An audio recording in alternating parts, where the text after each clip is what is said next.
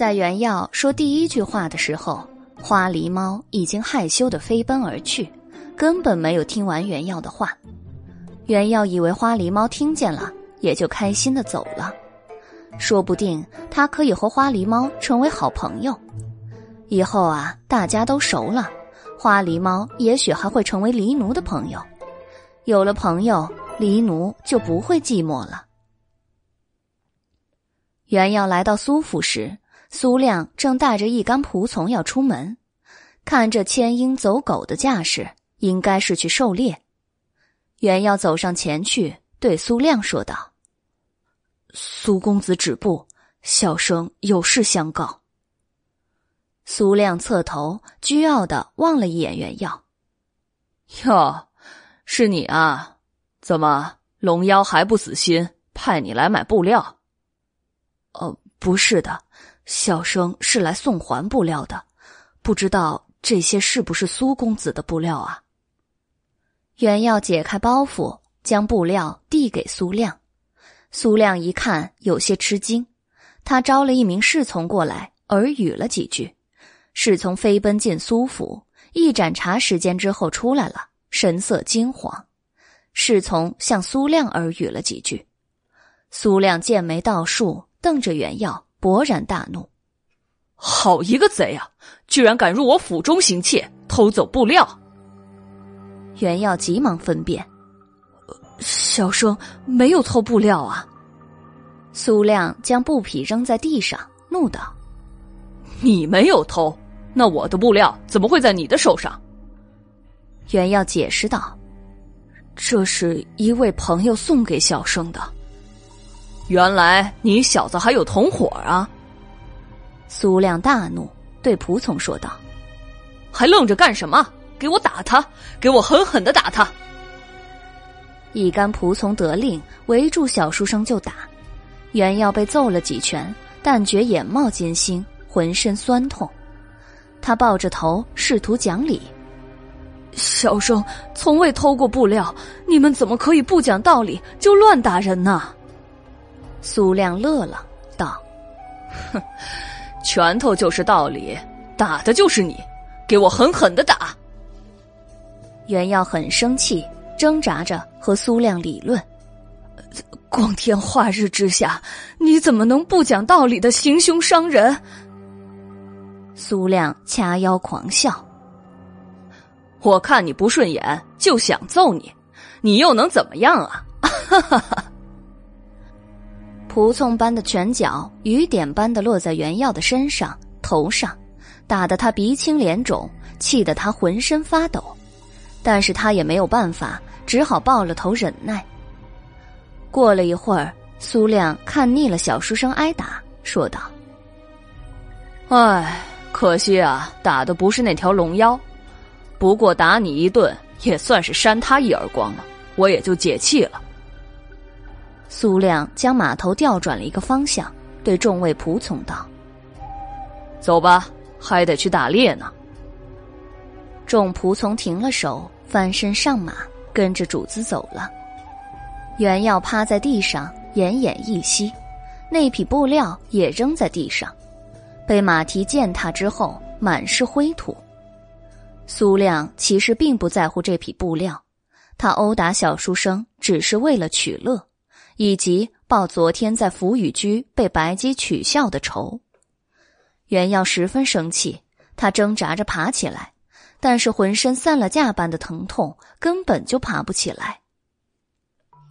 突然，一棵大树后跑出来一个纯衣百结、蓬头垢面的乞丐，他飞奔到袁耀身边，扶起了他。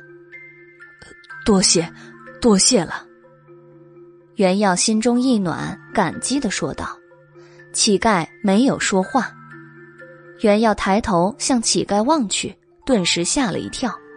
乞丐蓬乱的头发之下，长着一张毛茸茸的猫脸。这人怎么会有一张猫脸啊？袁耀暗自思忖：难道他就是那只一直跟着他的花狸猫？是的，一定是的。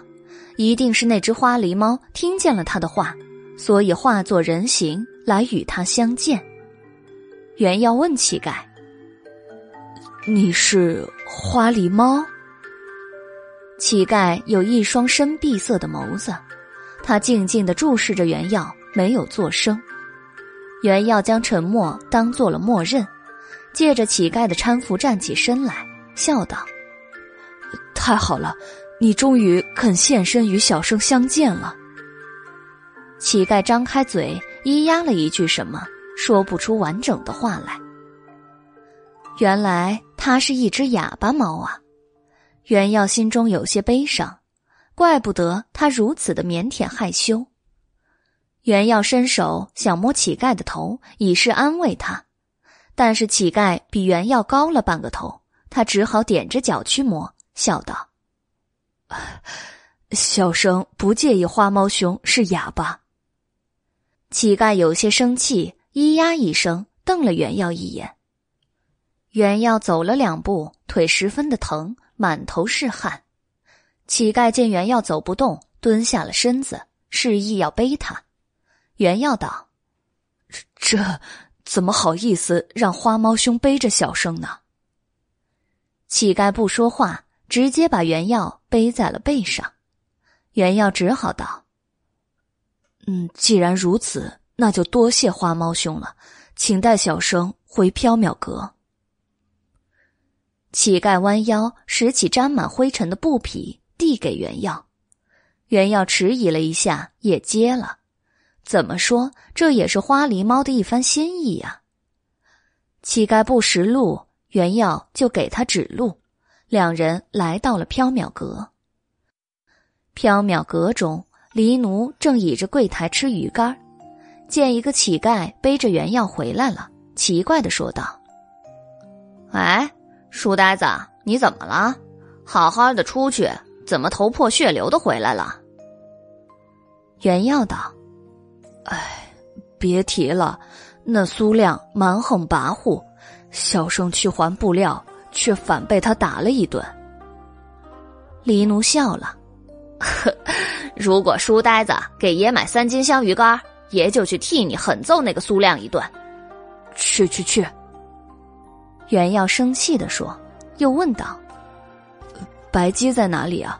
小生要向他告半天假，去看大夫。”黎奴撇嘴道：“书呆子又想偷懒，主人闲来无事，在后院弹琵琶呢。”原耀从乞丐背上下来，道了一句：“有劳花猫兄搀扶小生去后院。”乞丐点了点头。黎奴望了一眼乞丐，仍旧吃他的鱼干。草色染金，蛱蝶飞舞。白姬坐在后院的草地上弹着琵琶，音符从脖子上流泻而出，珠圆玉润，非常悦耳。白姬抬起头来，看见袁耀和乞丐，停下了弹琵琶。他望着伤痕累累的袁耀，笑了：“哟。”让我猜猜，宣之是被苏亮打了吗？袁耀说道：“那苏亮蛮不讲理，让仆从殴打小生。”白姬笑了：“如果宣之和我结下因果，我会让苏亮求生不得，求死不能的。”袁耀生气的说道：“去，因为仇恨、报复之类的事情。”和你结下因果的人，基本都没有好下场。你别想诓小生误入歧途。小生即使想报复苏亮，也是去衙门和他理论。白姬不由鬼笑。白姬抬头望向乞丐，问道：“这位是谁呀？”乞丐想说话，但是却说不出来。原要替乞丐回答。这位是花猫兄，就是天天来给小生送桂花糕的那位花狸猫啊。白姬笑了，用拨子拨出一串清灵灵的琵琶音，说道：“ 能够踏入缥缈阁，就是有缘人。只要心之所想，即使不能说出话语，也可以实现一切愿望。”乞丐闻言，身躯一震。深碧色的眼眸中情绪起伏。他想抬步走向白姬，但是又有一些犹豫。最终，他还是没有走向白姬。白姬饶有兴趣的望了一眼乞丐，继续弹他的琵琶。袁耀向白姬告假，打算去看大夫。白姬见袁耀伤得很重，行走不便，就让黎奴去请大夫来缥缈阁。袁耀躺在二楼白姬的房间中，等着大夫来医治。不多时，一名老大夫来到缥缈阁，给袁耀检查了一番。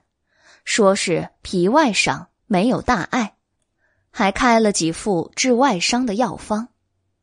老大夫开完药方，闲坐着等奉茶的时候，说起了他今早去看诊的一位病人。今早啊，老夫被叫去给西市王记皮货店的王三看诊，他也是皮外伤，不过比袁公子的伤。要吓人的多呀！他也不知道是得罪谁了，背上一大块皮被人揭了去啊！那鲜血淋漓，筋肉尽现，饶是老夫见多了伤患，也耸得头皮发麻呀！袁耀吃了一惊：“啊，是谁这么残忍，对王三做下这等事情啊？”老大夫捻着胡子说道：“王三痛得死去活来，神志不清，问不出一个所以然来。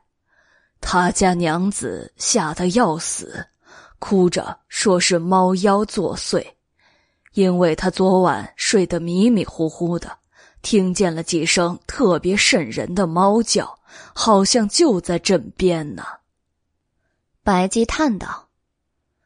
唉，可怜的王三呐！黎奴端上香茶，奉给老大夫。老大夫接过了茶，说道：“是啊，是啊，很可怜呐。饶是王三身强力壮，还能养好，也得受一阵子苦了。依老夫之见，这妖妖鬼鬼之中，猫妖最讨人嫌。”他们心性阴邪，既记仇恨，又小心眼儿，还爱给人添乱。老大夫正准备喝茶，李奴冷哼一声，一把抢过了茶杯，放回托盘里，气呼呼的去了。白姬和袁耀偷偷的笑了起来。老大夫一头雾水：“这位小童怎么不给老夫喝茶呀？”白姬笑着解释：“啊，想是沏错了茶，他去换了。招待您得用上等的茶叶，才是礼数啊。”老大夫笑道：“ 哎，其实不用太麻烦，老夫一向都饮粗茶。不麻烦，您先坐一会儿吧。”料定了黎奴不会给老大夫送茶来。白姬自己下去拿茶了。老大夫望着白姬离去的身影，捻须而笑。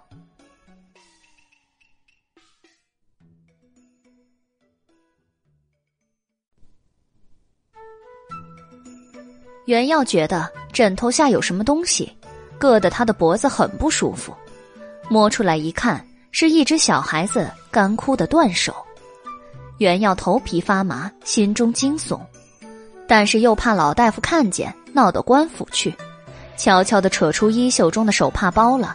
趁老大夫还转头望着门外的时候，他忍着疼痛探出身去，把断手往床底下扔去了。老大夫回过头来，捻须笑道：“哈哈，后生真是好福气呀。”娶了这么一位美丽贤淑的娘子。袁耀闻言，一时间没撑稳身形，滚落下床。袁耀坐在地上，面红耳赤的摆手：“呃，不不不，白姬不是小生的娘子，小生还没有成亲呢。”老大夫奇怪的问：“后生，你不疼吗？”袁耀浑身是伤，又摔倒在地上，但是因为心情激动，急于解释，浑身不觉得疼痛。经老大夫提醒，难耐的疼痛才如蚯蚓一般爬上了原耀的神经，他忍不住嚎道：“哎，哎呦，痛死小生了！哎呦，可疼死小生了！”老大夫一头冷汗，这缥缈阁里的人怎么都这么奇怪呀？老大夫喝完茶之后告辞走了，那名乞丐不愿意离开。留在缥缈阁不肯走，白姬没有赶他走，狸奴也没管他，小书生也觉得花狸猫在缥缈阁住两天也没有关系。乞丐在后院梳洗了一番，他穿的衣服又脏又破，只好扔了。原耀有些奇怪，狸奴从来不换衣裳，这花狸猫怎么还要换衣裳啊？原耀把自己的新袍子拿出来给乞丐穿上。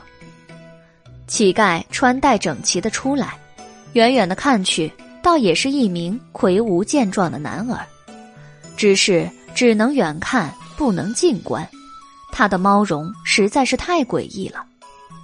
原要有些奇怪，狸奴变猫的时候是猫，变人的时候是人，这花狸猫莫非是法术不精，才会变出一个半人半猫的奇怪模样吗？吃晚饭的时候，缥缈阁新添了一副碗筷。白姬、原药、狸奴、乞丐坐在廊檐下吃晚饭。白姬抱怨原药将他新得到手的猿猴手臂扔到了床底下。原药解释说，这种东西太吓人了，还是藏在床底比较好。白姬不高兴，决定以后即使原药病得快死掉，也不再借床给他养病了。乞丐不知道是太饿了，还是本来胃口就很好，他狼吞虎咽、风卷残云的吃光了所有的菜肴。白姬、原药、狸奴看着乞丐吃东西，举着的筷子落不下去了。白姬望了一眼结满桃子的飞桃树，飘了过去。啊，我去吃桃子吧。李奴起身跑去厨房。爷去吃香鱼干，原耀没有吃的，只好留下，笑道：“啊，花猫兄的胃口真好啊。”乞丐含糊的说了一句什么，继续胡吃海喝。晚上，原耀和乞丐睡在大厅中，原耀睡得很熟，发出轻微的鼾声，乞丐却睡不着。他站起身来，走到货架边。站在一面铜镜前，月光之下，乞丐看着镜子里的猫脸，忍不住掩面而泣。第二天早上，袁耀起床了，乞丐还在睡，袁耀没有吵醒他，自己去打开缥缈阁的大门。大门打开的瞬间，袁耀吓了一跳，门口横七竖八的躺着七八个壮汉，不知道被谁打得鼻青脸肿。昏迷不醒，他们的服饰很眼熟，正是苏亮的侍从。昨天上午，正是他们打了小书生。袁耀抬头望向大柳树，一只花狸猫正在探头探脑的张望，一对上袁耀的眼神，他又害羞的跑了。哎，袁耀大吃一惊，昨天背他回来的乞丐不是花狸猫啊！那这些人是花狸猫丢来的吗？袁耀心中暗暗叫苦。恰在这时，壮汉中的一个人醒过来了，揉着眼睛坐起身来。砰的一声，袁耀急忙关了大门，大气也不敢出一下。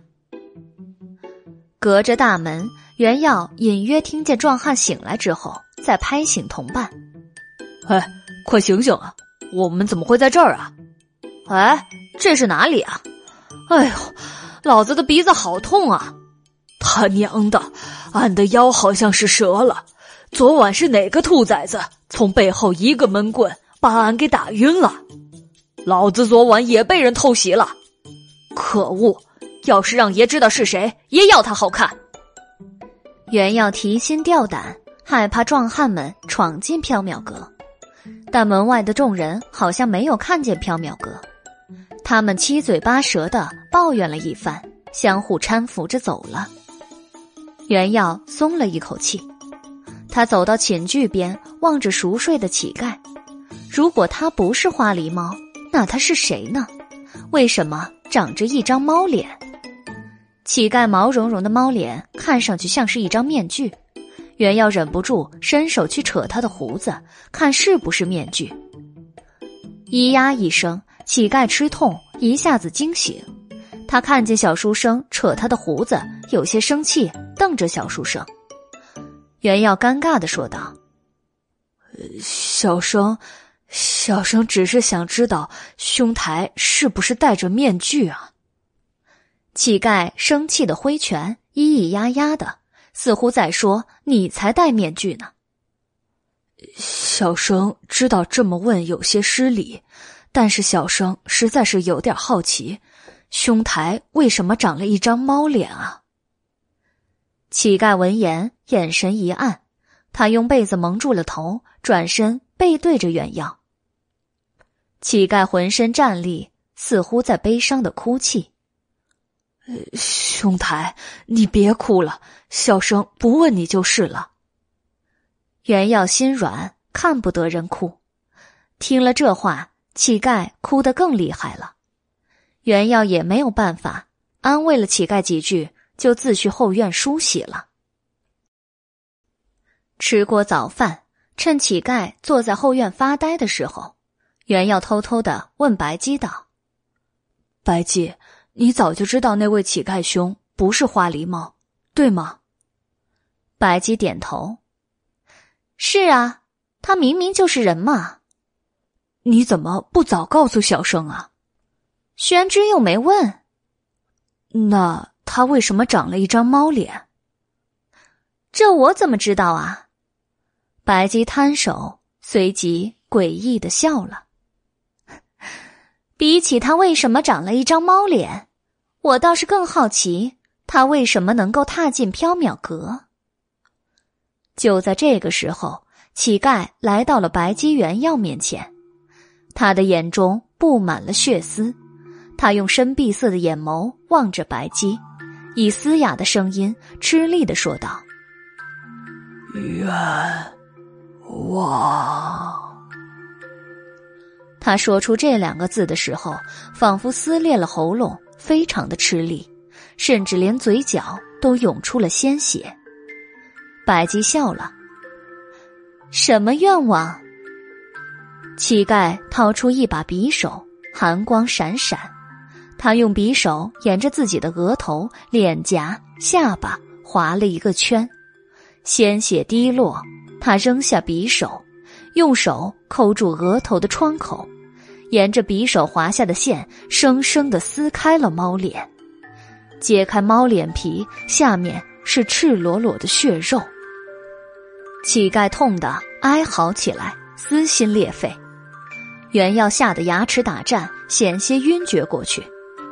然而不到半盏茶的时间，乞丐脸上的伤口以肉眼可见的速度愈合，皮肤粉红，细毛生出。又长成了一张猫脸。乞丐的手上还拿着一张血淋淋的猫脸皮。原耀惊愕的张大了嘴，不知道这是怎么一回事。乞丐悲哀的望着白姬，白姬诡异的笑了。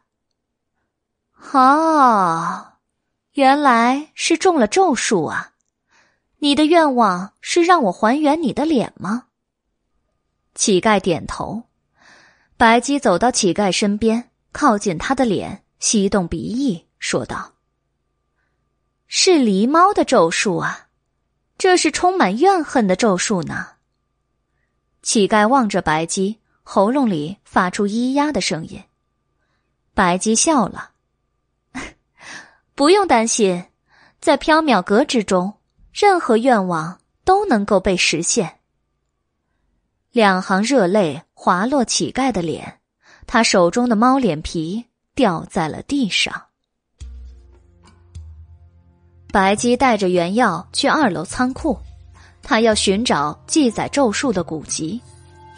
找了大约半个时辰，白姬才从一个木箱底下翻出一卷羊皮卷。原耀偷眼望去，羊皮卷上的文字像是乱爬的蚯蚓，不知道是哪一国的文字。他不由问道：“白姬，这是什么地方的文字啊？”白姬笑了。西域以西的国度，黑巫术盛行的永夜之乡。原要挠头，不知道是哪里。他刚要细问，白姬已经拿着羊皮卷飘走了。白姬坐在柜台后面翻看羊皮卷，羊皮卷很长，展开几乎有一米半。羊皮卷上全是密密麻麻的蚯蚓纹，还有一些图案。白姬似乎在找什么。专心致志，沉溺其中。乞丐坐在后院发呆，李奴买鱼去了。原耀拿着鸡毛掸子给古董弹灰，心不在焉。啊，终于找到了！不知道过了多久，白姬发出一声欢呼。他看了一会儿，又自言自语：“啊，材料有些难找齐啊。”白姬望了一眼神游天外的小书生，眼珠一转，红唇挑起一抹鬼笑。宣之，今天花狸猫送来了什么报恩的礼物啊？原耀拉长了苦瓜脸说道：“哎，别提了，他把昨天在苏府门前揍小生的九条大汉给丢在门口了，真是吓死小生了。”白姬沉吟了一下。说道：“那明天躺在门口的恐怕就是苏亮了。”袁耀闻言吓了一跳：“千万不要啊！那苏亮来了，指不定又闹出什么乱子呢。”昨天小书生挨了打，心中虽然很是气愤，但是冷静下来一想，这件事儿终归是花狸猫不对在先，他不该去偷苏亮的布料。他挨了一顿打，也算是代替花狸猫受了惩罚，也不打算再和苏亮纠缠下去，只盼事情就此了结了。如果花狸猫再去打苏亮一顿，丢来缥缈搁浅，只怕自此冤冤相报，不得安宁啊！白姬，你有什么办法让花狸猫不要再报恩了呀？他的好意，小生心领了。白姬笑了。办法倒是有一个，可以让花狸猫明天不送苏亮来。什么办法呀？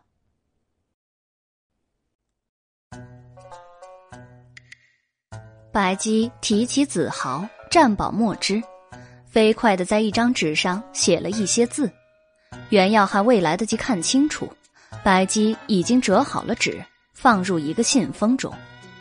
他点燃蜡烛，滴蜡封死了信封。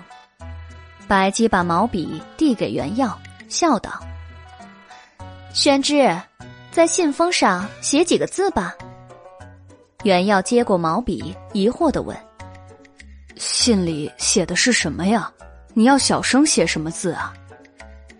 白姬跳过了袁耀的第一个问题，直接回答他的第二个问题。就写上“玉鬼公主起，原耀拜上。”原耀疑惑：“谁是玉鬼公主啊？”“就是花狸猫啊！”原耀张大了嘴。“啊，那只花狸猫是一位公主？”白姬笑了：“ 是啊，它不是狸猫，是猞猁。”玉鬼公主是猞猁族中最 最有趣的一位公主，看起来嘛，玉鬼公主似乎很喜欢宣之，说不定会让宣之去做猞猁族的驸马呢。去去去，不要胡说！原耀生气的道，他提笔在信封上写下了“玉鬼公主起，袁耀拜上”，但还是有些疑惑。白姬，你到底在信里写了什么呀？白姬眼唇鬼笑：“没什么，只是一些让玉鬼公主明天不要把苏亮丢来缥缈阁之类的话罢了。”哦，原耀放心了。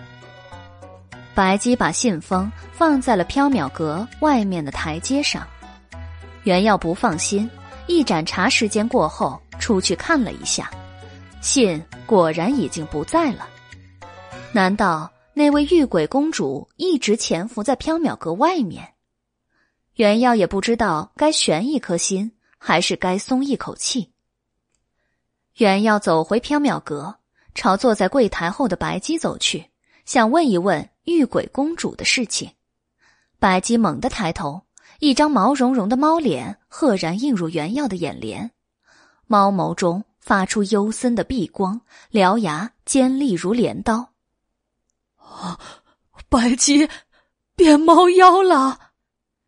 袁耀吓得眼前一黑，砰的倒地。哎，宣志，你怎么了？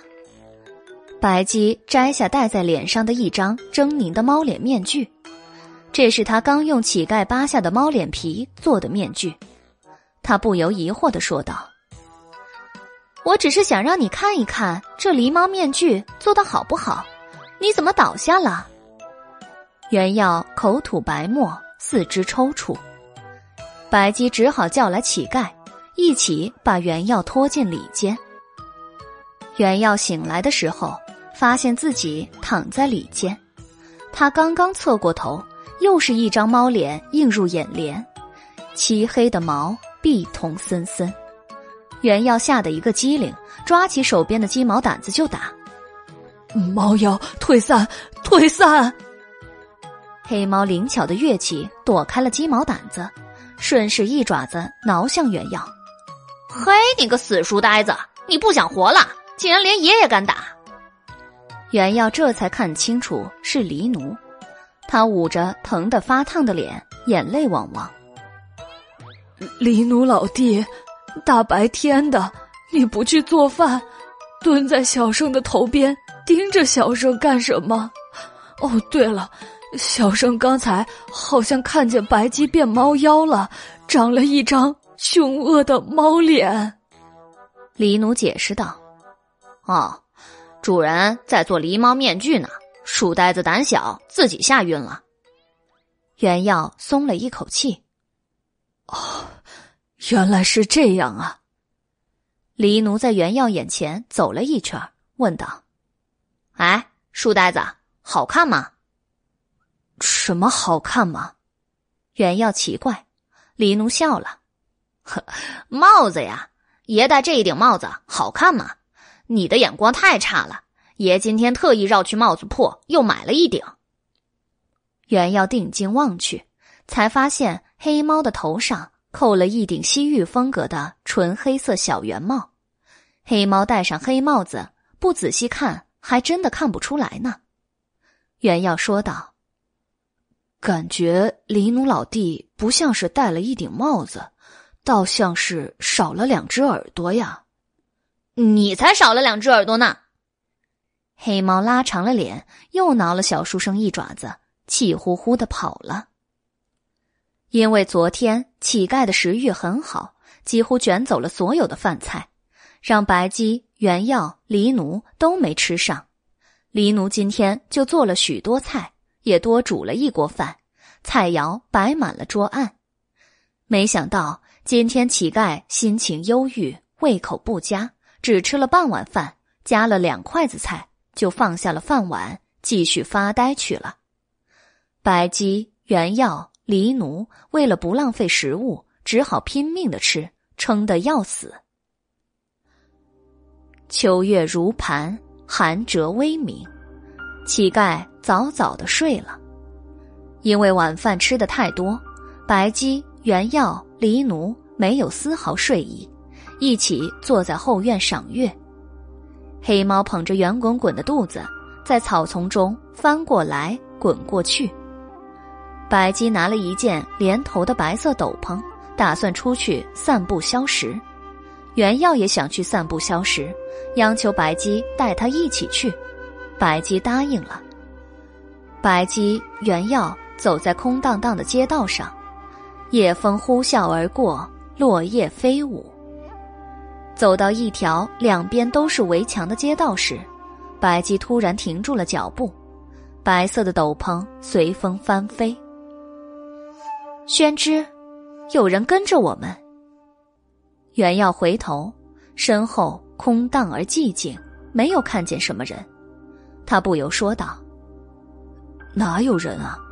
即使有什么，也是一两只偶尔飘过的孤魂野鬼吧。白姬的声音飘渺如风。嘘，宣之，你听，有很多脚步声呢。原要侧耳一听，除了风声，什么也没听见。他不由苦着脸说：“白姬，今天小生已经被你吓晕一次了。”你就不要再吓唬小生了，让小生安心的散个步、消个食，好不好？白姬说道。如果想要安心，宣之最好不要抬头看两边啊。原要抬头向两边一望，顿时头皮炸裂开来。道路两边的大树上、围墙上，有几百双碧幽幽的眸子在黑暗中注视着他，阴森。而凶残。突然，没有任何征兆的，夜空中响起了无数凄厉而凶恶的猫叫，像是婴儿在夜哭，一声高过一声，一浪高过一浪，刺痛了白姬和原耀的耳朵。原耀不由倒吸了一口凉气。怎么这么多野猫啊？不知道。白姬逆目望去。淡淡的说：“好像以前从来没见过这些野猫呢。树上的、围墙上的野猫无声无息的跳下地来，密密麻麻的一片，约摸有几百只。它们潮水般的包围了白鸡原药。野猫们有的冲着原药凄厉的嚎叫，有的发出呜呜的声音，露出了尖利的獠牙和爪子。”为首的一只独眼麻花猫，凶恶的咧齿，呜呜的低吼，看样子来者不善。原耀比较迟钝，没有看出野猫的杀机，不由说道：“这些野猫一定是饿了，才叫得这么厉害。他们跟着我们是来要鱼干吃的吗？”白姬道：“啊，宣之拿出几吊钱给他们买鱼干吧。”原耀摸了摸衣袖，只有三文钱。小生的钱不够买那么多鱼干啊，白姬，还是你给吧。一只猫给一文钱吗？一只猫怎么也得给三文钱吧？一文钱买的鱼干哪里够吃啊？白姬笑了，就听宣之的。大群的野猫渐渐逼近。口中发出呜呜的声音，利齿如刀。白姬掀下风帽，从衣袖中拿出一只木盒。他打开木盒，一颗巴掌大小的透明水球浮上了半空。白姬红唇微起，吹出了一口寒气。水珠中哗啦啦的滚下洪水，一波一波的冲向围逼而上的野猫。凶恶的野猫们一看见水，顿时懵了。气势全无，他们四散奔逃，但是他们跑不过洪水，一只一只全被淹没了。这个时候，更奇怪的事情发生了：地上的洪水自发形成大大小小几百个水球，每一个水球里都困着一只猫，猫脑袋留在外面，身子陷在水球里，大大小小的水球滚来滚去。也不跌散成水，只苦了一群猫，彼此撞来撞去，喵喵乱叫。原耀不由冷汗。白姬，你在干什么呀？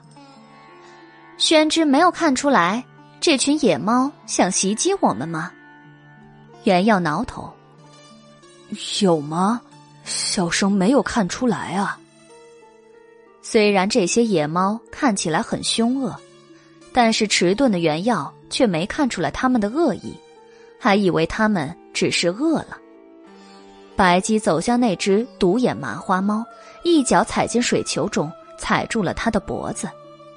独眼猫哀嚎起来：“大仙饶命，饶命啊！小的再也不敢了，请大仙饶了我和兄弟们。”白姬冷冷的说道：“以前从没在长安城见过你们，你叫什么名字？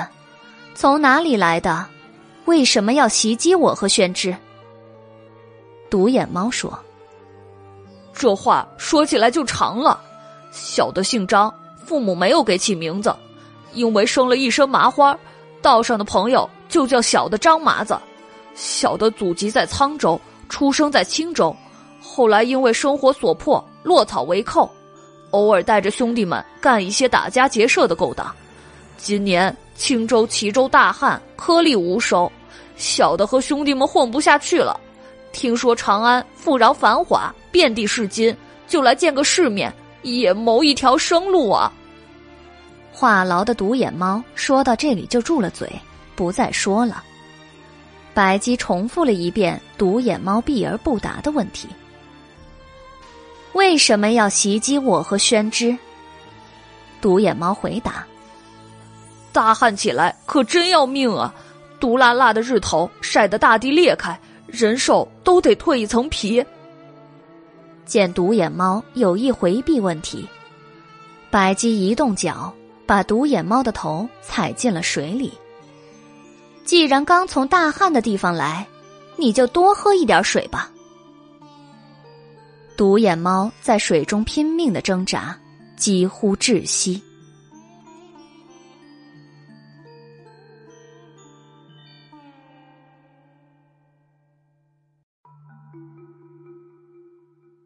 原耀有些气愤白姬的作为，要去阻止。独眼猫已经挣扎出水中，嚎道：“大仙饶命！大仙饶命啊！小的说就是了，是是玉面梨，是那个该死的玉面梨，让小的来偷袭这位袁公子，说是杀了袁公子，他就把一座大祠堂让给小的和兄弟们容身，还供给我们水食。小的初来乍到长安，人生地不熟。”又带着这么多等吃饭的兄弟们，实在是没有办法呀。那玉面离给小的看了袁公子的画像，让小的潜伏在光德坊附近逮袁公子。不成想袁公子竟然是金身罗汉下凡，还带着一位大仙护法。那个杀千刀的玉面离也不说清楚，这不是把小的往火坑里推吗？袁耀冷汗。这只独眼猫怎么一口油腔滑调的江湖腔啊？也不知道是跟谁学的。哦，原来是他呀！白姬眼中闪过一抹寒光，如同刀锋。袁耀问道：“谁呀？谁是玉面狸呀？”苏亮。苏亮，小生和他并没有大仇大怨，他为什么要害小生啊？白姬说道：“猫妖小心眼儿，爱记仇，不要让黎奴听见呀，他会不高兴的。也许宣之自己不觉得，但是苏亮却恨上宣之了。”话痨的独眼猫插嘴说：“哪里哪里啊！小的们就从来不小心眼儿，记仇恨。我们道上的朋友都是相逢一笑泯恩仇。”大仙儿，您就饶了小的和兄弟们一命吧，我们一定不记仇，只记恩呐。白姬笑眯眯的说：“饶了你们可以呀，不过宣之说了，一只猫给三文钱，所以你们每个人留下三文钱就可以走了。”众猫瞪向袁耀，眼神像看一个打劫的山贼。袁耀苦着脸对白姬说道。小生说的是，你给每一只猫三文钱，不是每一只猫给你三文钱呀。白姬笑了，不都是一只猫三文钱吗？这其中还是有很大的区别的。张麻子和他的兄弟们只好每人都留下三文钱，这才脱了身。白姬望着地上一大堆的开元通宝，心情愉快，哈哈大笑。袁耀苦着脸站在一边，忍受着众猫的白眼。白姬对张麻子说道：“长安城中千妖百鬼伏聚，不比青州。这里可不允许打家劫舍，这儿有这儿的规矩和禁忌，你明白吗？”这条龙妖怎么好意思说呀？他自己不是正在干打劫的勾当吗？袁耀暗暗腹诽。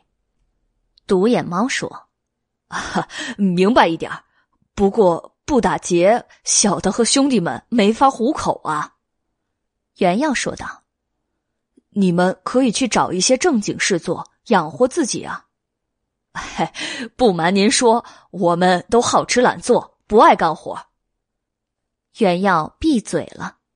白姬提议道：“不如去打劫苏府吧。”独眼猫瞪眼：“苏府打劫那个杀千刀的玉面狸？”白姬笑道：“ 没错，玉面狸藏了很多顶珍贵的帽子，你们劫了他的帽子去卖了换银两，一定能赚一大笔。”独眼猫有些犹豫：“那玉面狸很厉害呀，听说他上化百行。”惹恼了他，小的和兄弟们都会遭殃啊！白姬嘻嘻鬼笑，阴森的盯着独眼猫。惹恼了我，你会更遭殃哦。白姬连恐吓带利诱，张麻子答应去打劫苏亮了。张麻子带着一群猫兄弟，踏着月色走向苏府。白姬愉快的站起身。指挥袁耀用袍子兜了开元通宝，一起回缥缈阁。袁耀兜着铜钱，迈着沉重的步伐，跟在身轻如燕的白姬身后。月色如此美丽，他却万分苦恼。这下子和苏亮的梁子算是结下了。白姬、袁耀回到缥缈阁，黎奴还在后院的草丛里翻滚。白姬和袁耀。便各自去睡了。第二天一大早，袁耀打开缥缈阁的大门，地上放了一个大包袱。袁耀抬头望向柳树下，花狸猫也在探头看他。他一对上袁耀的眼睛，又羞涩的跑了。唉，袁耀叹了一口气，他低头望着地上的大包袱，心中发愁。这一次他又送来了什么？桂花糕还是布匹呀？不管怎么样，幸好没有送苏亮来。看来白姬那封信还是有效果的。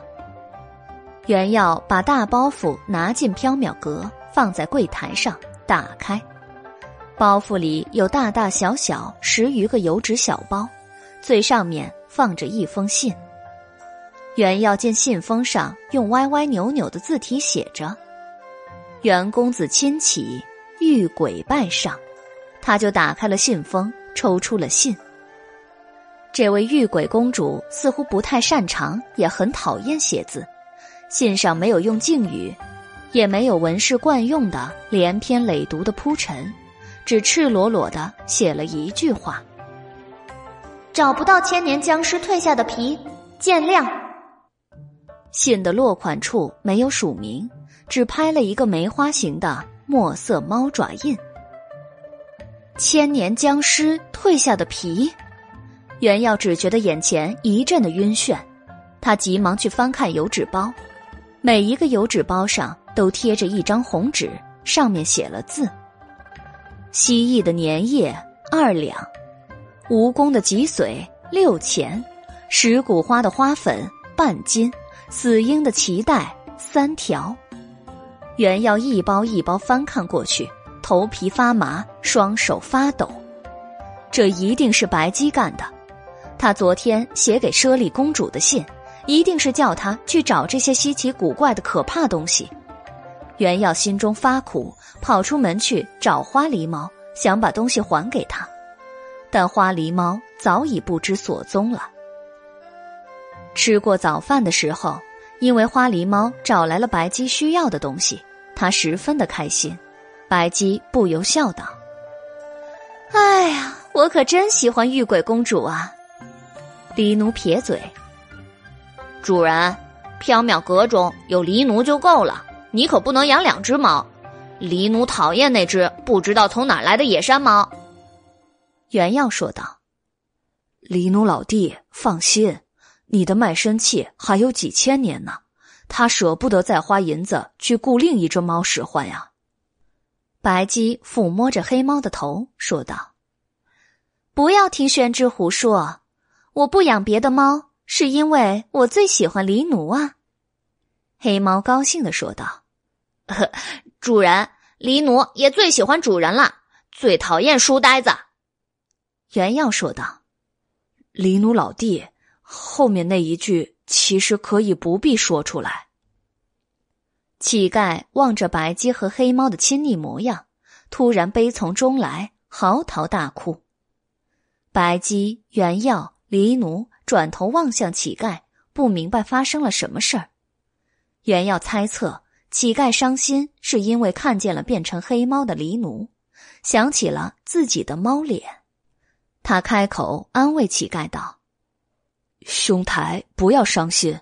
无论你中了什么咒术，白姬都会帮你恢复原样的。白姬说：“啊，虽然还差了一种材料，不过我知道哪里能够找到，不必担心。走进缥缈阁的人，任何愿望都可以实现。”黎奴说：“其实长了猫脸也没有什么不好啊。”乞丐听了这话，又嚎啕大哭起来。白姬、原要瞪了黎奴一眼，黎奴不作声了。白姬对黎奴说：“黎奴，你去平康坊，入恶鬼道见鬼王，说借三两他退下的皮。”黎奴撇嘴：“主人，那鬼王不是好东西，他一直觊觎缥缈阁的宝物。”见主人有求于他，一定会提出苛刻的条件的。白姬道：“我知道，但是必须去找他。放眼长安，千年僵尸褪下的皮，只能去他那找了。”那好吧，黎奴去问问。吃过早饭，黎奴便去了平康坊。阳光明媚，秋高气爽。白姬坐在柜台后摆弄玉鬼公主送来的东西，原要在擦货架上的灰尘，乞丐坐在后院发呆。原耀不高兴的对白姬说：“白姬，你怎么能不经小生的同意，就以小生的名义让舍利公主去找这些稀奇古怪的东西呢？”白姬笑道：“宣之，不要生气，我这么做。”也是为了尽早实现客人的愿望啊！让客人恢复人脸，不也是宣之希望的事情吗？袁耀望着柜台上大包小包，头皮发麻。你要用这些东西让猫脸的兄台恢复人脸？白姬点头。是的，他种的是一种恶毒的黑巫术，需要熬煮巫药才能解咒。突然，一个人闯进了缥缈阁，气势汹汹。袁耀侧头望去，竟然是苏亮。苏亮的脸上有几条抓痕，衣衫也有些破损，像是刚和谁大战了一场。他大步走向柜台，狠狠的拍桌，神色愤怒：“龙妖，你居然挑唆张麻子，让他和那群野猫劫走了我珍藏的帽子！”白姬望着苏亮。没有承认，也没有否认。哦，他们已经得手了吗？苏亮咬牙切齿，心痛的说道：“他们，他们人多势众，把我的帽子洗劫一空，就跑了。我的帽子呀，那可是我多年的心血，是我的命根子。没有他们，我可怎么活呀？”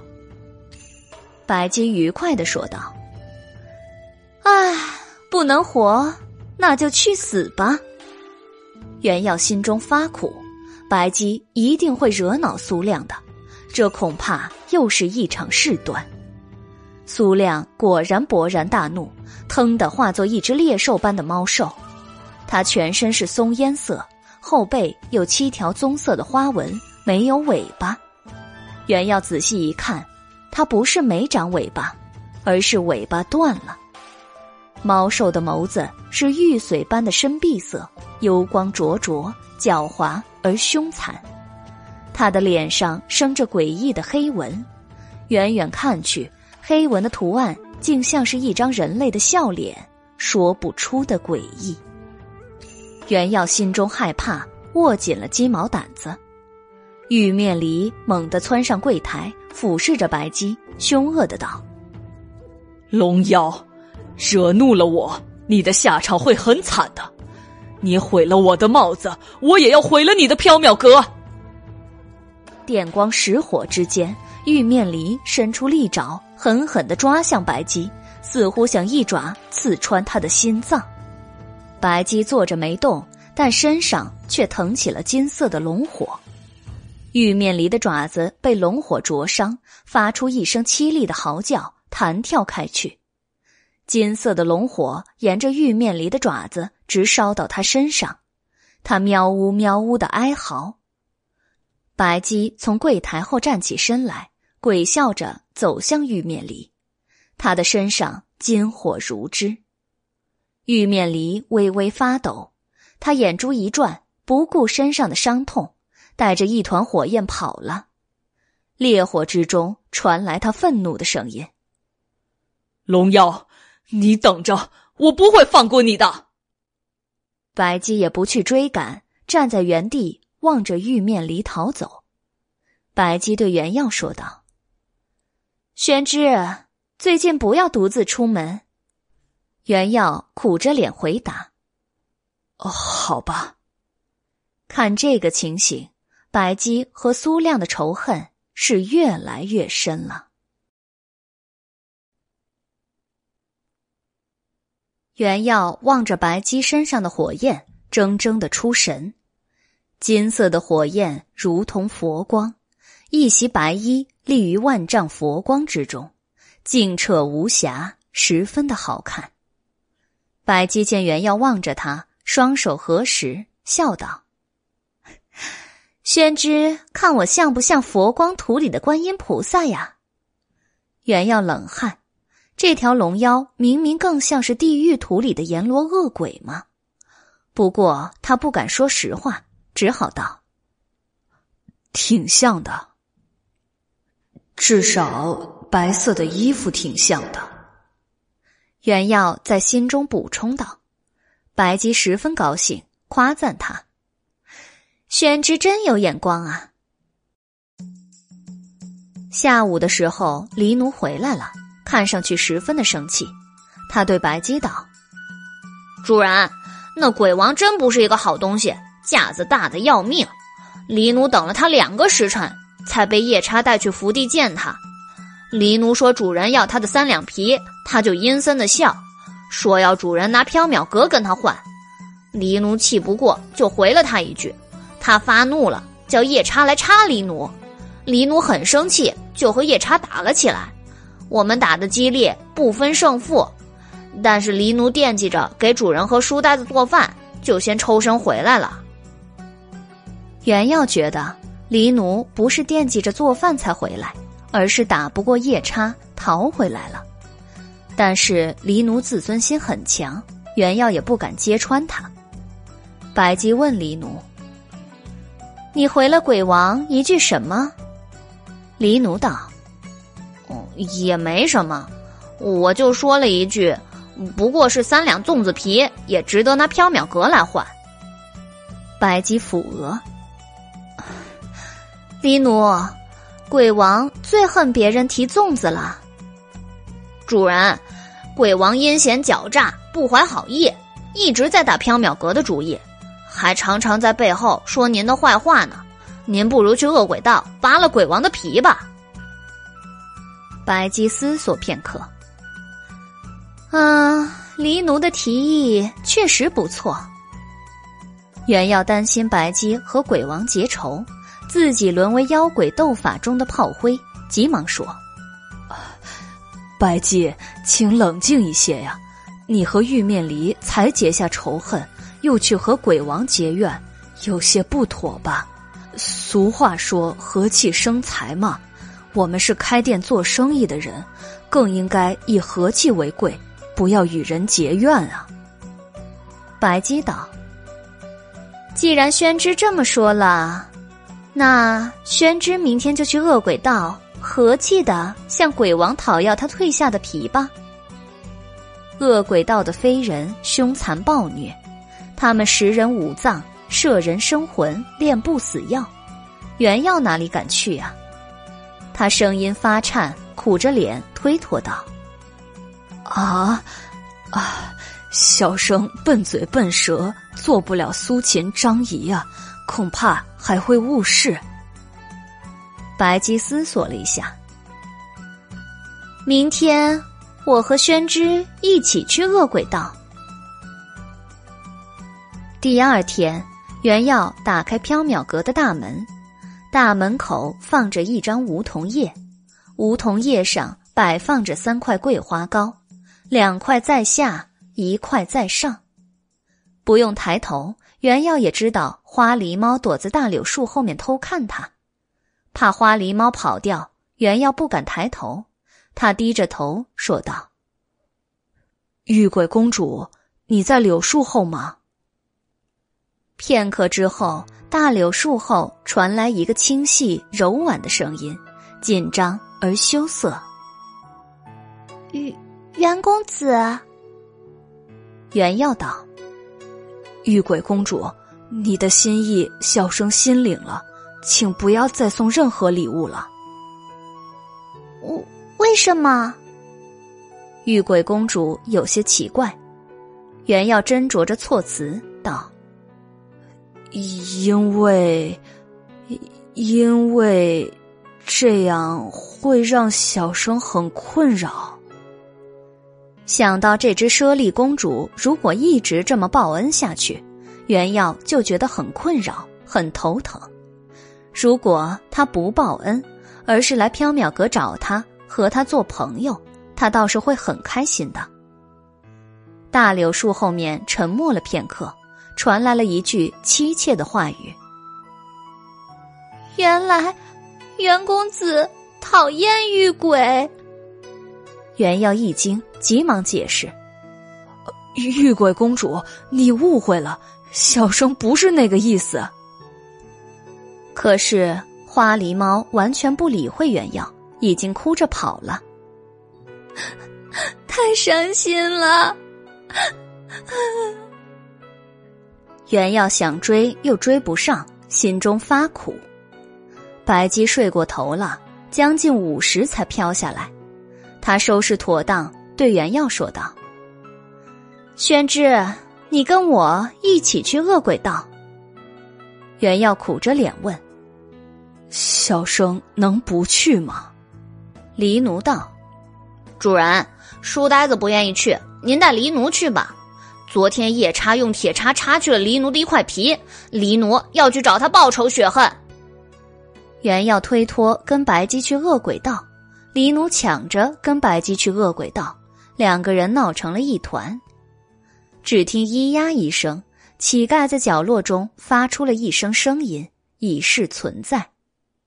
四个人正在吵嚷，一只乌鸦飞进了缥缈阁，停在柜台上，呱呱的叫。白姬看见乌鸦，说：“哟，这不是鬼王的使者眼吗？报丧，报丧。”乌鸦呱呱的叫，白鸡道：“你来缥缈阁报什么丧啊？难道鬼王死了？”乌鸦腾的化作一个一身黑色斗篷、黑色风帽，甚至连脸都蒙在黑布之中的人。他静静的站着，低咳了一声，高声说：“鬼王陛下授予天齐，永生不灭。”吾辈奉鬼王之下之命，来给白姬送一样东西。白姬疑惑的问：“什么东西啊？”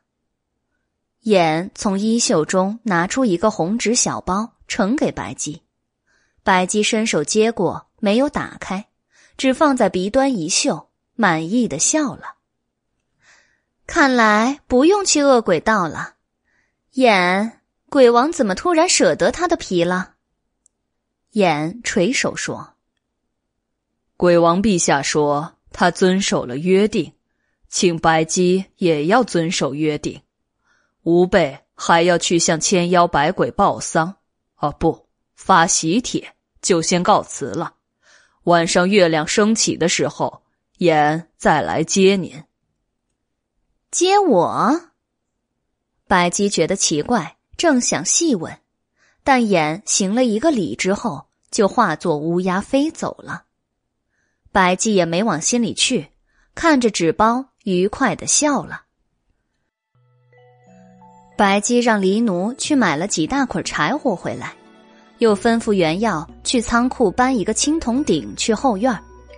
青铜鼎比水桶略大，非常的沉重，约有一百多斤。袁耀和乞丐合力才搬去了后院。白姬把蜥蜴的粘液、蜈蚣的脊髓、石骨花的花粉、死鹰的脐带、千年僵尸褪下的皮等等东西。一股脑的丢进铜鼎里，加了一桶水，又让黎奴吐了一些唾沫进去，然后在铜鼎下堆上柴火，开始熬煮。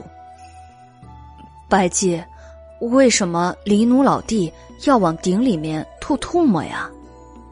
袁耀一边往火里加柴，一边好奇的问。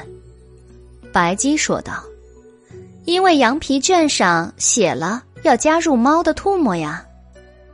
袁耀望着铜鼎里黑乎乎的液体，问道：“这熬煮的东西是给乞丐兄恢复人脸用的吧？”白姬点头：“对。”那不知这熬煮的东西是喝下去还是怎么样啊？乞丐盯着铜鼎里翻滚的蜈蚣尸体、婴儿脐带。公牛的眼珠子，脸上流露出恐惧和恶心。白姬笑了，喝下去。乞丐冷汗如雨，嘴角抽搐了两下，飞奔去茅房呕吐了。喝下去是会死人的。望着乞丐飞奔的身影，白姬愉快的继续说：“这巫药是外用的。”袁耀松了一口气，埋怨道：“白姬，说话的时候请不要随便停顿啊，害得乞丐兄奔去吐了。”白姬不由鬼笑。黎奴端着一大盘用竹条穿着的生鱼走来，笑说：“ 主人，生着这么大的火，浪费了怪可惜的，不如烤鱼吃吧。”白姬赞同：“好主意啊！”还可以烤栗子吃。黎奴飞奔去厨房，拿了一大篮子生栗子过来。袁耀道：“我们是在熬药，不是在烤吃的呀。”白姬、黎奴不理会袁耀，他们兴致勃勃的准备烤鱼肉、烤栗子。黎奴在火边挖了一个坑，将栗子埋进土里。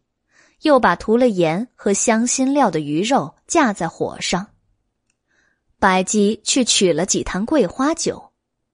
乞丐回来之后忧心忡忡。原要向乞丐解释乌药是外用的，不用喝下去。乞丐不相信原药的话，认为他在安慰他。他不停的叹息。白姬不时的用木棍子搅拌着铜鼎里的液体。黑色的液体渐渐泛出暗金色，一股若有若无的腥味儿蔓延在院子中，但被烤鱼的香味冲淡了。黎奴不时的翻动着烤鱼，鱼肉渐渐的烤至焦黄，散发出阵阵诱人的香气。土里的栗子也烤熟了，甜香隐隐蔓延。黎奴挖出栗子，香气诱人。白姬用树叶包了几个栗子，递给原药。宣之，很香哦。原药本来不想吃，但是受不了香味儿，也就接过来吃了。乞丐被黎奴递过来的烤鱼诱惑，忘了心情不好，大口的吃了起来。青铜鼎中，金黑色的液体冒着气泡，各种残汁翻滚。四个人欢乐的围坐在火边，一边喝桂花酒，一边吃烤鱼、烤栗子。傍晚时分。青铜鼎中的液体已经熬成了稀泥状，白姬弄灭了火，等待稀泥冷却。因为四人已经吃得很饱了，黎奴没有做晚饭，四人都觉得有些积食，想要运动消食，于是他们在桃树下站成一排，开始练舞琴戏。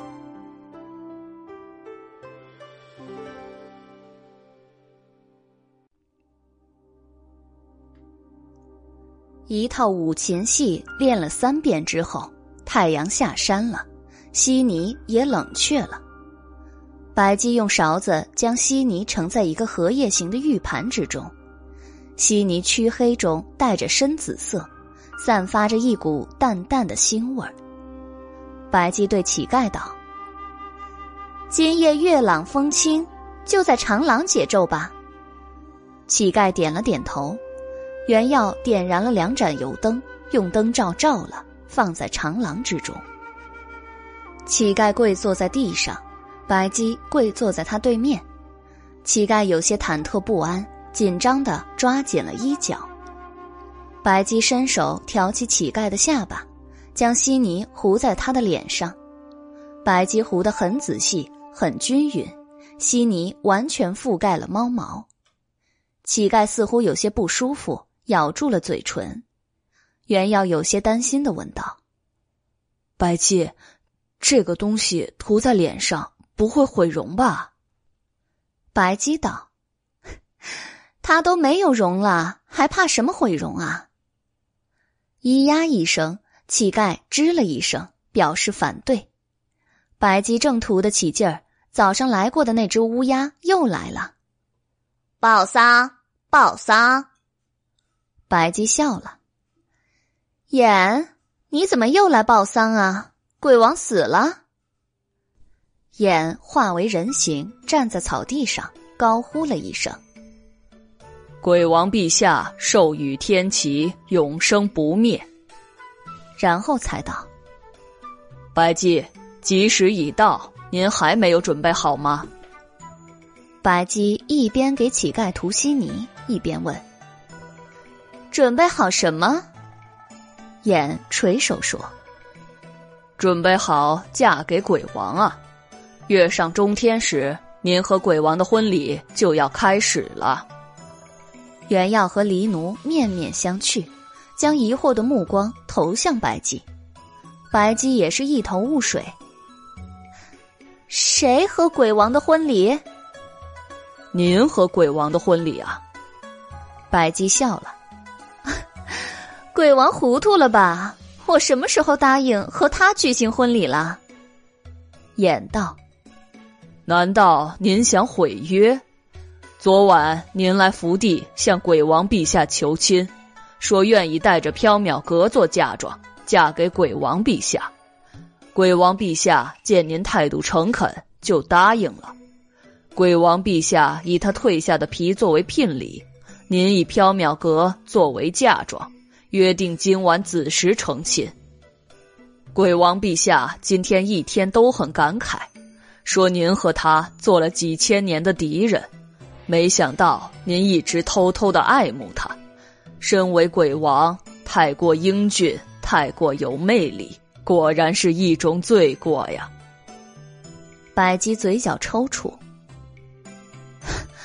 我昨晚没有去过恶鬼道，也没有见过鬼王。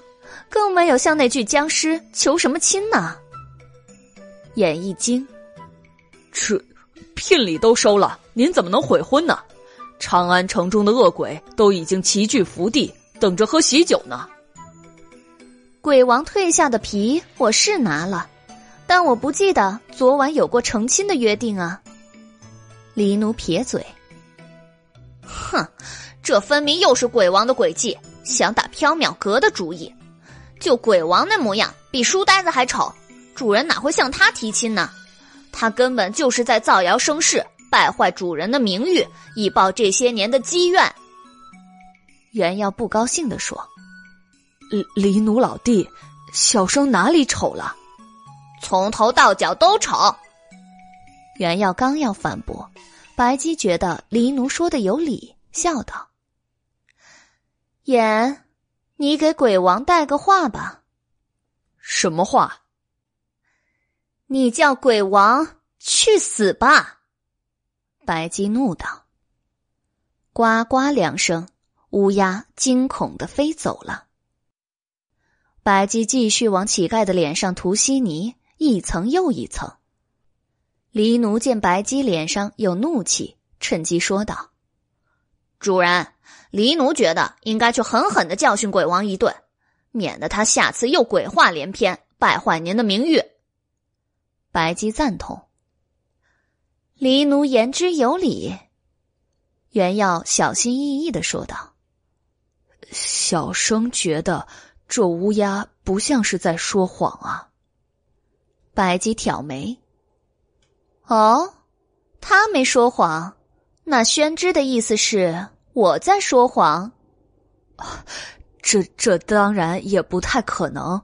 你要是真去向鬼王求亲了，不可能不承认呢。当然不可能了，嫁给鬼王还不如嫁给宣之呢。袁耀的脸刷的红了。我只是随口打一个比方，宣之不必脸红。这小生小生没有脸红。袁耀的脸更红了。月亮划出云层，为大地洒下一片清辉。乌鸦扑棱着翅膀又来了，掉了一地的黑羽毛。它呱呱直叫：“报丧，报丧！”乌鸦停在白姬面前，说道：“白姬，鬼王陛下很愤怒，正在捉赴宴的妖鬼吃，发泄怒火。他说，他就知道您是在捉弄他，骗他褪下的皮。您让他颜面尽失，他可以忍耐；您不嫁给他，他谢天谢地。但是，缥缈阁您必须如约给他，否则他不会与您善罢甘休的。还有。”您让他去死，他说他已经死过一次了，没办法。白姬打断乌鸦的话：“你让他再去死一次。”黎奴生气的说：“鬼王想要缥缈阁，做他的春秋大梦去吧。”乌鸦扑棱着翅膀，又飞去传信了。袁耀望着乌鸦飞远，有些怀疑的说道：“白姬。”你昨晚确实夜游去了吧？你真的没有去向鬼王骗亲？骗亲？白姬不高兴了。宣之，在非人的世界中，语言也是一种因果。说出的话，如果做不到或者毁诺，就会受到报应，得到恶果。即使我想要鬼王的皮。也不会拿缥缈阁和自己去开玩笑，直接扒了他的皮才是最省事儿的办法。袁耀冷汗，以这条龙妖的性格，确实会选择扒鬼王的皮这种最省事儿的办法。但是不知道为什么，他觉得鬼王和乌鸦都不像在说谎，这到底是怎么一回事呢？乞丐的脸上涂满了稀泥，黑乎乎一片。白姬望了一眼天边的弦月，让乞丐躺在院子里，把脸对着月光。白姬说道：“可能会有一些疼，忍耐过去了就好了。”乞丐点了点头，他闭上眼睛睡在月光之中，他脸上的稀泥带着一抹幽蓝的光泽。白姬在水井边洗了手，走到回廊，坐在原耀身边。秋月、秋萤、秋草、秋灯，一切都显得那么安谧而静美。白姬笑道：“啊，夜色真美啊！原耀点了点头。白姬望着原耀，提议道：“宣之，做一首诗吧。”好，让小生酝酿一下情绪。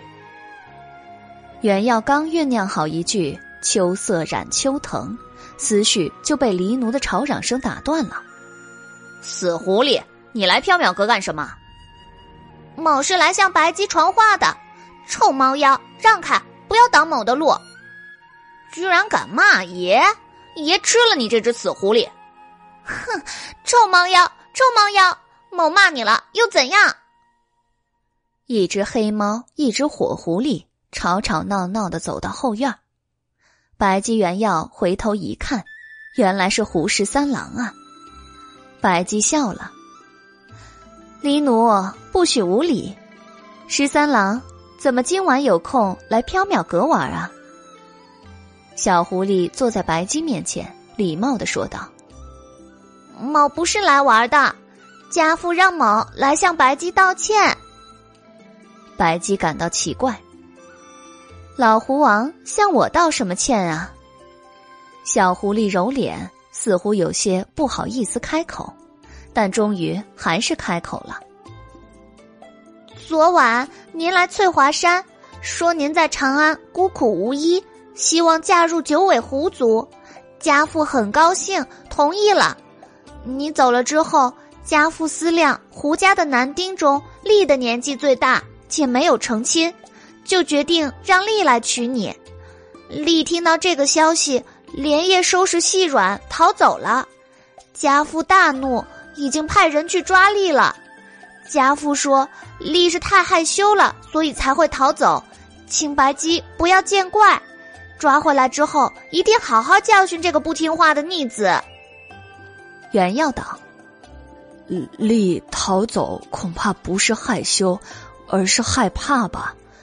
白姬，你怎么又去向九尾狐求亲了？”黎奴望了一眼白姬，说道：“主人，黎奴和那群狐狸八字不合，黎奴不赞成这门亲事。”白姬嘴角抽搐。没有啊，我昨晚没有去过翠华山，更没有求过什么亲呢。十三郎，你是不是弄错了？小狐狸揉了揉脸，说道：“怎么会弄错呢？家父还能不认识您吗？昨晚某也还和您说了几句话呢。”白姬笃定的道：“不可能，昨晚我没有去过翠华山。”小狐狸睁大了眼睛，疑惑的道：“那那昨晚去翠华山的是谁啊？”白姬陷入了沉思。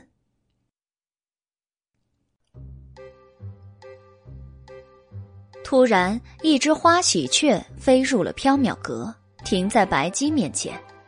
它叽叽喳喳的叫道：“良辰美景，花好月圆，报喜报喜！”白姬道：“这不是吉吗？有什么喜事啊？吉是给长安城中的千妖百鬼传播喜事的花喜鹊，因为一年到头喜事也不多，它又兼做媒人糊口。花喜鹊飞上半空，一挥翅膀，撒下一大堆的桃花瓣，落英缤纷。桃花花瓣落地，变作一大堆的红色纸帖。”花喜鹊道：“不知道为什么今天特别多要求将生辰八字送来给白姬的人呢？喏，这是蛇夫人长子的生辰八字，这是玄武的侄子生辰八字，这是东城的海公子的生辰八字，这是西城的鹰虎君的生辰八字。但不知白姬您打算挑谁做夫婿啊？”白姬的脸色渐渐的黑了。即。把这些生辰八字全都送回去。吉为难的说道：“这些人您都不满意吗？我是喜鹊，只报喜事，不报烦忧。再说我已经预收了送帖子的钱，不好意思再送回去了。”看见白姬的脸越来越黑，吉眼珠一转，急忙开溜：“哈哈，呃，我还得去别处报喜呢。您想送回这些帖子，就让黎奴去吧，反正他是黑猫，不讨喜。你，你才不讨喜呢！黎奴很生气，纵身去扑吉。吉反应奇快，已经振翅飞走了。黎奴扑了一个空。良辰美景，花好月圆，报喜报喜。花喜鹊在月光中渐渐飞远了。袁耀望着一堆八字帖，问白姬道：“白姬，为什么突然这么多人来向你提亲啊？”非常的不对劲。白姬神色凝重，对黎奴道：“黎奴，你出去打听一下，到底发生了什么事儿？”是主人。黎奴领命而去。虎视三郎见事情不对。准备告辞了。虽然不明白发生了什么事，但某先回翠华山了。等找回了力，再来向白姬请罪。白姬道：“昨晚的事情恐怕是一个误会，等我查清楚了，再去向老狐王解释。至于力嘛，如果找回了，请转告老狐王，务必替我抽他二十遍。”好。小狐狸欢快的答应了。小狐狸踏着夜色走开了。白姬原耀坐在回廊下，望着夜空中的上弦月。原耀望了一眼白姬，问道：“白姬，小生有一个疑问。”宣之问吧。你曾说妖鬼也有婚丧嫁娶，那你在人间这么多年？为什么一直独身一人啊？白姬喝了一口桂花酒，认真的考虑了一会儿，说道：“或许我在等宣之吧。”袁耀的脸腾的红了，心中浮起了莫名的情愫。白姬见袁耀脸红，笑道：“玩笑而已，宣之怎么又脸红了？”袁耀很生气。请不要随意拿小生开玩笑。宣之，你生气了吗？袁耀不理会白姬，把头歪向了一边。白姬望着上弦月，说道：“除了神佛，世间的生灵之中，以天龙的寿命最长。也许是因为生命太过漫长，天龙无法体会七情六欲。”无法体会人类的情感，即使我在人间徘徊了许多年，收集了许多因果，也还是无法体会。可能等我收集了更多的因果之后，才能体会人类的情感吧。白姬的侧影看上去很孤寂，袁耀的心中又涌起一阵奇异的情感。他想，如果他靠近他一些，拥抱他。他的身影会不会就不那么孤寂了？袁耀慢慢的靠近白姬，在他的手离他的肩膀只有三寸的时候，躺在院子里晒月亮的乞丐突然啊啊的大叫起来，痛苦的在地上翻滚。袁耀吓了一跳，缩回了手。白姬蓦地站起，道：“宣之，去打一桶井水。”好，袁耀应道。白姬疾步走向乞丐，对他说了一句什么，并且按住了他，免得他在蜷缩身体时脸部离开月光。月光之下，乞丐脸上的黑泥一层一层化开，变作了赤红色，稀泥冒着气泡，如同岩浆一般沸腾。乞丐非常痛苦，但却咬牙强忍着，不让脸部离开月光，也不用手去摸脸。袁耀提着一桶井水过来，他看见乞丐脸上像是戴了一张火焰面具，乞丐在火焰中扭动呻吟，痛苦的直抽搐，他脸上的猫毛被火焰灼烧殆尽，露出了光洁的皮肤。眼看乞丐的脸已经恢复了人面，但火焰还在燃烧。白姬对袁耀道：“宣之，浇水。”哗啦一声。袁耀急忙把井水泼向乞丐的脸，一阵火焰被水浇熄的声音传来，空气中弥漫着焦糊的味道。乞丐坐在地上，双手掩着脸，肩膀抽搐。袁耀心中忐忑，难道他浇水太慢了，以至于乞丐的脸被烧糊了？兄台，你的脸没事吧？袁耀试探着问道。乞丐抬起头来，松开了手。乞丐的脸没有被烧糊，他恢复了人脸。他的容貌不丑，甚至还十分的英俊。但是袁耀看见这张脸，却吓得大呼小叫：“啊，苏苏亮，怎么会是苏亮呢？”白姬望着乞丐，似乎明白了什么。原来。是这么一回事儿啊！乞丐张开口，因为刚破除咒术，恢复声音，他的嗓子很干涩。我我才才是苏亮，现在的苏亮是我养的一只狸猫。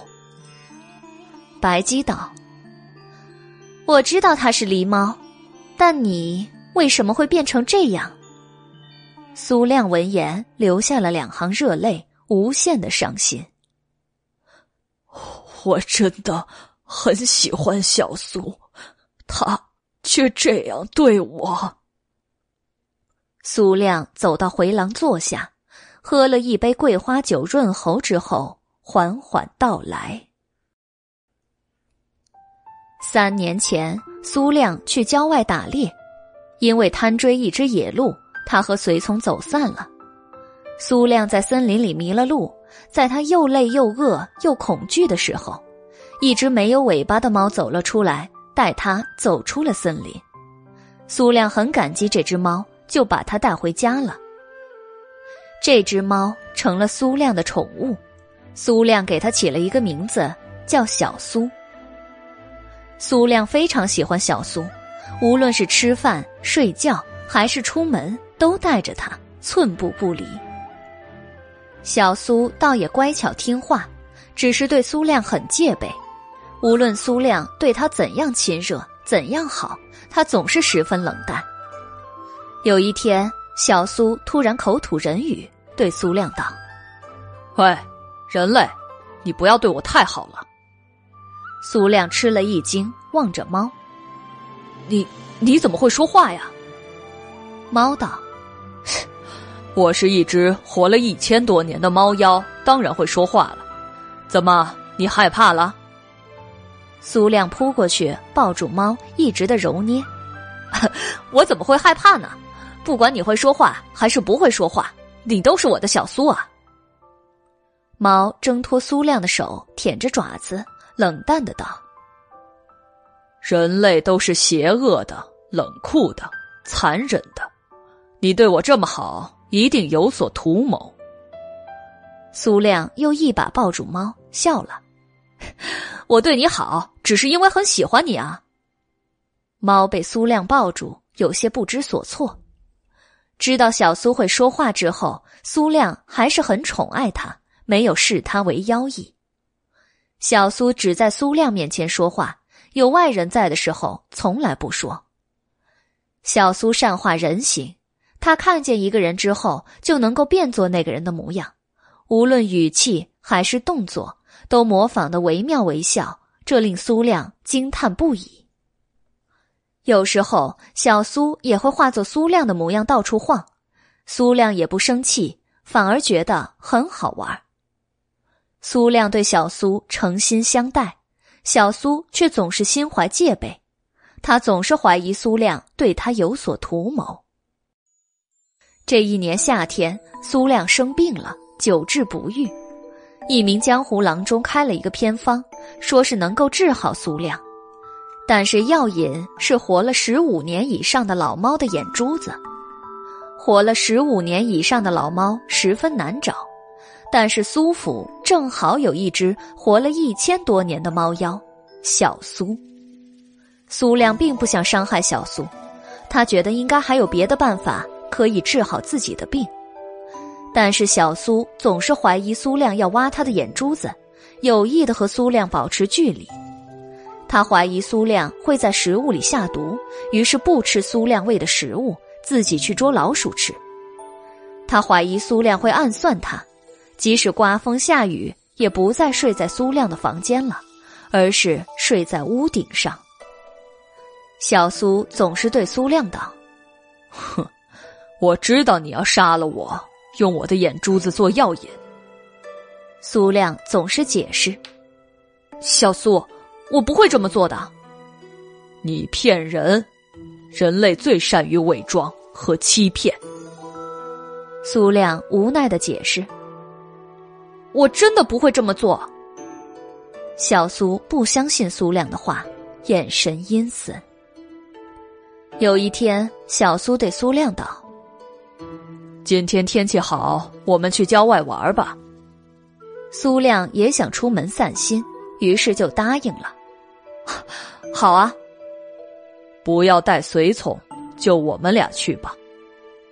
苏亮没有多想，就答应了。小苏和苏亮出了长安城，来到一片树林之中。森林中鸟鸣山幽，溪水丛争，苏亮的精神也好了很多。坐了一会儿，苏亮对小苏道：“静坐赏景，好像有些无趣啊。”小苏道：“那我们来玩捉迷藏吧。”苏亮笑了：“怎么玩啊？”小苏腾的化作一只猎豹般的猫兽，它全身是松烟色，后背有七条棕色的花纹，没有尾巴。猫兽深碧色的眸子幽光灼灼，狡猾而凶残。它脸上的黑纹仿佛一张人类的笑脸。说不出的诡异。玉面狸盯着苏亮，獠牙森森。你躲起来，我去抓你。抓到之后，我就把你的眼珠子挖出来，然后吃掉你。苏亮以为小苏在开玩笑，伸手拍他的头，说道：“小苏，你的表情看上去还真可怕呀。”玉面狸大怒，一爪挠向苏亮，苏亮躲避不及，胸前顿时多了一道伤口，鲜血淋漓。小苏，苏亮有些茫然，玉面狸眼神冰冷，他伸出舌头舔着爪子上的鲜血，说道：“人类自私又虚伪，你明明很想挖出我的眼珠子。”却骗我说不会那么做，你假装对我好，其实是想让我放松警惕，然后趁我不注意的时候挖出我的眼珠子吧。人类真是太虚伪、太邪恶、太残忍了。”苏亮说道，“我我没有那么想过呀，我的病一定会有别的方法治好的。”玉面狸冷冷的道。哼，真是虚伪邪恶！如果你不想杀我，你把匕首藏在靴子里干什么？这来郊外出游，不带随从，我当然要带着匕首防身啊！你不是想防身，而是想杀我！玉面狸固执的说道。苏亮无语，他想要再解释，玉面狸已经纵身扑了上来。苏亮见玉面狸来势汹汹，只好跑，但是他哪里跑得过玉面狸呀？不一会儿，他就被他扑倒了。苏亮倒地的时候，后脑勺正好砸在一块凸起的石头上，顿时昏了过去。昏迷过去的瞬间，苏亮以为自己死定了。不知道过了多久，苏亮还是醒过来了。他醒来的时候已是夕阳近黄昏，森林中的草木被风吹得飒飒作响，树影冲冲，小苏也已经不在了。苏亮松了一口气，小苏没有杀他，也没有剜他的眼珠子，他果然是在和他开玩笑。幸好他是在和他开玩笑啊！一阵风吹来，苏亮觉得有些冷。他低头一看，才发现自己赤身裸体，一丝不挂。他胸前被玉面狸抓伤的地方已经凝固了血痂，不过一动起来还是隐隐作痛。是谁扒走了他的衣服？是小苏吗？苏亮很疑惑，他决定先回苏府再说。森林外面有一个村子，苏亮借着暮色裸奔到一户农人家中，想借一件衣服，顺便借宿一晚。农人一家老小正在院子里谈笑，苏亮突然闯了进去，老人吓得昏厥，妇人吓得尖叫，小孩子吓得啼哭不已。男人们回过神来，顺手操起木棒、钉耙、锄头围打苏亮。哪里来的猫妖？快把他打出去啊！苏亮想要解释，但是张开口，他才发现自己无法开口说话，只能发出咿呀咿呀的声音。苏亮被打了几棒，哀嚎着夺路而逃了。苏亮在森林里煎熬了一个晚上，终于等到了天亮。他趁着天色未明，又潜入村子中。偷了一户人家晾晒在院子里忘记收进去的衣裳，苏亮匆匆套上衣服，直奔长安城。苏亮一路经过之处，人人惊叫着逃散，他觉得十分的奇怪，不知道是怎么一回事儿。他来到苏府，平日熟识的仆人们都不认识他了，纷纷惊叫着“猫妖，猫妖啊！”苏亮开口斥责仆人们无礼。却只发出了咿呀咿呀的声音，他想冲进苏府去。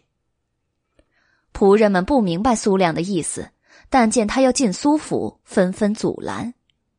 苏亮很生气，推倒了一名仆人，仆人大怒，一起围上来殴打苏亮。苏亮双拳难敌四手，他咿呀的叫着，挨众人的打。就在这个时候，他见到另一个苏亮。从苏府中走出来，闲庭信步，悠然自得。他冷冷的看着仆人围打苏亮，嘴角泛起一丝阴邪的冷笑。苏亮知道这个苏亮一定是小苏，他冲开众人的围打，咿呀着扑向小苏，想问他为什么要这么做。众人眼疾手快，拦住了苏亮。苏亮瞥了一眼苏亮。不高兴地说：“哪里来的猫妖啊！给我打，给我狠狠的打！”众仆人领命，把苏亮狠狠的打了一顿。苏亮挨打不过，狼狈的逃走了。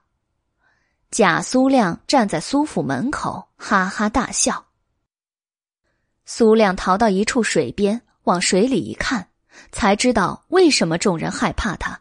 仆人不认识他，原来他的脸竟然变成了一张猫脸，猫脸狰狞而诡异，连他自己都觉得可怕。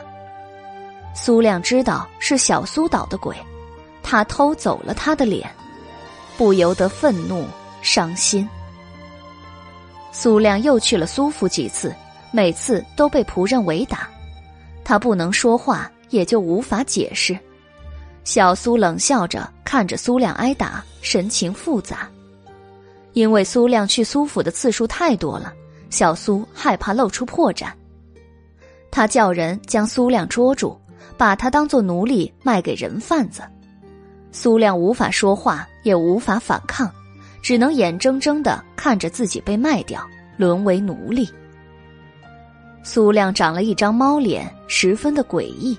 没有人愿意买他做家奴，他好歹也算是一个年轻力壮的男子，因此被当作苦力卖去咸阳，在梁山修乾陵。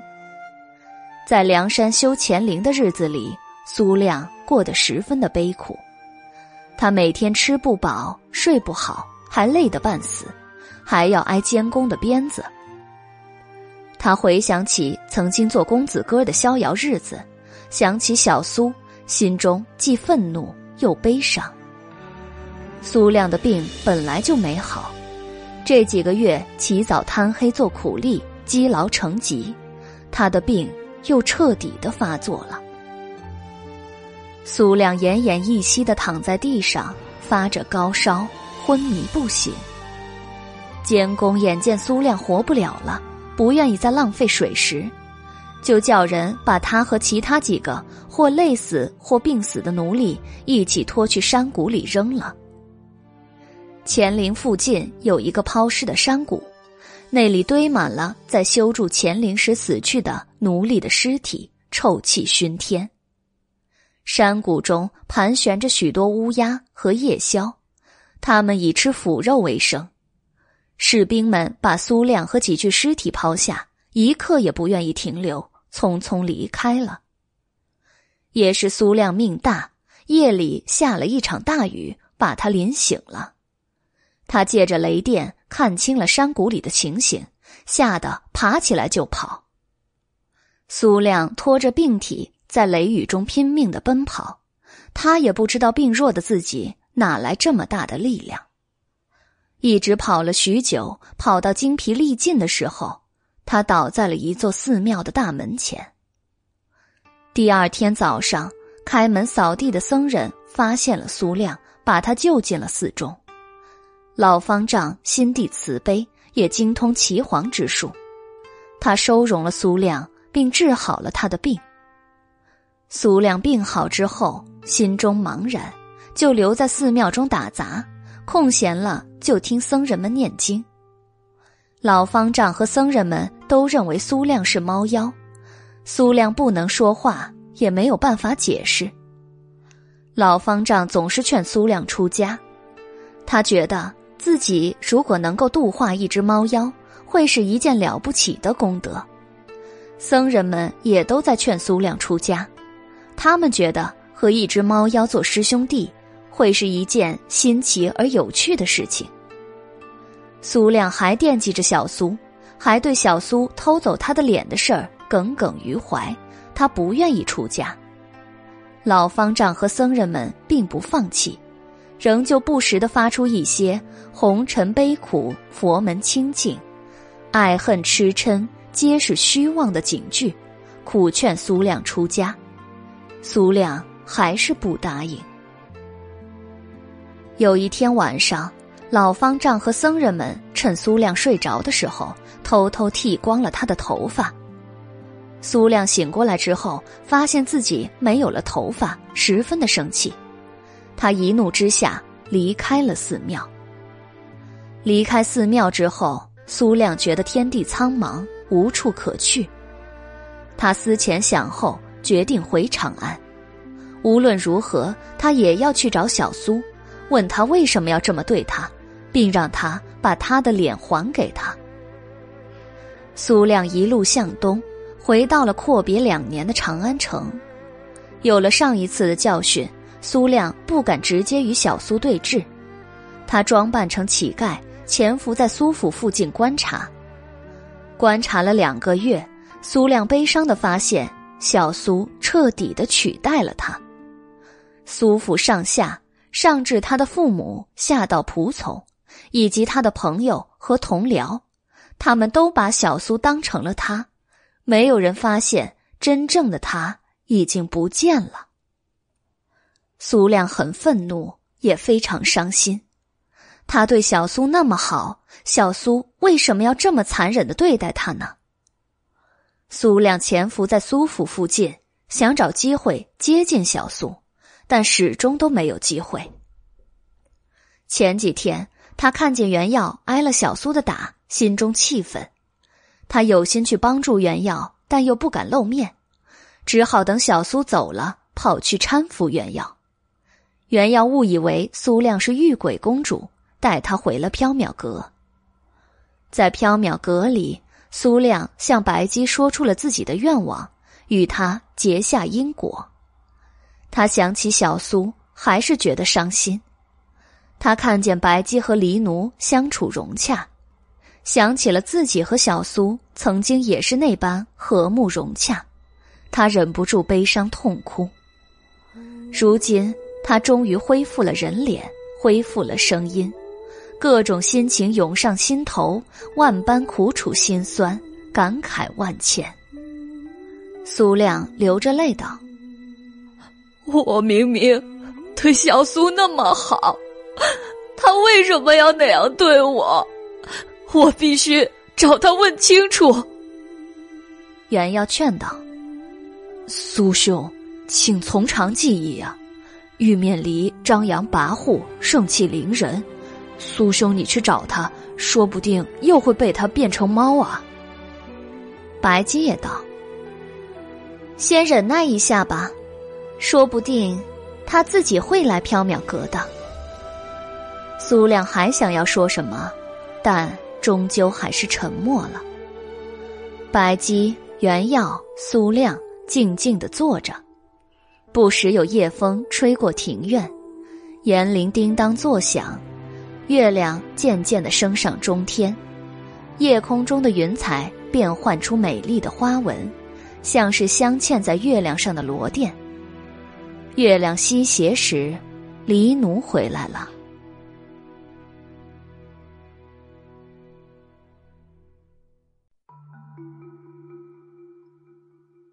月亮西斜时，黎奴回来了。黎奴神色古怪的道：“主人，事情非常的奇怪。”大家都说您昨天去向他们求亲了，黎奴解释了，说主人不会乱求亲，他们一定是认错人了。可是他们却笃定的说，绝对是您，不会弄错，因为您求的亲太多了，大家都很生气，说您戏耍他们，实在是太无礼了。袁耀和苏亮偷眼去望白姬，想看他会有什么反应。白姬捧着酒杯，望着月亮，轻轻的哦了一声。黎奴顿了顿，又道：“主人，黎奴虽然不明白到底发生了什么事情，但是这一次确实是闹大了。长安城中的千妖百鬼都十分愤怒，说您欺人太甚，拿婚姻大事来儿戏，是一种莫大的侮辱。他们打算联合起来屠龙、斩猫、烧掉缥缈阁。”白姬捧着酒杯，望着月亮，又轻轻的哦了一声。黎奴咽了一口唾沫，又道：“嗯，黎奴没有害怕，只是觉得‘众怒难犯’这句俗话也有一定的道理。嗯，不管怎么样，主人，您还是带着黎奴去哪儿躲一躲，避一避风头吧。缥缈阁留给书呆子看着，应该没有问题。”袁耀闻言，生气的说道：“ 黎奴老弟，请不要乱出馊主意啊！小生可不愿意留下来给千妖百鬼塞牙缝。”白姬喝了一口桂花酒，宣之太瘦了，恐怕连塞牙缝也不够。黎奴同意的道：“哼，书呆子还很酸呢，恐怕要用蜂蜜腌制一下才能入口。”原耀很生气。但又不敢反驳，只能讷讷的争辩道：“小生，小生不是食物。”黎奴道：“主人，黎奴这就去收拾细软，连夜躲去洛阳避一避吧。等风头过了，再回长安来解释。”白姬想了想，说道：“今天太晚了，先去睡觉吧，明天再说。”于是弦月西沉时，四人分别去睡了。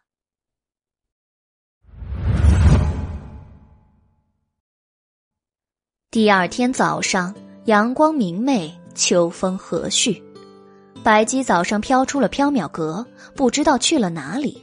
过午了还没有回来。黎奴今天不敢踏出缥缈阁买菜，就使唤原药去。书呆子，快去买鱼。不要一天到晚就知道偷懒。袁耀想起之前白姬嘱咐他不要独自出门，也不敢去。黎奴老弟，买菜做饭是你的事情，你自己去啊。黎奴不肯去，挥舞着拳头威胁袁耀道：“书呆子，你去不去？”袁耀把心一横：“我我不去。”黎奴和袁耀互相推诿，吵闹了一个上午。苏亮实在听不下去了，他一把抓起菜篮子，卷出缥缈阁买菜去了。漫漫秋日，时光悠闲，袁耀拿着鸡毛掸子给货架弹灰，黎奴坐在柜台后面，愁眉苦脸的吃鱼干。黎奴不由得发愁的道：“唉，如果事情真的发展到要离开长安的那一步，那爷收藏的帽子可怎么办呢？”袁耀道：“帽子乃是身外之物。”还是保命要紧啊！那不是身外之物，那是爷要送给阿鼠的礼物。哎，小声说一句黎奴老弟不爱听的话。从你的描述来看，你和那位阿鼠相交也不深，只是童年记忆中的朋友啊。这么多年过去了，阿鼠根本不知道在哪里，更不知道他还记不记得你，认不认得你啊。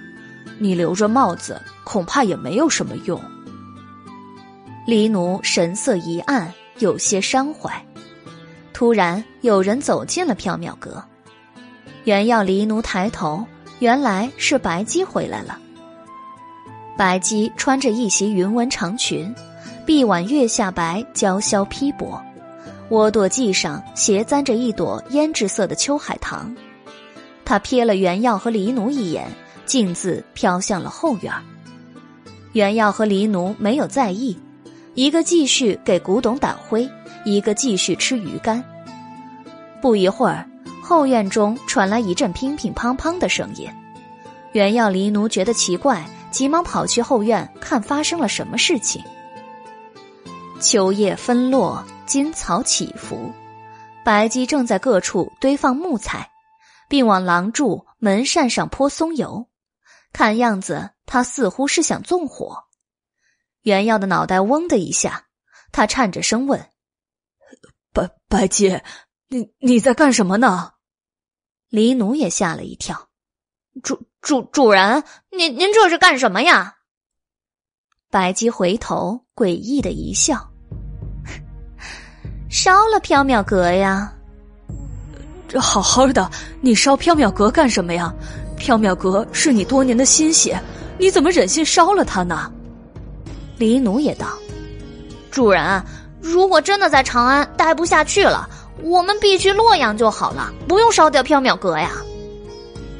还是烧掉比较干净。我意已决，你们不必多言。”白姬继续往各处浇松油，原要黎奴呆呆的站在回廊下看着。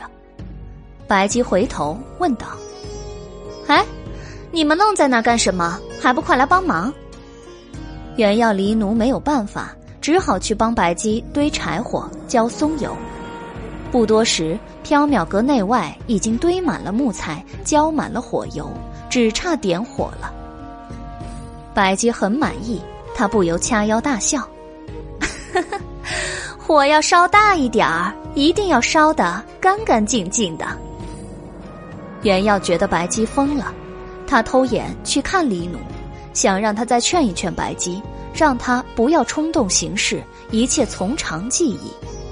但是黎奴一向为白姬马首是瞻，白姬说什么他就做什么，他已经全身心的投入到火烧缥缈阁的行动中了。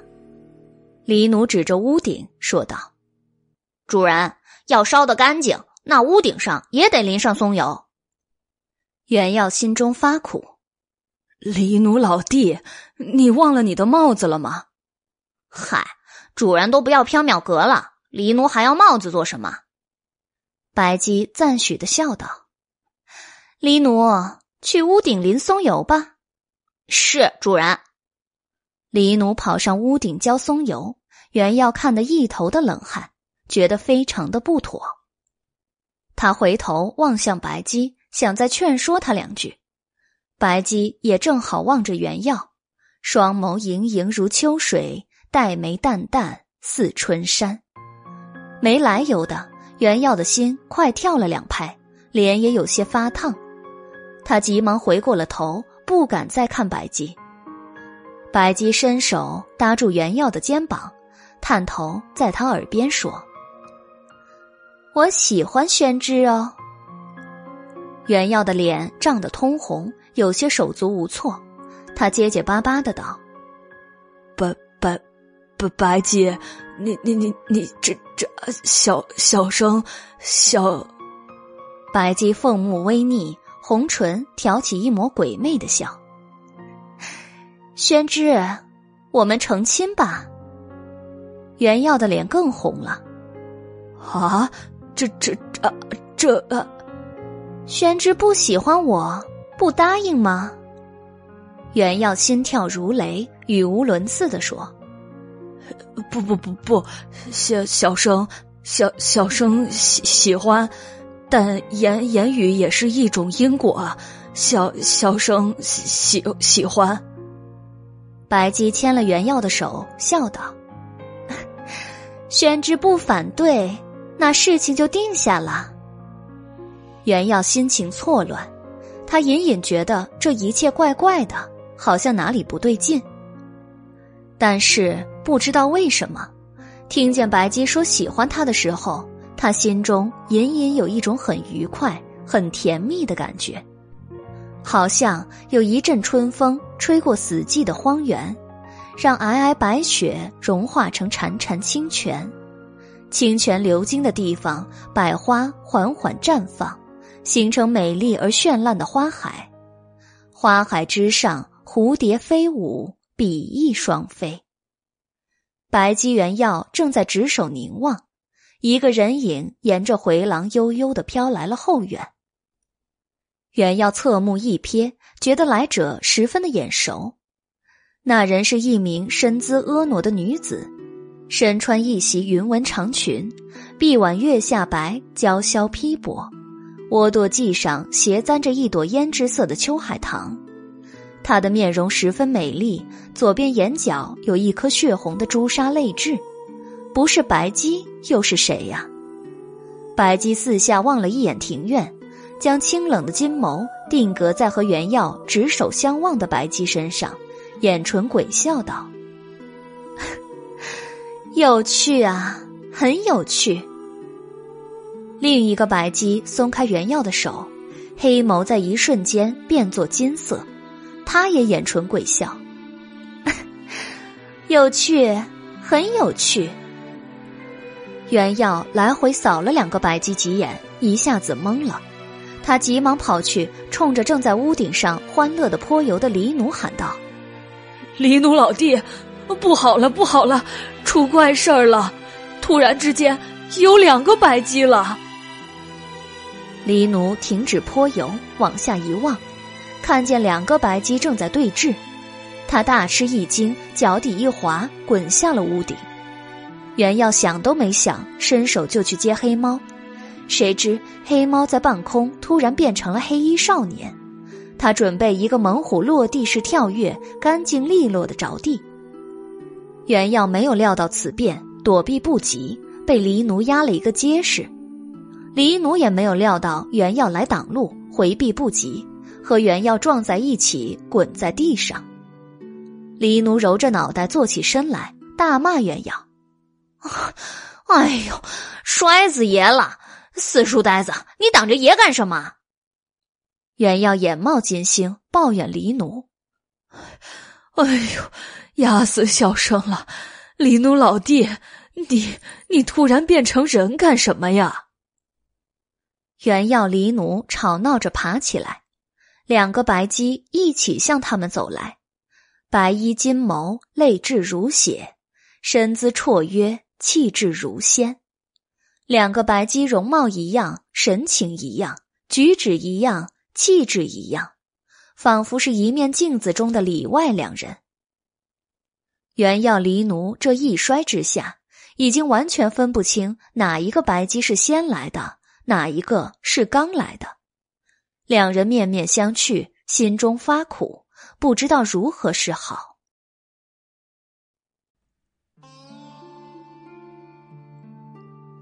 袁耀问黎奴道：“黎奴老弟，这有两个白鸡，这该如何是好啊？”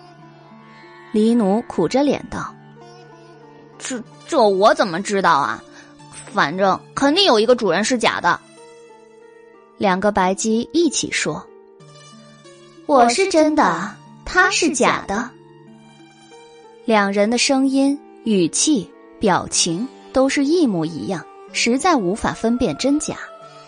袁耀傻了眼，对黎奴道：“黎奴老弟，你跟在白鸡身边已经数百年了，一定能够认出他来，还是你来分辨吧。”黎奴走过去，绕着两个白鸡转了几圈，脸上露出迷茫而苦恼的神色。他想了想，说道：“哎，有了，你们谁能变成龙，谁就是主人了。”袁耀闻言也觉得很有道理，不错，谁能变成天龙，谁就是真正的白鸡。两名白鸡眼唇鬼笑，一前一后腾空而起，两道白光乍起乍没，消失在了天空之中。袁耀手搭凉棚，望向天空，湛蓝如洗的天空中，一阵狂风吹来了许多白云。大片大片的浮云缓缓聚集，苍穹之巅，风起云涌，云层不断的蔓延、翻卷，遮盖了太阳，变换了乾坤。虽然是大晴天，但在云天尽头却传来了滚滚的惊雷声。云层之上，两条巨大的白色龙影昂然游过，巨龙犄角如莲，虚裂张扬。身姿宛若灵蛇，鳞甲泛着七彩光华。两条挺拔英健的白龙盘桓在长安城上空，在风云中时隐时现，吞云吐雾，发出震耳欲聋的雄浑龙吟，如同一块巨石投入水中，在长安城中激荡起一片喧哗和骚动。众人纷纷走出房子。在旷地上争相观望天龙现身云端的奇景，各大佛寺也次第响起了洪亮而悠长的铜钟声，大明宫中也响起了咚咚的擂鼓声。袁耀张大了嘴巴：“那就是白鸡的真身吗？这也太巨大了一点吧？还有，为什么有两条龙啊？难道假白鸡也能变成龙？”黎奴也懵了，啊，看来假扮主人的家伙道行也很深啊。祥云散尽，天龙隐身，缥缈阁的后院中，两名白鸡脚踏彩云飘下来，衣袂翩跹。他们站在草地上，望着黎奴，掩唇而笑。黎奴觉得头大，对袁耀道：“啊。”我有些头疼，书呆子，你来分辨吧。一个白鸡对袁耀笑道：“宣之，你不认识我了吗？”另一个白鸡也笑道：“宣之，他不是白鸡，我才是。”袁耀依次望向两个白鸡，也觉得头疼。突然，他想起了什么，脑海中闪过一道火花。有了，小生有办法知道谁是真的白鸡了。黎奴急忙问：“有什么办法？”两个白鸡望着原耀，以秀眼唇，嘻嘻而笑。即使可以惟妙惟肖的伪装成白鸡，甚至也能够化成天龙，但是假白鸡就是假白鸡，他不可能知道真白鸡才知道的事情。袁耀镇定的说道：“他问左边的白鸡，嗯，白鸡，你和小生第一次相遇是在缥缈阁中，还是在韦府？”那名白姬想了想，笑了：“ 当然是在缥缈阁中了。”袁耀和黎奴面面相觑，黎奴突然一个跃起，化作凶恶的猫兽，扑向了那名白姬。袁耀道。小生第一次遇见白姬，是在城南的一座石桥上，不是在缥缈阁，也不是在韦府。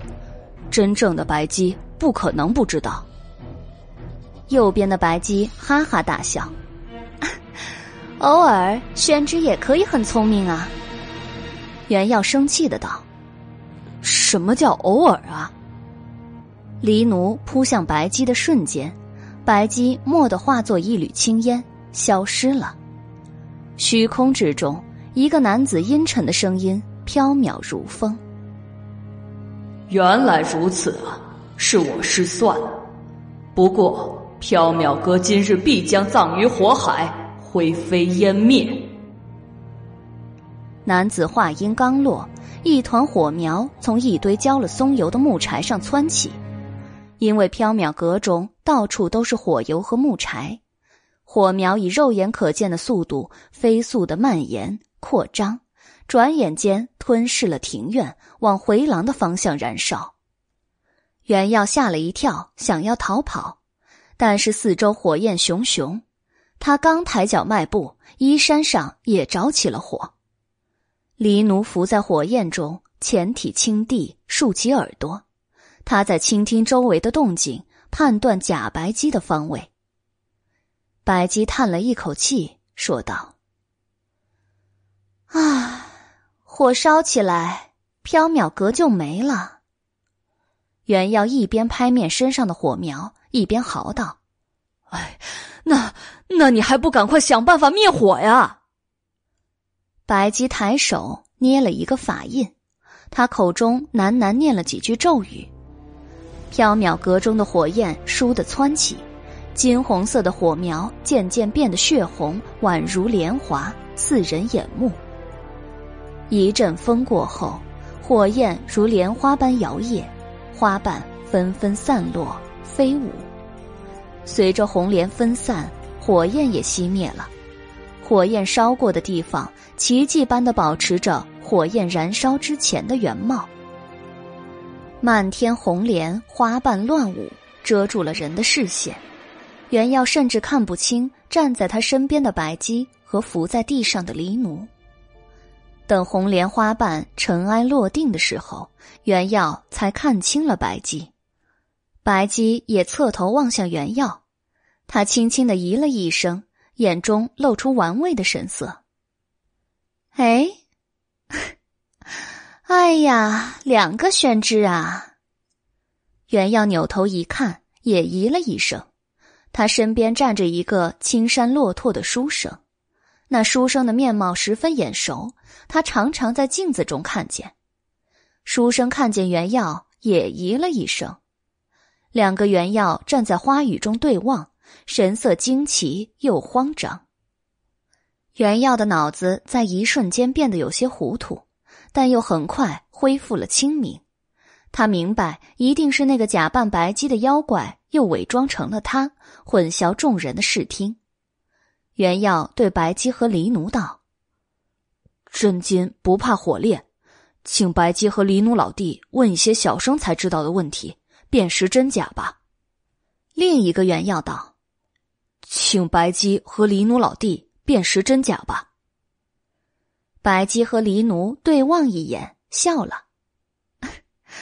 没有必要辨识真假呀。缥缈阁正缺人手，两个宣之一起使唤吧。黎奴舔舌也道：“ 没有必要辨识真假。一个书呆子清蒸，一个书呆子油炸，正好凑成一桌菜。”袁耀气得直发抖，呃，你、你们，哎，你们。另一个袁耀闻言，腾的化作一缕青烟，想要逃走。黎奴反应奇快，纵身扑了过去。青烟绕过飞桃树，黎奴追过飞桃树。等青烟和黎奴从飞桃树后出来的时候，已经变成了两个黎奴。两只一模一样的猫兽伏在草地上，互相啮齿对望，嘴里发出呜呜的声音。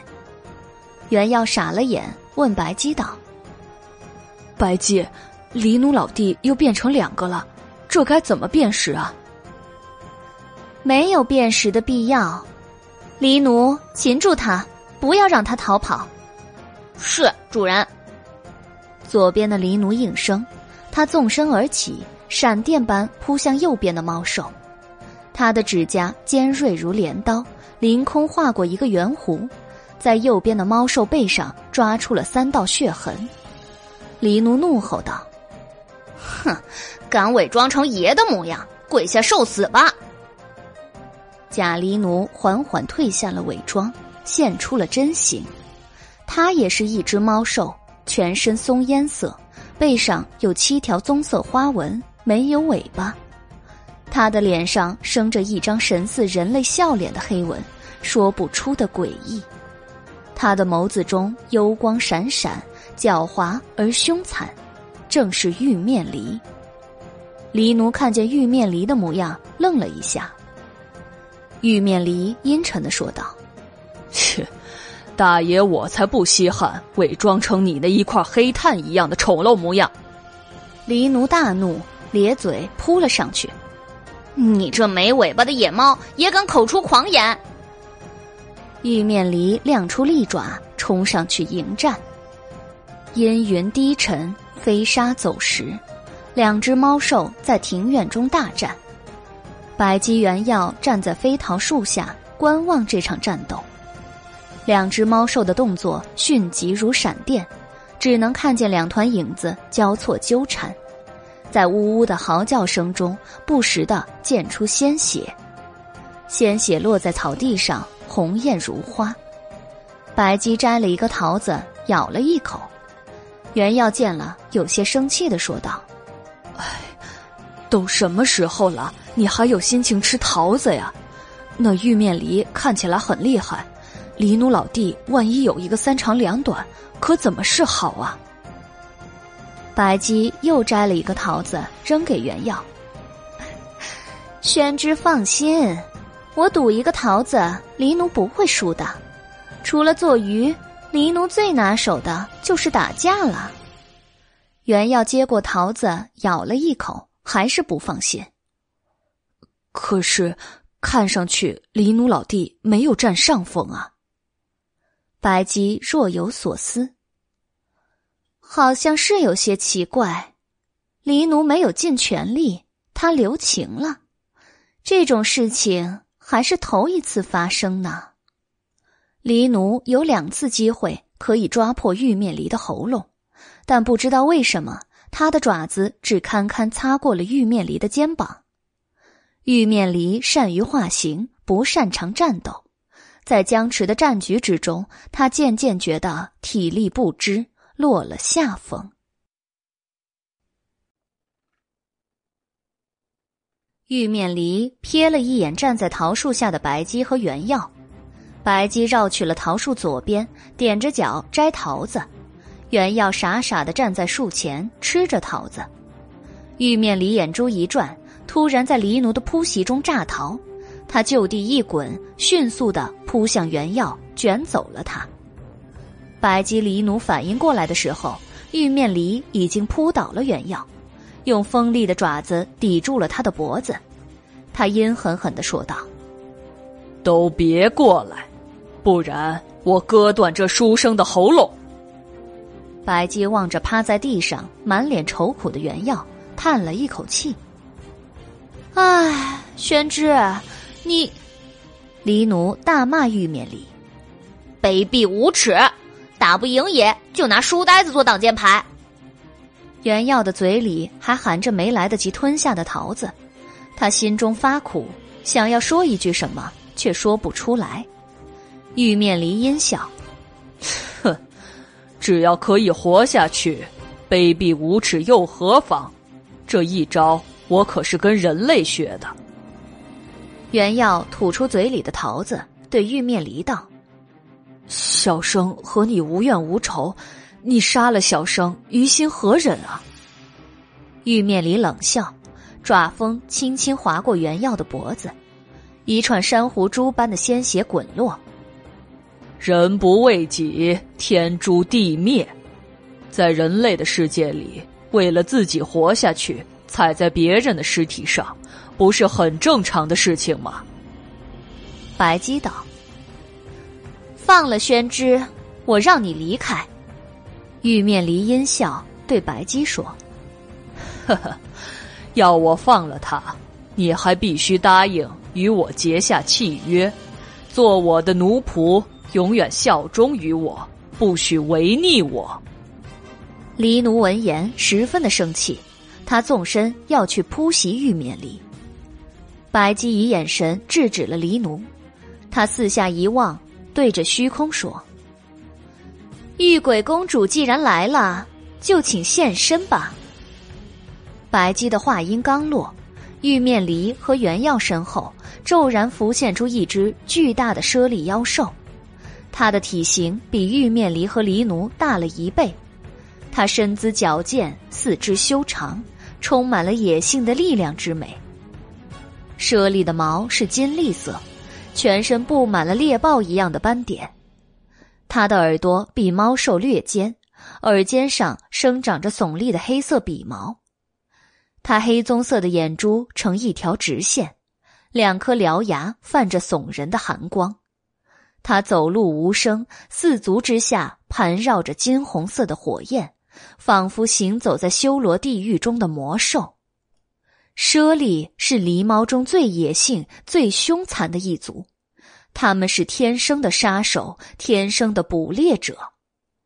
狸奴看见猞猁，也有些心寒，他对玉面狸道：“哎，你你后面。”玉面狸浑然不觉危险正在逼近，他哈哈大笑，蔑视狸奴。哈哈哈，黑炭用这么老掉牙的笨方法骗我回头，你不觉得蠢了一点吗？黎奴沉默了。玉面离身后，猞猁已经伸出了爪子，爪锋寒光灼灼。猞猁在玉面离耳后口吐人语：“放开袁公子，否则捏爆你的头！”玉面离急忙回头。他迎面对上一张冷酷而狰狞的猞猁脸，害得一个机灵，出自本能的挥爪袭击猞猁。但猞猁的动作比他更快、更狠、更准，镰刀般的爪子插进了他的肩膀，将他掀翻在地。玉面狸的肩膀皮开肉绽，鲜血淋漓。他吃痛之下松开了钳住原药的爪子，原药趁机抱着头爬走了。玉面狸想翻身起来，但是猞猁已经张开獠牙咬住了他的脖子，撕裂了一道伤口。玉面离拼命挣扎，挥爪刺向猞猁的眼睛。猞猁侧头避开这一袭，玉面离如同一条滑腻的泥鳅，灵巧地溜出了猞猁的钳制。猞猁大怒，啮齿扑向玉面离，獠牙上鲜血刺目。玉面离负伤之下逃跑不灵便，又被猞猁一爪掀翻，他滚了几圈之后瘫倒在地。猞猁灵活的跃上来，用爪子掐住了玉面离的脖子，尖细的瞳孔变成了血红色，透露出嗜血的凶光。伤害袁公子者，杀无赦。玉面离倒在血泊之中。浑身痉挛的抽搐，眼中露出绝望和恐惧。原药被吓惨了，他抱着头坐在地上，不停的念：“阿弥陀佛，阿弥陀佛。”黎奴神色大变，想去阻止，白姬摇头制止了他。玉鬼公主是猞猁族中最骁勇的猛士，无人能敌。她一旦双目发红，进入杀戮状态时。就控制不了自己的杀意，谁靠近谁就会死。猞猁族中遭殃的人很多，这也是他被猞猁王赶出，啊，遣出猞猁族四处游历修行的原因。一滴冷汗滑落黎奴的额头，他望着濒死的玉面狸，神情复杂。就在这时，去买菜的苏亮回来了。他见白姬、原耀、黎奴都在后院，兴奋的道：“哎，你们看见龙了吗？刚才有两条白龙在天空中时隐时现，吞云吐雾，真是太美丽、太神奇了。大家都说这是四海升平、风调雨顺的吉兆啊。”白姬道：“没看见。”黎奴懒得理会苏亮，原耀抱着头发抖。阿弥陀佛！玉面离听见苏亮的声音，侧过了头，看见苏亮，他的眼睛睁大了，喉咙里发出呜呜的声音。苏亮侧头看见玉面梨，一下子愣住，手中的菜篮掉在地上。小苏，玉面梨呜呜了两声，转过了头。舍利双目赤红，杀气腾腾，爪子上用力更甚。玉面梨的脖子已经几乎走形了。苏亮突然冲了过去，喊道：“住手！不要伤害我的小苏！”舍利满身杀气，正处在癫狂状态。见苏亮扑上来，他就地弹起，一下子将苏亮扑倒，一口咬向他的脖子。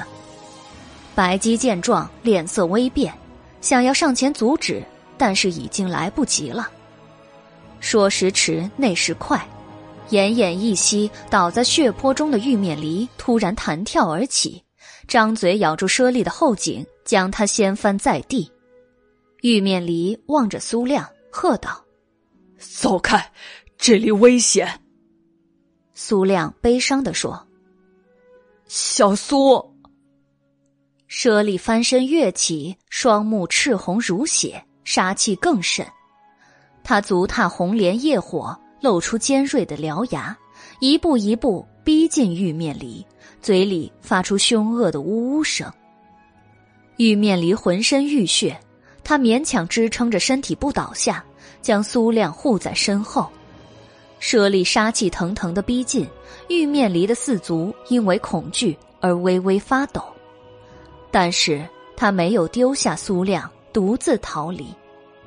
玉面梨对苏亮道：“趁我扑上去，缠住他的一瞬间，你赶快逃走。”苏亮爬起来，站在玉面梨身边，坚定的道：“不，我不逃，我不会让他伤害你的。”玉面梨一愣，冰冷的眸子里突然涌出眼泪。他的脸上几乎都是伤口，眼泪流下，宛如滴血。玉面梨垂下头来，哽咽道：“傻瓜，真是一个傻瓜！我曾经那样对你，偷了你的脸，偷了你的身份，还把你卖作奴隶，你为什么要对我这么好？人类。”不都应该是自私的、残忍的、邪恶的吗？你为什么要对我这么好？苏亮笑了，我对你好，只是因为你是我的小苏啊。玉面梨的脸上不断的滴落鲜血，他泣不成声。傻瓜，傻瓜。舍利双目赤红，越逼越近。玉面梨一爪推开苏亮，将他远远的摔开，自己纵身扑向舍利。舍利灵巧的跃起，锋利的爪子凌空划过一个弧度，在玉面梨的腹部和胸部拉开了一个大窗口。鲜血四溅中，玉面梨砰的倒在地上，浑身抽搐，无法再起身。苏亮被玉面梨摔开，正好撞在惊吓过度、抱头念佛不止的袁耀身上，两人一起跌倒在地上。舍利见玉面梨已经奄奄一息，又来追杀苏亮，他一个跳跃停在苏亮跟前，獠牙上鲜血滴落。苏亮吓得牙齿咯咯打颤，袁耀爬起来，从苏亮的背后探头张望。正好对上舍利杀气腾腾的脸，宣之。白姬脸色一变，玉鬼公主一旦杀性大发，就完全不认人，看见谁就杀谁。在舍利族中，连舍利王和王后都因此受过重伤，他们不得不拿出门游历修行做理由，让玉鬼公主离开舍利族。现在这种情况下，原耀。只怕也要遭殃了。书呆子，黎奴也大惊，他低俯下身，准备在舍利攻击时跳上去救袁耀。袁耀看见舍利狰狞的脸，吓得汗毛倒竖，就要晕厥过去。谁知舍利看见袁耀的脸，赤红的血目瞬时恢复了棕黑色，脸上也褪去了狰狞凶残的表情，继而浮起了一抹羞涩，一抹紧张，一抹无措。舍利突然一跃而起，一阵风一般飞卷到飞桃树后。不一会儿，一只花狸猫从飞桃树后探出半颗头来，悄悄的望着原药，紧张而羞涩。啊！白姬松了一口气。哎呀，黎奴也松了一口气。苏亮一头雾水，但他没有心情疑惑。见凶恶如魔兽的猞猁不见了，他流泪奔向奄奄无力的瘫在血泊中的玉面狸。袁耀看见花狸猫，张大了嘴：“玉玉鬼公主。”花狸猫羞涩的缩回了头。袁袁公子，玉鬼今日失态了，没有吓到你吧？袁耀擦汗，刚才猞猁的狰狞模样。确实差点吓死他，小生确实差点被吓死。你的模样实在是太可怕了。不过，袁耀的话还没说完，花狸猫突然从飞桃树后奔出，抹泪跑了。袁公子说遇鬼可怕，袁公子讨厌遇鬼，好伤心啊！呃，不过还是谢谢你救了小生。见花狸猫跑了，袁耀急忙大声的解释：“遇鬼公主误会了，小生没有讨厌你。袁公子讨厌遇鬼，实在是太伤心了。”花狸猫完全不听原耀的话，已经一溜烟跑走了。眼泪洒了一地，唉。袁耀叹了一口气，觉得很头疼。玉鬼公主好像从来不会完整的听完他的话，每次都会这么奇怪的跑走。白姬不由掩唇鬼笑。原耀问白姬：“你笑什么呀？”白姬笑道：“ 宣之真是一个很奇特的人呐。”去。小生哪里奇特了？袁耀不高兴地说。白姬望着袁耀，似笑非笑。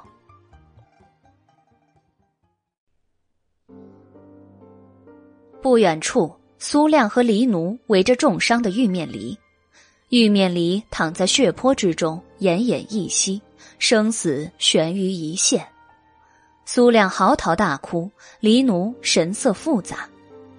玉面狸虚弱的对苏亮道：“你，你哭什么？”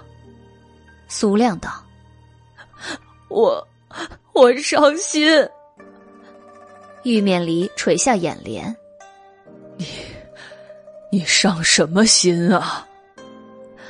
你看起来伤得很重，所以我伤心。我偷了你的脸。”偷了你的身份，害你沦为奴隶。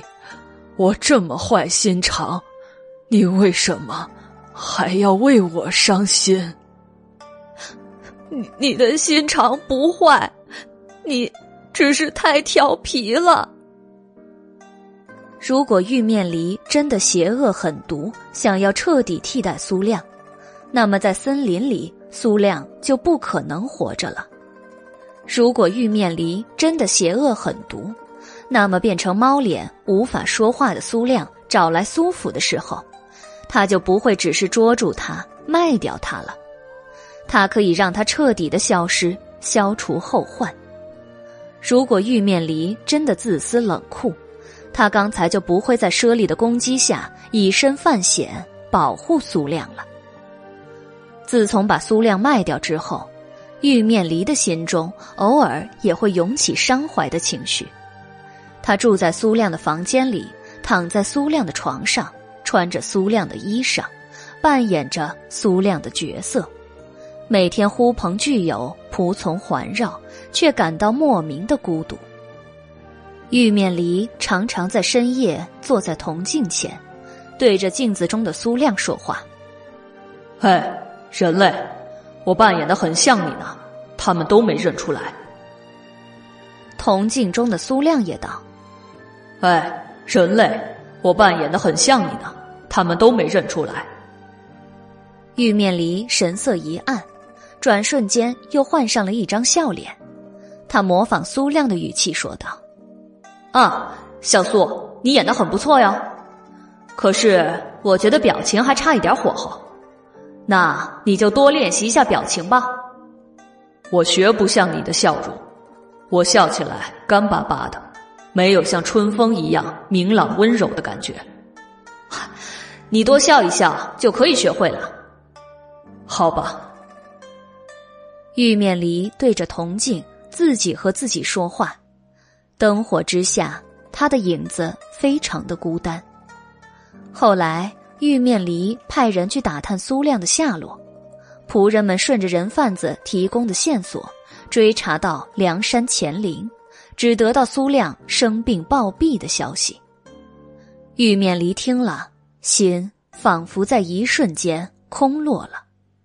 玉面离对着铜镜中的苏亮说道：“原来。”你已经死了。铜镜里的苏亮保持沉默，没有回答玉面离。玉面离也沉默了。过了许久，玉面离又开口了：“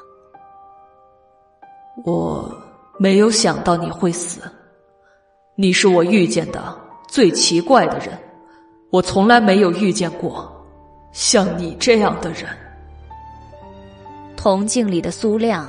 泪流满面，玉面离伸手想为铜镜里的苏亮擦去眼泪，但是他怎么擦，也擦不去苏亮的眼泪。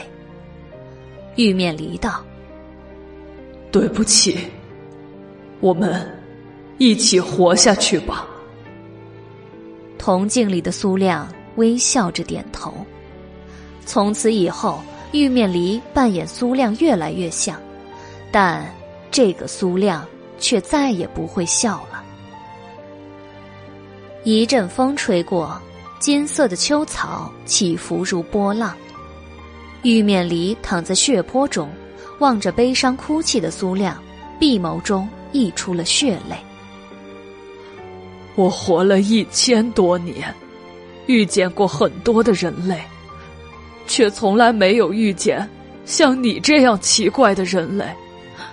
他们都很贪婪，很自私，很残忍，很恶毒，太过信任人类，喜欢人类，结局总是很悲伤。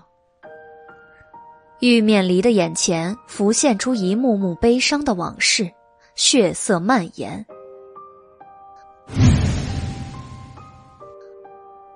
暴雪封山，冰天雪地。猎人因为无法出猎而挨饿，他养的一只狸猫每天在风雪中艰难跋涉，咬死藏在雪山深处的獐子、麋鹿，拖回家给猎人吃。这一年的冬天格外寒冷，格外漫长，狸猫每天能够带回来的猎物越来越少，他把猎物让给猎人吃，自己只吃一些草根和树皮。他相信。春天很快就会到来，他和猎人可以撑到春暖花开。可是寒冬好像永远不会结束似的，暴风雪一直持续着。在狸猫再也找不到食物时，猎人架起了一口锅，他捉住狸猫，要将它熬成一锅猫汤充饥。他血红的眼睛里闪烁着饥饿、贪婪、残忍和恶毒的光。最后，猎人死了，猫妖将他熬成了一锅汤，度过了寒冷漫长的冬季。江南小城之中，风景如画。狸猫住在一户殷实的人家中，它是这户人家的小姐的宠物。他陪伴着小姐，从一个垂髫少女长成一名知书识礼的闺秀。他们是最好的朋友。小姐到了婚配的年龄，她嫁给了一位风流的富家公子，狸猫也被小姐带去了夫家。富家公子风流成性，姬妾成群，他时常冷落小姐，让小姐很伤心。姬妾之间争风吃醋，也常常让小姐以泪洗面。小姐对狸猫说：“如果他们都死了就好了。”狸猫为了让小姐不再伤心，就化作猫妖去杀死了公子的姬妾们。从此，公子只要一纳姬妾，姬妾就会离奇的死去。仆人们私下里议论，一定是大夫人，也就是小姐，在用邪术诅咒姬妾们。公子也认为小姐是妖媚，有些害怕她，渐渐的疏远她，冷落她，甚至还想休了她。小姐害怕被丈夫冷落抛弃。她悄悄的请来法师，趁狸猫不备，将她捉住。现出妖形的狸猫被用铁链绑在院子中。小姐向公子和众人澄清，是猫妖残杀了姬妾们，与她无关。小姐为了证明自己的清白，亲手砍掉了猫妖的尾巴。因为据说猫妖的法力都在尾巴上。被砍掉尾巴的猫妖痛苦而凄厉的哀嚎，撕心裂肺。小姐的裙子上溅满了猫血，脸上露出自私、残忍、恶毒的狞笑。最后，小姐死了，猫妖剜出了她的心脏，吞进了肚子里，来填补自己心中的窗口。失去了尾巴的狸猫仍旧在人世间徘徊。他经过了很多地方，遇见了很多人。天真而残忍的孩子会捉他来踢打、折磨，以为玩乐；心术不正的法师会驯养他，驱使他偷东西、害人，以为牟利。狸猫从一个地方逃到另一个地方，从一个主人换到了另一个主人。他曾待在勾心斗角、尔虞我诈的宫廷。也曾待在人情冷暖、世态炎凉的市井，他曾跟随过奸邪阴毒的佞臣，也曾跟随过杀人如麻的盗寇。每一个人类都是那么相似，自私、邪恶、无情、残忍、冷酷。渐渐的，狸猫也学会了自私、邪恶、无情、残忍、冷酷。他把饲养他的人类当做寄生的主人，当主人要伤害他时，他就杀了他们；当主人没有了寄生价值时，他就离开他们。他再也不会把人类当做朋友，关心他们的死活，关心他们的心情。他永远不会再把人类当做朋友。然而，在茫茫人海中，玉面狸却遇见了苏亮。他从来没有遇见过像他这样的人，他把他当做寄生的主人，可苏亮却把他当做朋友。苏亮真诚的、友善的对待他，把他当做最好的朋友。苏亮病入膏肓的时候，没有为了自己生存下去拿他做牺牲，他反而因为疑虑而伤害了苏亮。他伤害了苏亮之后。苏亮还会因为他受伤而流泪。玉面狸躺在血泊之中，悲伤的望着苏亮。你能原谅我吗？苏亮伸手抚摸玉面狸的头，说道：“你活下去，我就原谅你。”玉面狸虚弱的闭上眼睛，说道：“你。”果然不原谅我。苏亮见玉面狸已经不行了，流泪哽咽道：“我原谅你，我原谅你。”玉面狸的眼中闪过一抹温柔、幸福的光芒，闭上了眼睛。狸奴见玉面狸闭上眼睛了，急忙伸爪拍打他，喊道：“阿鼠，哎，阿鼠，你不要死啊！”玉面狸倏然又睁开了眼睛，瞪向黎奴，骂道：“黑炭，你轻一点啊！我还没死呢。哎呀，不过好像越来越没有力气了，我好累，好乏呀。”黎奴摇晃着玉面狸：“阿鼠，你不能死啊！好不容易才见到你，你死了，我的帽子怎么办？”玉面狸竖起了耳朵，什么？什么帽子？黎奴抹泪道：“阿鼠，当年你匆匆逃难而去，我都来不及把生日礼物送给你。你喜欢帽子，这些年来我攒了很多顶漂亮的帽子，打算在遇见你时送给你。”玉面狸望着黎奴说道。黑炭，你居然还记得我喜欢帽子，我很高兴。老实说，你的性格太差了，从小除了我之外，你就没有朋友，恐怕至今还是没有谁愿意和你做朋友吧。黎奴闻言不高兴了，飞奔过去把原药叼了起来。谁说我性格太差，没有朋友啊？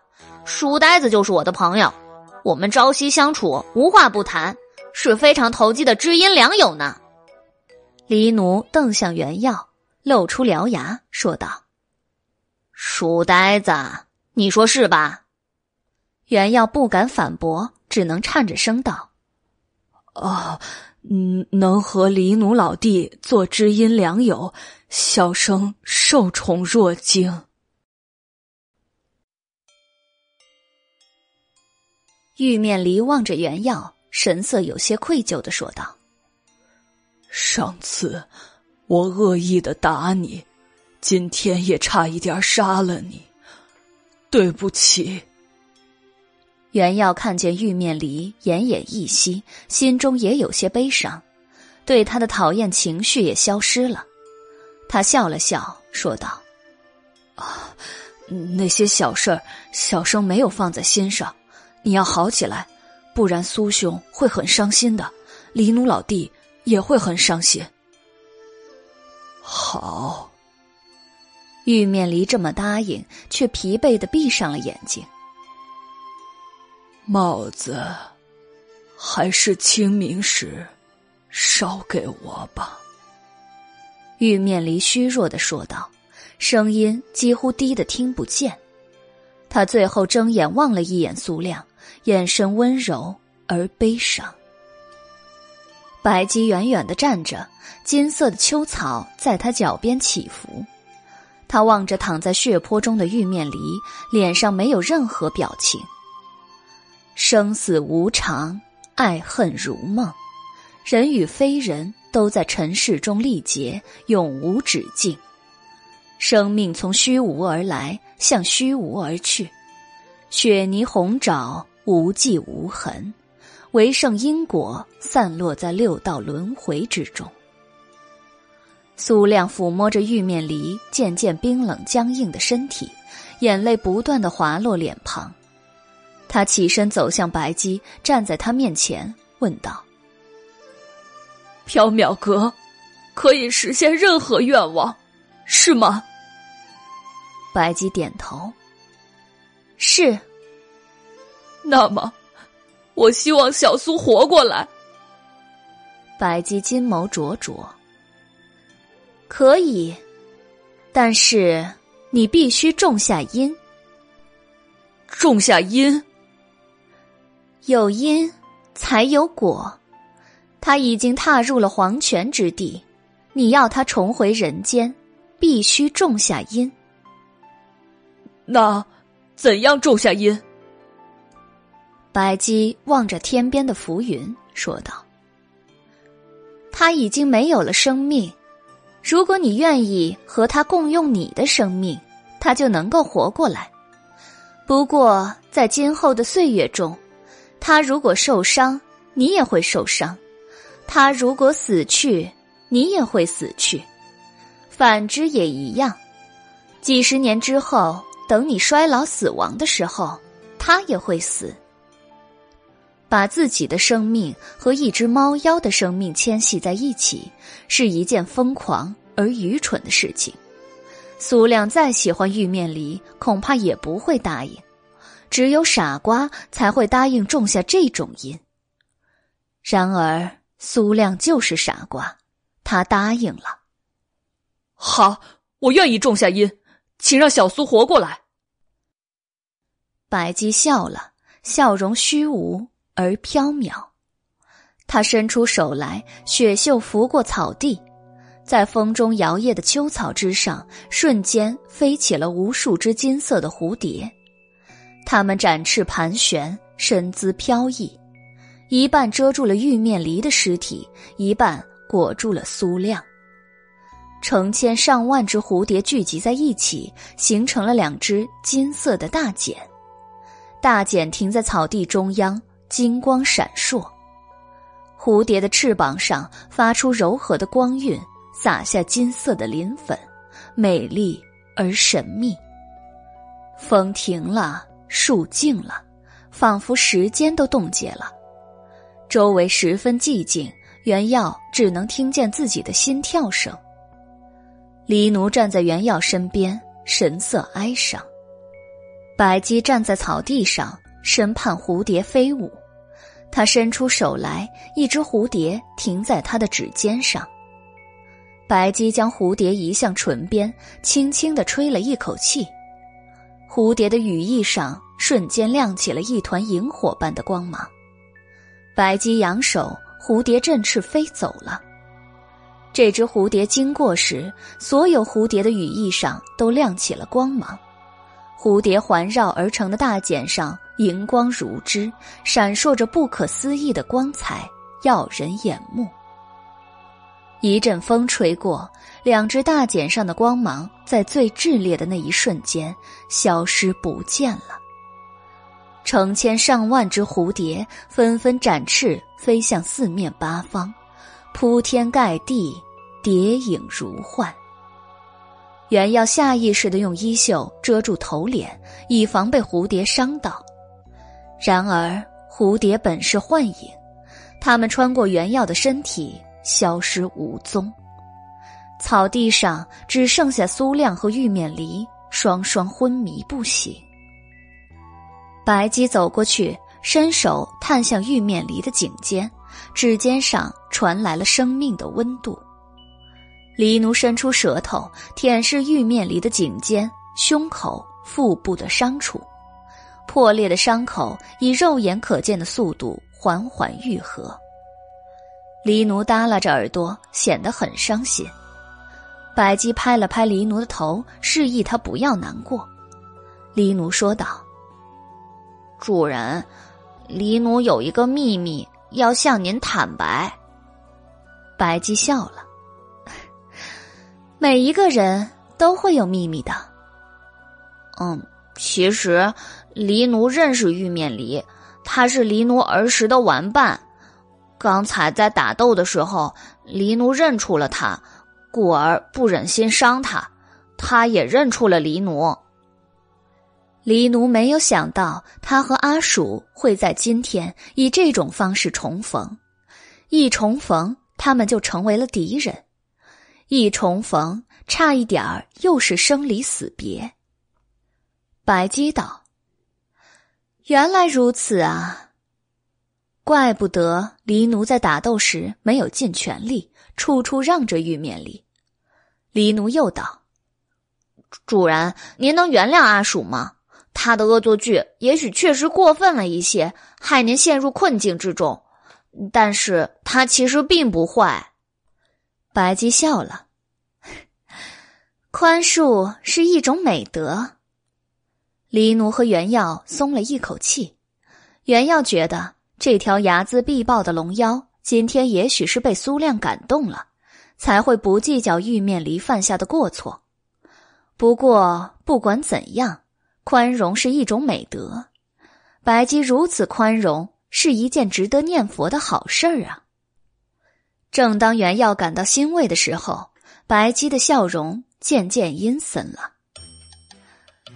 可惜我没有宽恕这种美德，我不原谅，也不宽恕。如果玉面离死了也就罢了，如今他还活着，从变成我的模样到处招摇撞骗，给我树敌惹麻烦。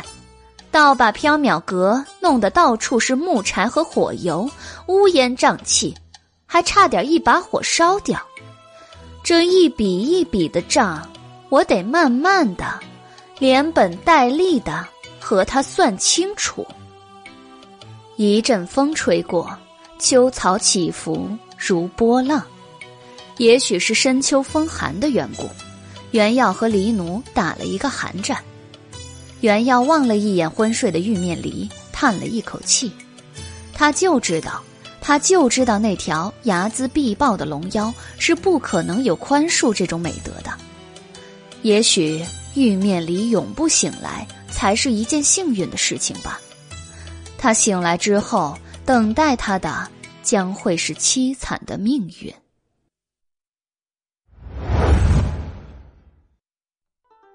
深秋的清晨，寒露凝霜。原要打开缥缈阁的大门，赫然发现门外放着一个纸包。原要往不远处的大柳树后望去，只看到一截花狸猫的尾巴露在树干外。原要大声的问：“是玉鬼公主吗？”猫尾巴迅速缩回大柳树后，一只花狸猫飞快的跑走了。原要知道追不上，也就不去追了。自从上次玉鬼公主跑掉之后，他就半个多月没见到她，也没在清晨收到她的礼物了。原要有些担心玉鬼公主的安危，但是白姬说东都和西京的妖鬼捆在一起，也伤害不了玉鬼，他也就放心了一些。今日他又出现了，原要拾起纸包。走进缥缈阁，他打开纸包，里面有一朵凌霄花、一撮猫毛、一颗佛珠。袁耀心中纳闷儿，不知道玉鬼公主送这三样东西是什么意思。原耀苦思不解。吃过早饭之后，他把这三样东西拿给白姬看。白姬，这是玉鬼公主今早送来的，小生不明白是什么意思呀。白姬拿起猫毛、佛珠、凌霄花看了看，目光停在了包裹这三件东西的纸上。白姬展开纸，发现上面有一行歪歪扭扭的小字，他念道：“为君厌弃，万念俱灰，青灯古佛了此残生。”两行字的落款处拍了一个猫爪印。袁耀张大了嘴，说不出话来。白姬抚额道：“唉，宣之，玉鬼公主因为你而出家为尼了。”袁耀惊道：“啊，出出家？是啊，出家。那佛珠代表佛门，猫毛代表青丝，他可能啊已经剃度了。猫毛。”代表青丝，小生不记得玉鬼公主有青丝啊。有没有青丝不重要，重要的是他已经剃度了呀。一只狸猫怎么剃度啊？啊，反正玉鬼公主出家为尼是宣之的责任。小生根本不知道这到底是怎么一回事儿啊。哦，对了。这凌霄花又是什么意思呀？白姬想了想，说道：“也许代表长安南郊的凌霄庵。玉鬼公主是想告诉宣之，她在凌霄庵出家。她为什么要告诉小生，她在凌霄庵出家呀？大概是想让宣之有空了去看他吧。”原耀浑身无力。他打算找一个时间去凌霄庵向玉鬼公主解释，虽然他也许听了一半又会跑掉。原耀收起了佛珠，猫毛、凌霄花，开始拿着鸡毛掸子给货架掸灰。白姬坐在柜台后玩狸猫面具。一名卷发碧眼的男子大步流星的走进缥缈阁，手中拿着几个大包袱。袁耀回头一看，原来是苏亮。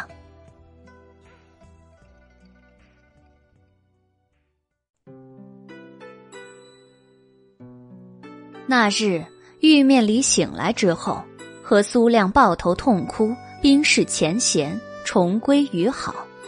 他们的命运。从此联系在了一起。苏亮要带玉面离回苏府，白姬不放玉面离走，他要他弥补完自己犯下的过失之后，才能离开缥缈阁。玉面离没有办法，只好一件一件的弥补自己犯下的错误。玉面离曾经扒下西市皮货店的王三的一块皮，他去给王三赔礼道歉，并送上了治伤的药。王三生性豁达，见他态度诚恳的道歉，也就原谅了他。玉面离在城外的树林里找到了张麻子，他道歉说不该让张麻子和他的兄弟们去袭击袁耀，并仍旧把大祠堂借给张麻子和他的兄弟们居住。张麻子也不计前嫌，和玉面离重归于好，住在大祠堂中过冬的时候。张麻子只字不提抢走玉面梨帽子的事情，玉面梨也不好开口讨要帽子，只能憋在心里郁闷。张麻子和他的兄弟们在长安住了一个冬天，第二天春暖花开的时候，他们还是回青州去了。临走之前，张麻子把抢走的玉面梨的帽子都留在了大祠堂中。玉面梨一个一个的去给他变成白金模样骗婚的飞人道歉、解释、消除误会。大多数飞人宽宏大量，原谅了他；一部分飞人粗狂暴躁，就会打他、骂他泄愤。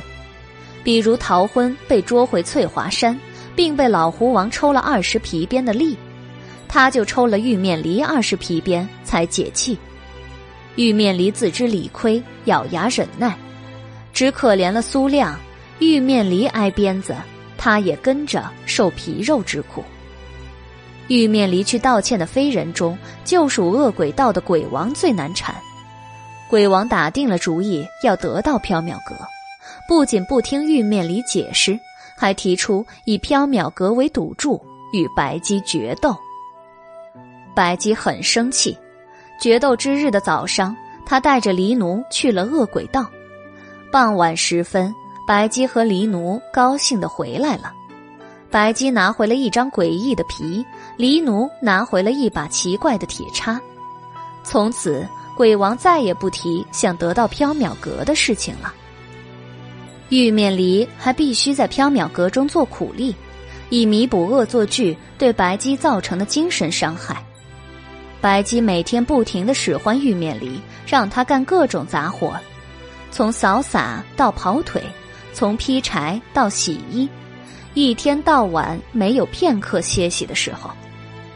袁耀有些看不下去了，他劝白姬道：“白姬，俗话说得饶人处且饶人，玉面李老弟已经知道错了，也道歉了，你这么使唤他。”也未免太过分了。白姬道：“他本来要干三年的苦力，才能弥补对我的精神伤害。但是嘛，我一向宽容大度、慈悲为怀，也看在宣之求情的份上，他干到明年开春就可以离开缥缈阁了。”苏亮闻言，请求白姬：“无论如何。”请让小苏和我一起回苏府过年。白姬望了一眼苏亮，说道：“如果你常常来替他干活，今年大寒时节，他就可以离开缥缈阁了。”于是苏亮也常常来缥缈阁帮玉面离干活，供白姬使唤。今天白姬使唤苏亮去福雨居取他定做的过冬的衣裳。白姬问苏亮：“冬衣取回来了吗？”苏亮放下包袱：“哦，取回来了。朱掌柜说，请你试穿一下，不合适的地方再送去修改。”白姬打开包袱，取出几件冬衣，抖开看了看，看上去倒还不错嘛。白姬笑着拿着冬衣去楼上试穿了。苏亮将两个包袱递给袁耀，说道：“宣之，这是你的袍子。”袁耀奇道：“啊，小生没有定做袍子呀。”袁耀还穿着去年的旧袍子，他买的新袍子之前已经给还是乞丐的苏亮穿了。苏亮笑了：“哈，这两件袍子呀，一件是我送给你的，一件是小苏送给你的。”袁耀接过包袱，打开一看，一件新袍子和他之前给苏亮穿的那件一模一样，另一件新袍子和他曾经在福雨居试穿的那件一模一样。袁耀笑了：“这苏兄和玉面李老弟实在是太客气了。”苏亮也笑了：“哈，这是应该的。我送你的袍子代表谢意。”小苏送你的袍子代表歉意，啊，对了，小苏在哪里啊？哦，他在后院劈柴呢。后院中一堆还没有劈的木柴边，一只黑猫和一只没有尾巴的猫并肩坐着。黑猫道：“阿鼠，你为什么不要我送给你的帽子呀？”玉面狸犹豫了一下，才道：“黑炭。”你真的要听原因吗？当然要听啊！那些帽子太丑了，黑炭，你的眼光太差了。狸奴大怒，腾的化作猫兽，一爪将玉面狸撂倒，闭睛灼灼，口吐火焰。阿鼠，你再说一遍！玉面狸无奈的道：“黑炭，你的脾气还是这么差，难怪没有朋友。”黎奴愣了一下，玉面狸趁机开溜了。黎奴追赶玉面狸，玉面狸奔到大厅之中。他见袁耀和苏亮在说话，但是白姬不在。他立刻化成白姬的模样，站在柜台边。黎奴追来大厅，见白姬、袁耀、苏亮都在，却不见了玉面狸。他问道：“主人，书呆子，苏公子。”你们看见阿鼠过来了吗？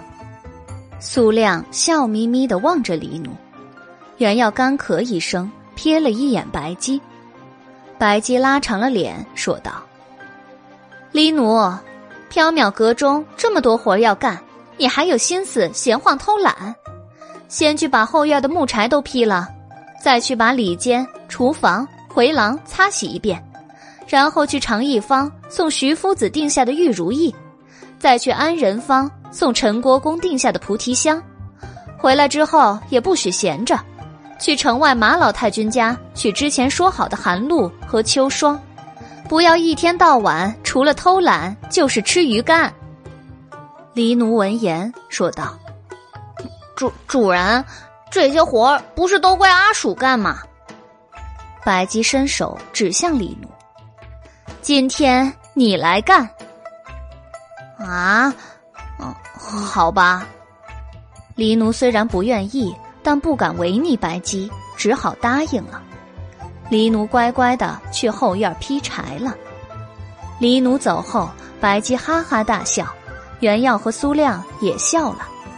苏亮笑道：“ 小苏，你太调皮了。”袁耀也笑道：“也只有白姬的模样。”才能够唬住黎奴老弟了。白姬以袖掩面，凑近原耀说道：“宣之，我有话想告诉你。”原耀笑道：“什么话呀？”白姬妩媚一笑：“我喜欢宣之哦，我们之前有定亲呢。虽然明知这个白姬是假的。”玉面狸也是在玩笑取乐，袁耀的脸还是刷的红了。玉面狸见状，拉住袁耀的手，深情的望着他，模仿白姬的语气说道：“宣之，虽然我奸诈贪财、蛮横跋扈，没有一丁点仁慈之心，懒惰到一无是处，可恶到人神共愤，但是我是真心喜欢宣之的呀。”白姬不知道何时已经下楼来了，她穿着新做好的冬衣，无声的飘到玉面离身后。玉面离浑然不觉，他还在以白姬的神态语气自贬：“啊，宣之一定经常在心里腹诽我。我也知道我罪孽深重，罄竹难书，我总是欺负弱小，奴役别人。”像我这样的龙妖，真该被天雷劈死，真该被扒掉龙皮、抽掉龙筋，丢进火海里烧，丢进油锅里炸。玉面离身后，白姬的脸渐渐的青了。袁耀见白姬脸色不善，赶紧道：“玉玉面离老弟，请不要没有根据的妄加揣测呀！小生从未在心里腹诽白姬。”日月可见，天天地可表啊！苏亮对着玉面离咳嗽，想提醒他看身后。玉面离浑然不觉，沉溺在了白姬的角色之中。宣之，虽然我恶毒刻薄、奸诈无良，但是请一定要和我成亲啊！原要冷汗如雨，苏亮拼命的朝玉面离使眼色，让他看后面。玉面离一愣，转头向身后望去，白姬静静的站着，金眸中闪过一抹刀锋般的寒光。玉面离腾的由白姬变回了一只无尾猫，他哈哈一笑，就要开溜。后院还有一堆柴没有劈呢。白姬伸手拎起玉面梨，笑眯眯的说：“劈柴是小事儿，不急。”先把成亲的大事定下来吧。玉面梨对手指，啊，什么什么成亲的大事儿啊？白姬笑道：“ 你和宣之的亲事啊，你刚才不是要和宣之成亲吗？”袁耀闻言急忙分辨：“白白姬，这件事情和小生无关啊。”玉面离嘿嘿一笑。哈，刚才我只是在开玩笑呢，你不要当真啊！无论是做人还是做非人，都要有一点幽默感嘛。白姬盯着玉面离，面罩寒霜。果然很幽默啊，太幽默了！一滴冷汗滑落玉面离的额头，白姬对玉面离道：“从今天起。”你每天只能睡一个时辰，干完了缥缈阁的杂活就去打扫朱雀大街，必须扫得一片落叶也没有。长安城中各大佛寺的佛座也由你去擦，必须擦得一尘不染。玉面离嚎道：“这我一天怎么能干完这么多活呢？”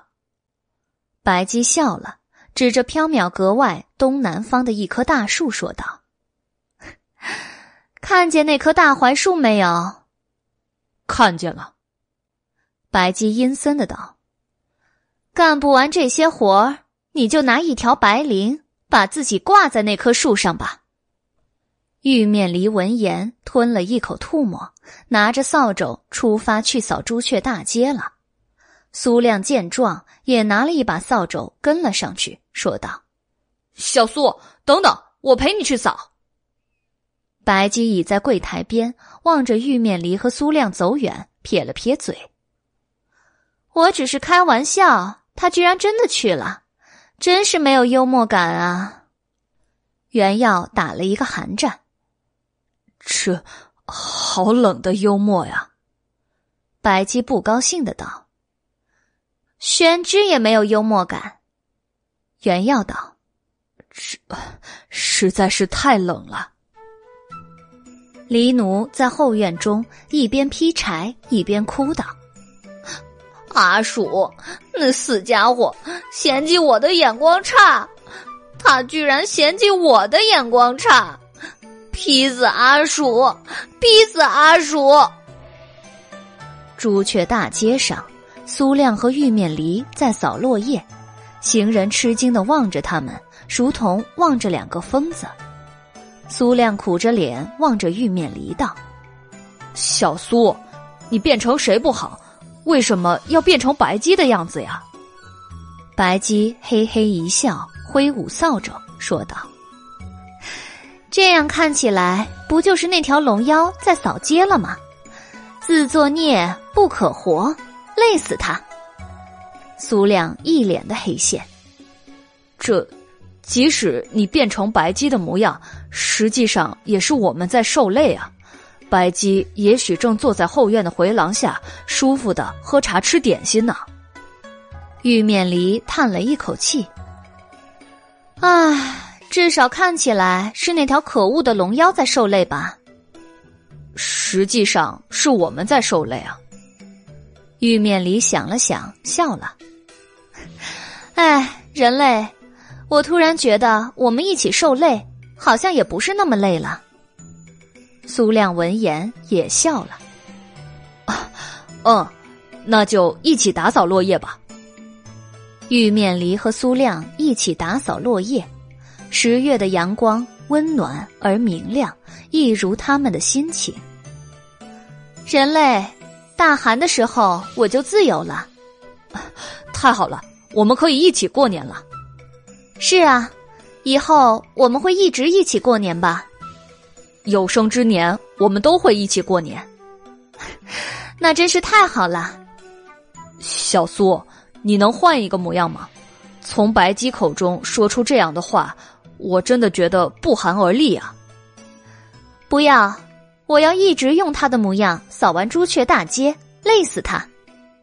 小苏，你真是太调皮了。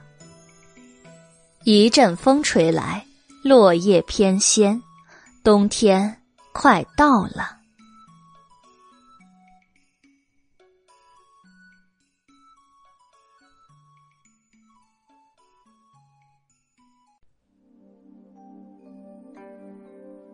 春雨迷迷蒙蒙的下着，润物无声，曲江碧绿如翠玉，非常的美丽。从曲江边的锦香亭望去，绵绵细雨中，姹紫嫣红无端的显出了几分凄艳。袁耀站在锦香亭中，怔怔的望着不远处的一棵梨花树。梨花树上花瓣堆雪，一群妖娆的半裸女子，或坐在树上，或卧在花间，他们勾肩搭背，嘻嘻哈哈的笑闹，享受着春雨的滋润。韦燕站在袁耀旁边，见他在发呆，问道：“哎，宣志，你怎么了？”袁耀回过神来：“哦，那棵梨花树上好热闹啊。”韦燕循着袁耀的目光望去，只见一棵繁花盛开的梨花树立在春雨之中。韦燕一展折扇，笑了：“哈，是啊，梨花开的挺热闹的。”袁耀笑了笑，没有向韦燕描述树上的梨花妖精，因为即使他描述了，韦燕也不会看见。今天，韦燕和袁耀来曲江边游玩踏青，不料突然下起了雨，两人没有带雨伞，只好站在锦香亭避雨。过了约摸半个时辰，春雨停了，天空湛蓝如洗。白云仿佛一缕缕青烟，青草、绿叶、花朵的颜色更加明艳了，上面还凝着晶莹剔透的雨珠。韦燕、原耀沿着曲江走，一边赏景，一边谈笑。然而天公不作美，两人走着走着，突然又下起了雨，两人只好在郊野中飞奔，寻找地方避雨。袁耀眼尖，在蒙蒙烟雨中看见了一处庄院。丹阳，那儿有一座庄院，我们去庄院里避雨吧。韦燕举目四望，疑惑的问：“啊，哪有庄院啊？”春雨越下越大，袁耀也来不及回答，拉了韦燕奔向庄院。春水浸烟霞，竹桥落野花，一座庄院掩映在花木中，十分幽静雅致。庄院占地极广，从外面只能看见飞檐斗拱的一角。原耀韦燕踏上大门口的石阶，两扇朱漆大门紧闭着，铜钉暗哑。原耀抬头望去，朱门上悬挂着一方木匾。木匾上的三个字，由于年代久远，风吹日晒，已经斑驳到无法辨识了。袁耀还在辨认木匾上的字，韦燕已经开始敲门了。不一会儿，一个管家模样的老人打开门，探出了头来。他打量袁耀和韦燕一眼，问道：“两位公子有何贵干啊？”韦燕一展折扇。我们想进去避雨。管家一愣，袁耀赶紧作了一揖，道：“我们是来曲江踏青的游人，因为突然下雨，又没带雨伞，不得不找一个地方避雨。如果能在贵庄院暂时避雨，那真是感激不尽。”管家见袁耀温和有礼，说道：“两位稍等，我进去向主人回话。”不知道两位公子怎么称呼啊？小生姓袁，名耀，字宣之。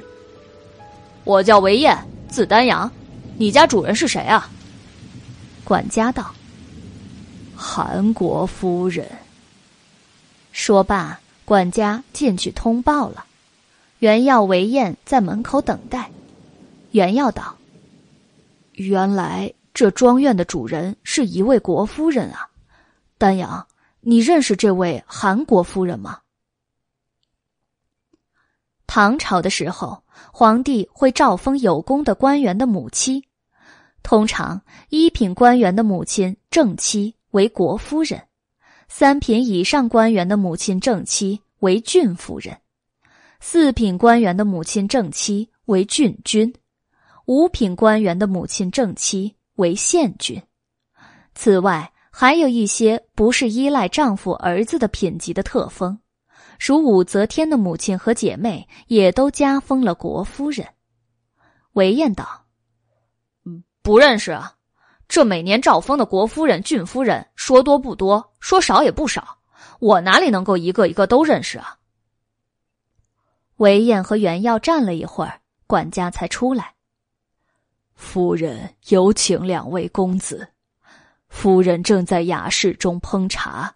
他说：“两位公子此刻前来避雨，倒也凑巧，正好结下茶缘，请两位公子去雅室品茶。”袁耀、韦燕道了一声“有劳，多谢”，就跟着管家走进了庄园。庄院中飞檐斗拱，重楼叠阁，一重院落连着一重院落，十分富丽气派。庄院中的花园里、回廊下，种植着各种品种的牡丹花。洁如冰雪的是夜光白，碧如翠玉的是绿香球，金如皇冠的是瑶黄，墨红如血的是黑花葵，赤如红霞的是珊瑚台。春风吹过，草叶摇动如流水，雨水落在牡丹花叶上，熠熠生光。原耀不禁看痴了。管家领着原耀为宴，走到回廊尽头，来到一间雅室外。他站在门外，垂手道：“夫人，袁公子和韦公子带到了。”雅室内传来一个女声。有请。管家推开雅室的门，示意袁耀、韦燕进去。袁耀、韦燕走进了雅室。袁耀刚一踏进雅室，就闻到了一股清新的茶香，沁人心脾。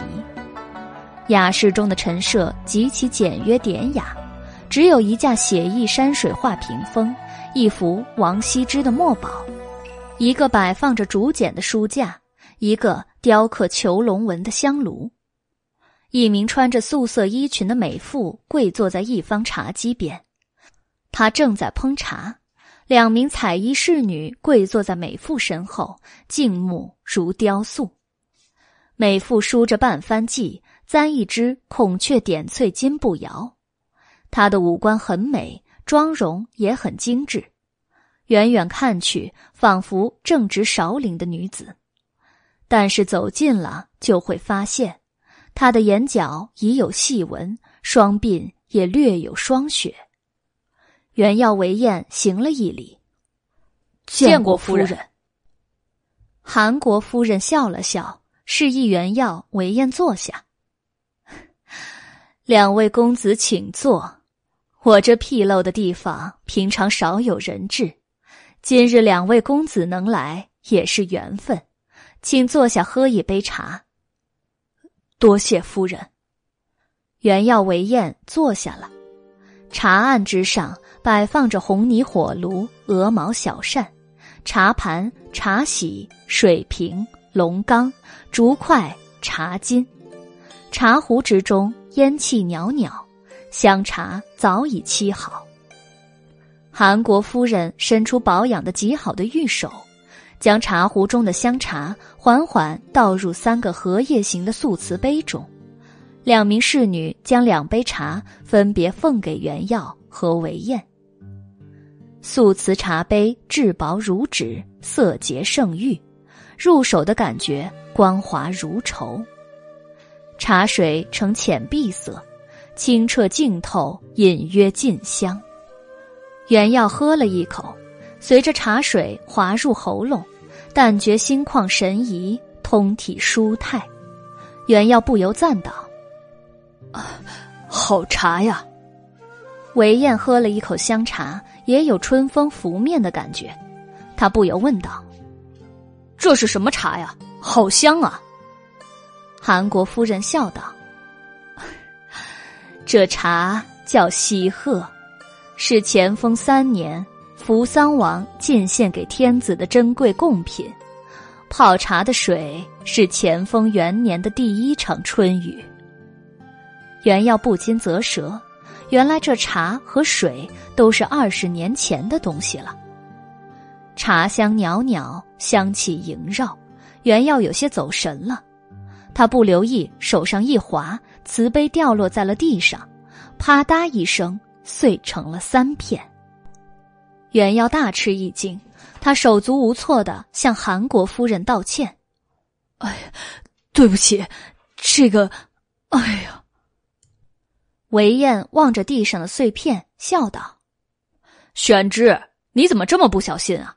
这茶具最讲究成套了，少了一个杯子，这套茶具就毁了。”韩国夫人见杯子碎了，倒也没有苛责原耀。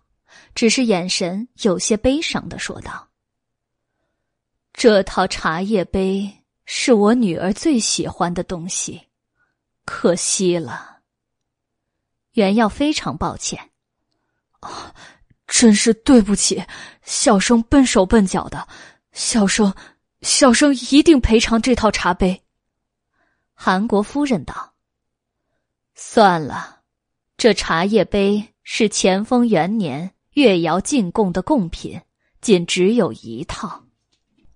袁耀拾起瓷杯碎片，说道：“那那小生想办法把它粘起来。”原要记得前几天黎奴不小心打破了白姬心爱的蜜色雀纹瓶，他害怕被白姬责骂，马上就用法术将花瓶碎片粘了起来。花瓶完好如初，他回去央求黎奴施法。一定也能粘好这个荷叶杯。韩国夫人笑了：“ 破镜难圆，覆水难收，破碎了的杯子怎么可能粘好呢？”袁耀道：“小生回去试一试，粘好了再替夫人您送来。”韩国夫人同意了。袁耀、韦燕和韩国夫人品茶闲谈。韩国夫人气度雍容，博学风雅，与他谈话令袁耀为燕如沐春风。韩国夫人说，她还有一个女儿，姿容天下无双，比牡丹花还要美丽。说到女儿，韩国夫人神色格外的温柔，也变得格外健谈。韩国夫人本来要让女儿出来见一见袁耀和韦燕，但是派去的婢女回话说：“小姐心情不好，不想见人。”袁耀、韦燕有些尴尬。韩国夫人宠溺的笑了：“ 哎呀，他一向都是这样，真拿他没办法。”袁耀觉得韩国夫人一定非常珍爱他的女儿。雨停了，茶也喝完了，袁耀和韦燕起身告辞。韩国夫人也不挽留，只道：“两位走好。”袁耀、韦燕道谢之后，离开了韩国夫人的庄院。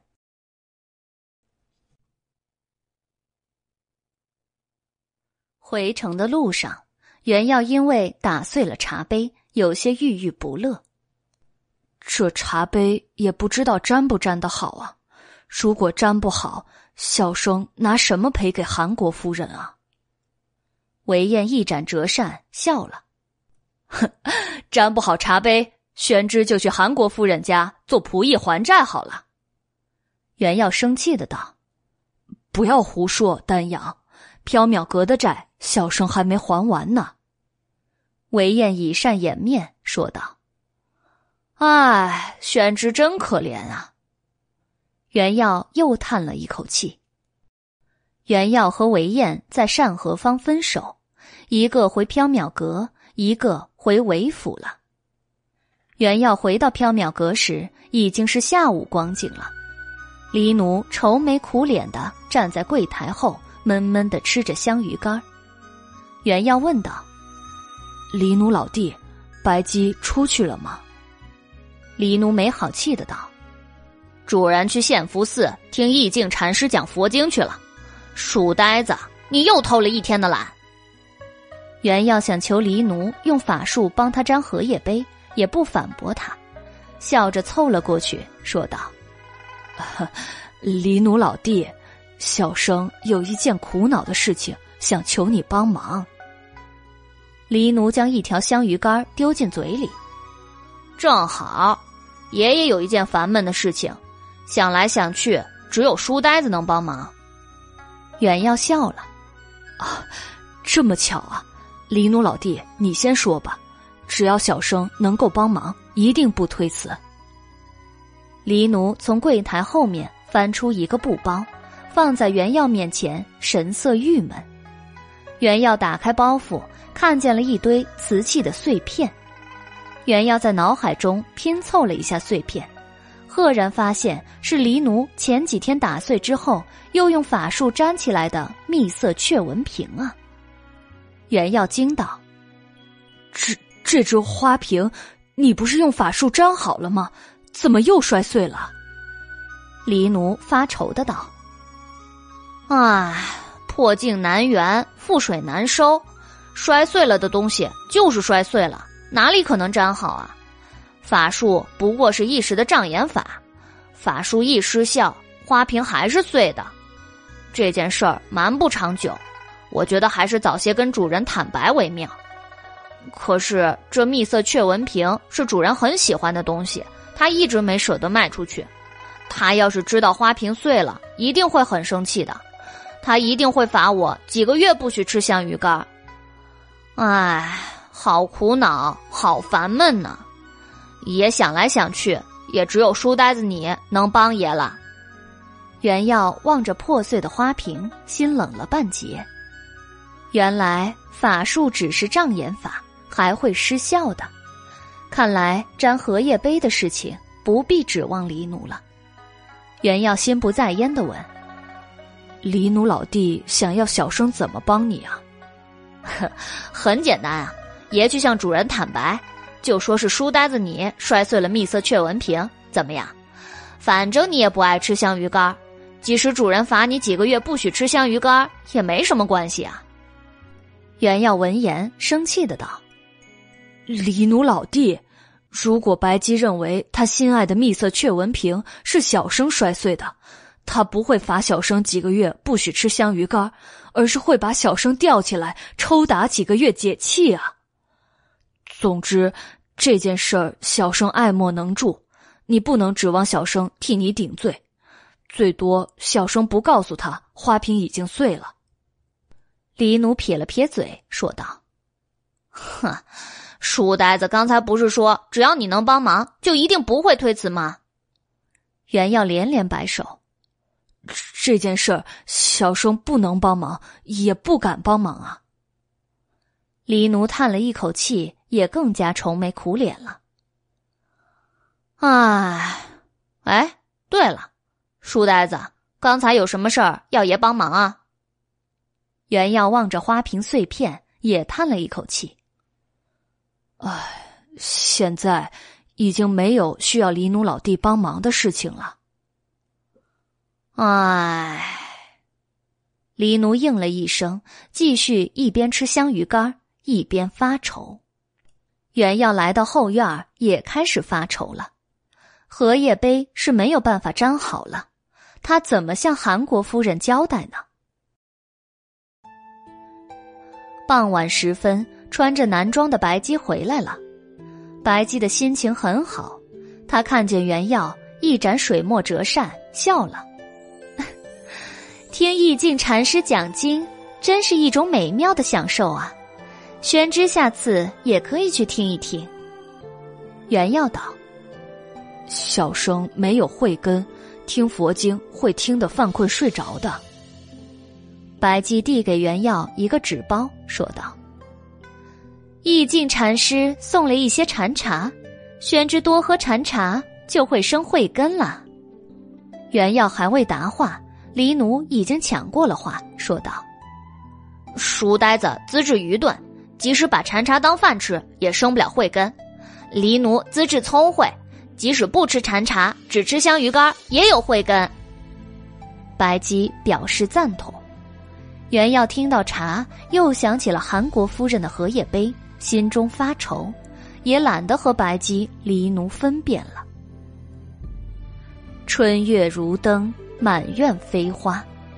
白姬、原耀、黎奴坐在回廊下，一边喝茶赏月，一边闲聊。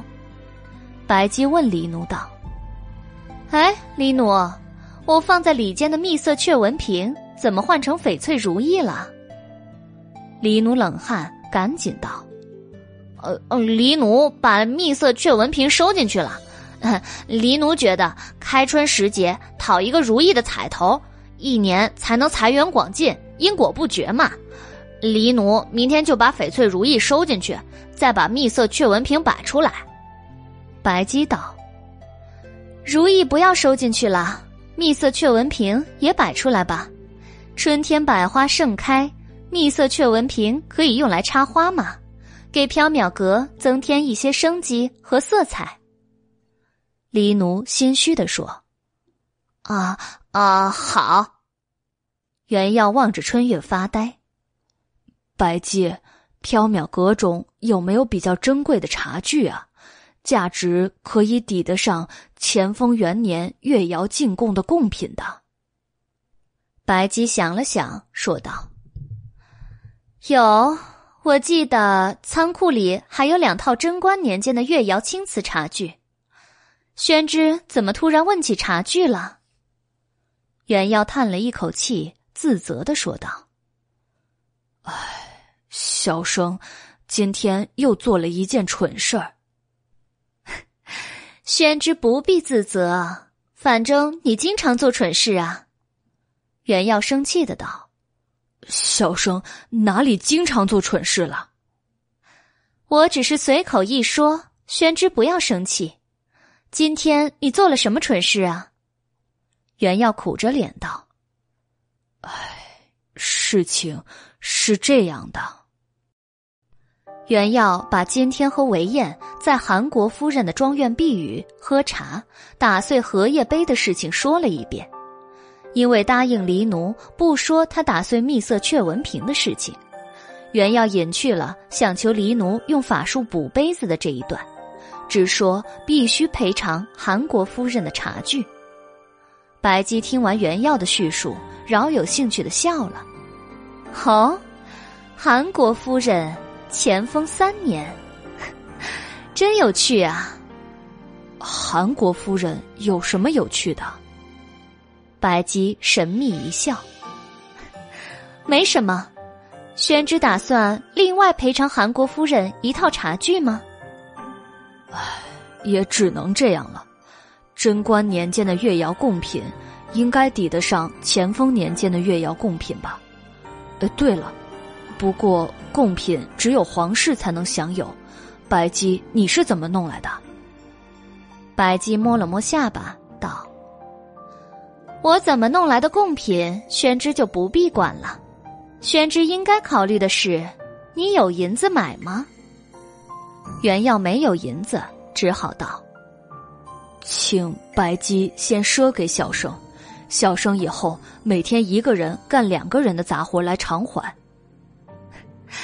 那我太亏了呀！宣之太笨了，说是干两个人的活，实际上也只能干一个人的活啊。原耀苦着脸道：“那。”你要小生怎么办？白姬想了想，说道：“啊，宣之有两个选择：一，春日宜歌舞，宣之每晚在院子里跳一支舞，给我和黎奴解闷儿；二嘛，春日宜禅寂，宣之每逢单日陪我去献福寺听佛经吧。”白姬话音刚落，袁耀急忙道。小生陪你去听佛经。白姬满意的笑了。宣之经常去听佛经，一定会慢慢的变得有慧根的。第二天，白姬从仓库里翻出一套贞观年间越窑上贡的千峰翠色瓷杯，交给袁耀。袁耀道谢之后，将茶具仔细的包好，拿在手里，离开了缥缈阁。白姬望着原耀离去的背影，嘴角露出一抹鬼笑。寒水潺潺，杨柳依依。原耀来到曲江，循着昨天的记忆找到了韩国夫人的庄园。原耀敲门，管家开门。原耀说明来意，管家进去通报之后，才领着原耀进去。韩国夫人坐在雅室中等原耀。她的眼角有些泛红，似乎刚刚哭过。袁耀行了一礼，：“小生见过夫人。”韩国夫人道：“袁公子不必客气，请坐。”袁耀坐下，将包袱放在地上，说道：“小生今日前来，是想向夫人道歉。昨日小生打碎的荷叶杯。”恐怕已经无法再粘好了，小生万分抱歉。韩国夫人道：“没什么，袁公子不必放在心上。”袁耀将包袱打开，对韩国夫人道：“小生只能赔给夫人一套新的茶具了，请夫人收下。”阳光之下。千峰翠色瓷杯，流光隐隐，色泽莹润。侍女将茶杯呈给韩国夫人，韩国夫人拿在手中把玩的时候，突然有些吃惊。这套千峰翠色，我在大明宫中见过，乃是皇家御用之物，不可能流落坊间。袁公子是从哪里得到的？袁耀挠头。呃，是从一个叫缥缈阁的地方，小生暂时栖身在缥缈阁做杂役。韩国夫人一愣：“天上狼环地，人间缥缈香。”袁耀略有些吃惊的道：“夫人也知道缥缈阁？”韩国夫人沉默了一会儿，说道：“我。”找了很多年，都没有找到缥缈阁。袁耀心中一紧，夫人也有无法实现的愿望。韩国夫人握紧了茶杯，神色有些激动。她喃喃的道：“我的愿望，我的愿望，我的愿望。”她喃喃的重复着这四个字，却无法说出她的愿望究竟是什么。过了许久，韩国夫人对袁耀说道：“袁公子。”我带你去见一见我的女儿吧。袁耀一愣，不知道为什么韩国夫人要带他去见他的女儿，但是出于礼貌，他只好答应了。韩国夫人带着袁耀走出雅室，穿过种满牡丹花的庭院，来到了一座绣楼之中。绣楼中香雾爱带，十分华美。两名侍女跪坐在一方铜镜台前，给一株国色天香的牡丹修剪枝叶，还给牡丹披上了一块半透明的胶销。原要暗想，山庄中种满了牡丹，侍女们也如此细心的照料牡丹，想必小姐一定很喜欢牡丹吧。侍女们看见韩国夫人，行了一礼，笑道：“ 夫人。”今天小姐的心情很好哦。韩国夫人笑了笑，走向铜镜前的牡丹，温柔的说：“敏儿，娘带来了一位袁公子，他是从缥缈阁来的。”袁耀吃了一惊：“小姐是牡丹花？”韩国夫人指着牡丹花对袁耀笑道：“ 袁公子，这是我的女儿。”袁耀虽然心中奇怪，但也只能向牡丹花作了一揖，道：“小生袁耀，字宣之，见过小姐。”一阵春风吹过，铜镜前的牡丹随风摇曳，婀娜多姿。韩国夫人和牡丹花低语了几句，对袁耀道：“敏儿说见到袁公子，她很高兴。”袁耀不由冷汗。他定睛向牡丹花望去，并没有看见他经常会看见的花精妖媚。一朵牡丹花怎么会和韩国夫人说话呢？更怎么可能是韩国夫人的女儿？袁耀支吾道：“哦，小生得见小姐预言，也万分荣幸。”韩国夫人又和牡丹低语了几句，她抬起头来对袁耀道。袁公子，缥缈阁可以实现任何愿望吗？袁耀挠了挠头道：“按照白姬的说法，缥缈阁可以实现任何愿望。”韩国夫人沉默了一会儿。我的女儿丢了一件牡丹衣，你可以拜托白姬替她找回来吗？小姐的牡丹衣是什么样子的？韩国夫人望向窗外，陷入了回忆之中。啊，那是长安城中独一无二的一件牡丹衣，它美丽绝伦，让百花黯然失色。袁耀心中疑惑，问韩国夫人：“小姐的牡丹衣丢在哪里了？”韩国夫人眼神一暗，过了好久。才道：“大明宫太液池。”袁耀心中更疑惑了：小姐的牡丹衣怎么会丢在大明宫中的太液池呢？韩国夫人看出了袁耀的疑惑，也不解释，只是道：“我知道袁公子心中有很多疑问，但恕我不能为袁公子解惑。”袁公子回缥缈阁问白姬，他自会告诉你的。袁公子，请拜托白姬替我女儿找回牡丹衣。袁耀也只能答应道：“好，小生回去拜托一下吧。”坐了好一会儿之后，袁耀告辞了。韩国夫人没有挽留，只是笑道：“袁公子走好，请不要忘了。”拜托白姬找牡丹衣。原耀作了一揖，好，小生会记得的。原耀回到缥缈阁的时候，已经是下午了。大厅里没有人，里间也没有人，他不由得奇怪：白姬和黎奴都不在吗？突然，他闻到了一阵茶香，还听到了一阵嘻嘻哈哈的笑声。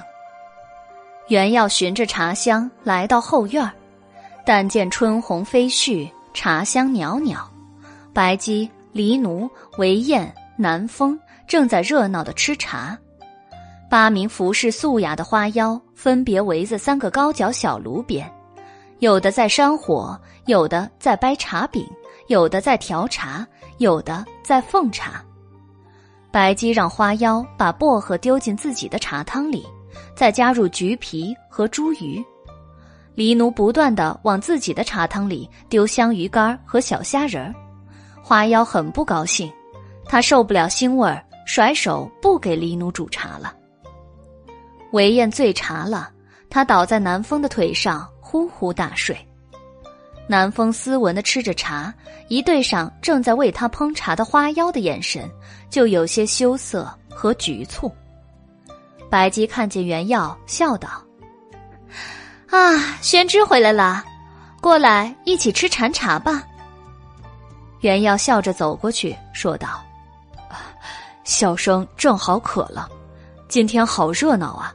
丹阳怎么也来了？韦燕睡着了，南风替主人回答：“公子今天是来找袁公子的，他说有要紧的事情要告诉袁公子。谁知来的不巧，袁公子出门去了。白姬正在煮茶吃，就邀公子和我一起吃。公子早上没有吃东西，加上茶煮的比较浓。”他猛吃了两碗，结果就醉倒了。袁耀坐下，不由冷汗。丹阳竟然醉茶了。白姬笑道：“玉净禅师送的是金春的新茶，韦公子煮的又浓，可不就醉茶了？”花妖笑着问袁耀：“袁公子要吃什么口味的茶呢？”袁耀懒得等花妖重新烹茶。他看了一眼白姬的茶，说道：“不用麻烦了，小生和白姬吃一样的茶好了。”白姬笑说：“我的茶，宣之恐怕吃不惯呢。”袁耀笑了：“不就是加了茱萸和薄荷吗？有什么吃不惯的？”花妖盛了一碗白鸡吃的茶汤，奉给袁耀。袁耀接过茶碗，喝了一口。立刻就扑了出来，好好苦啊！白姬，你在茶里加了什么呀？白姬愉快的笑了，我在茶里加了很多黄连呢。袁耀的眉头皱得像是两条蚯蚓。你，你在茶汤里加黄连干什么？这真是太苦了。白姬捧茶，望着天上的浮云，说道。苦方能清心呐，太苦了反而闹心啊！黎奴把浮满小鱼虾的茶汤端给袁耀，笑道：“嗨，书呆子，来喝爷的茶吧，一点也不苦，又鲜美又可口。”袁耀见茶汤里的小鱼，还翻着白眼，吓得念佛：“阿弥陀佛，黎奴老弟。”这是吃禅茶，不是熬鱼汤啊！黎奴不高兴的道：“哼，爷这是在鱼中悟禅，这是禅的最高境界。书呆子，你这种俗人是不会懂的。”袁耀不敢反驳。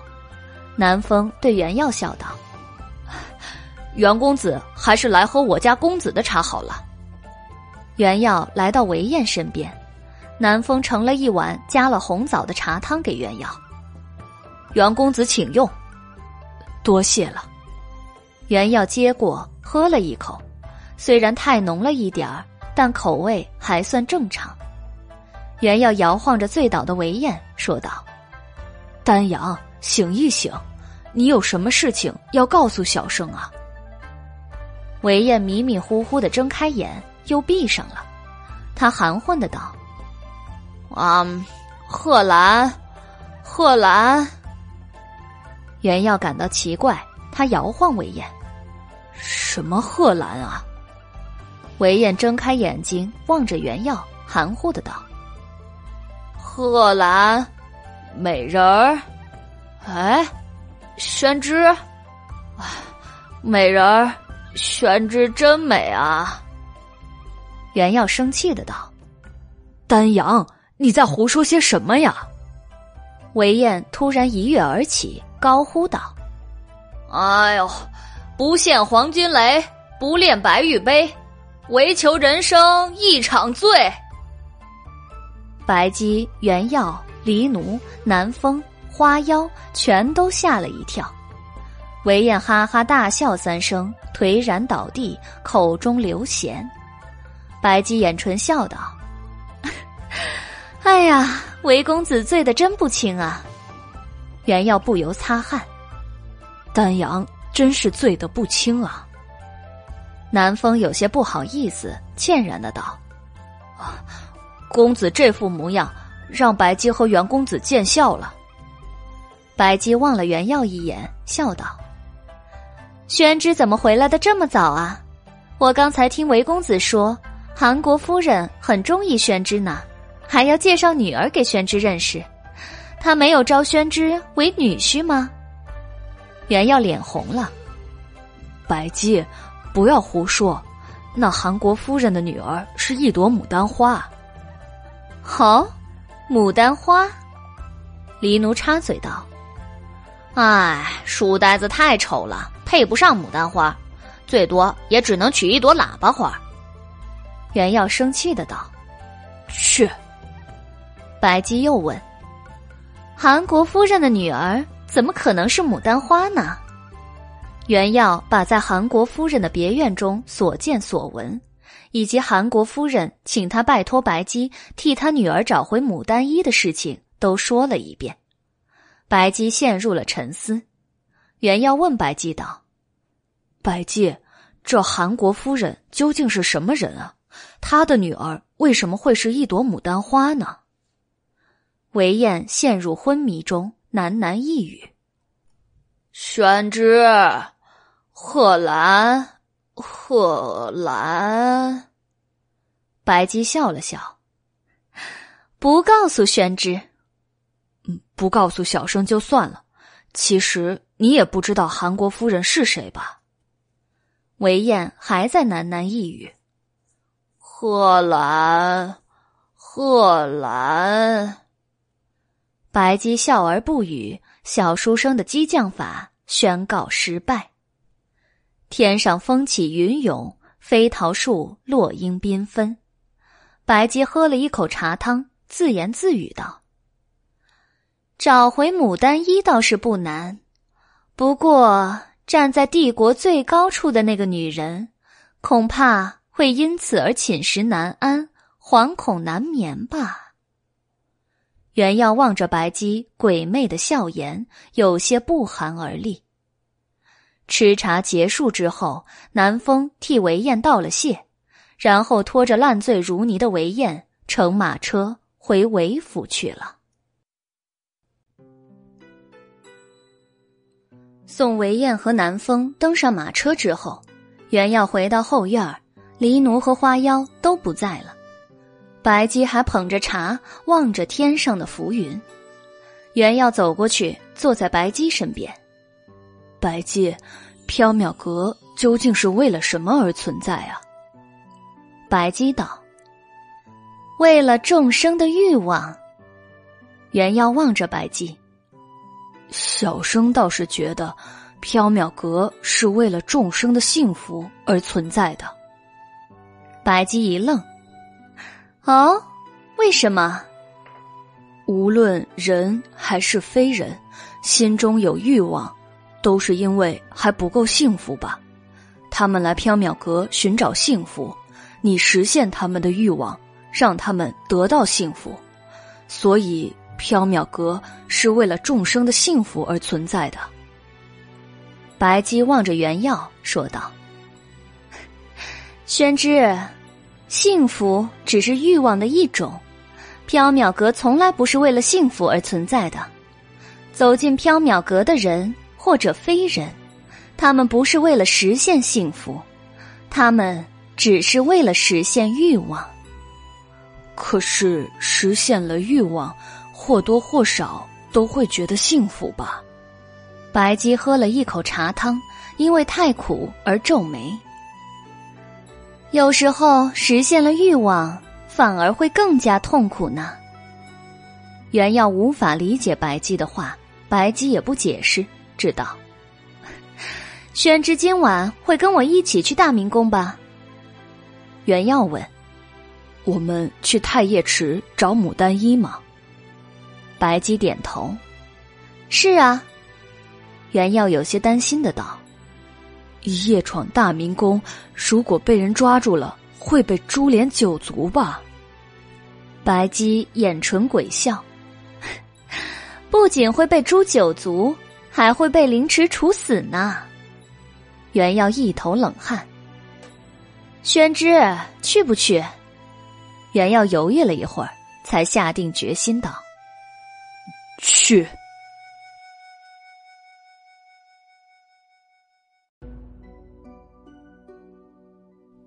月白风清，花枝纷繁。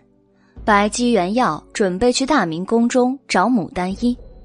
白姬从大厅的白马图中招下了两匹膘肥体健的骏马，一匹银白色，一匹枣红色。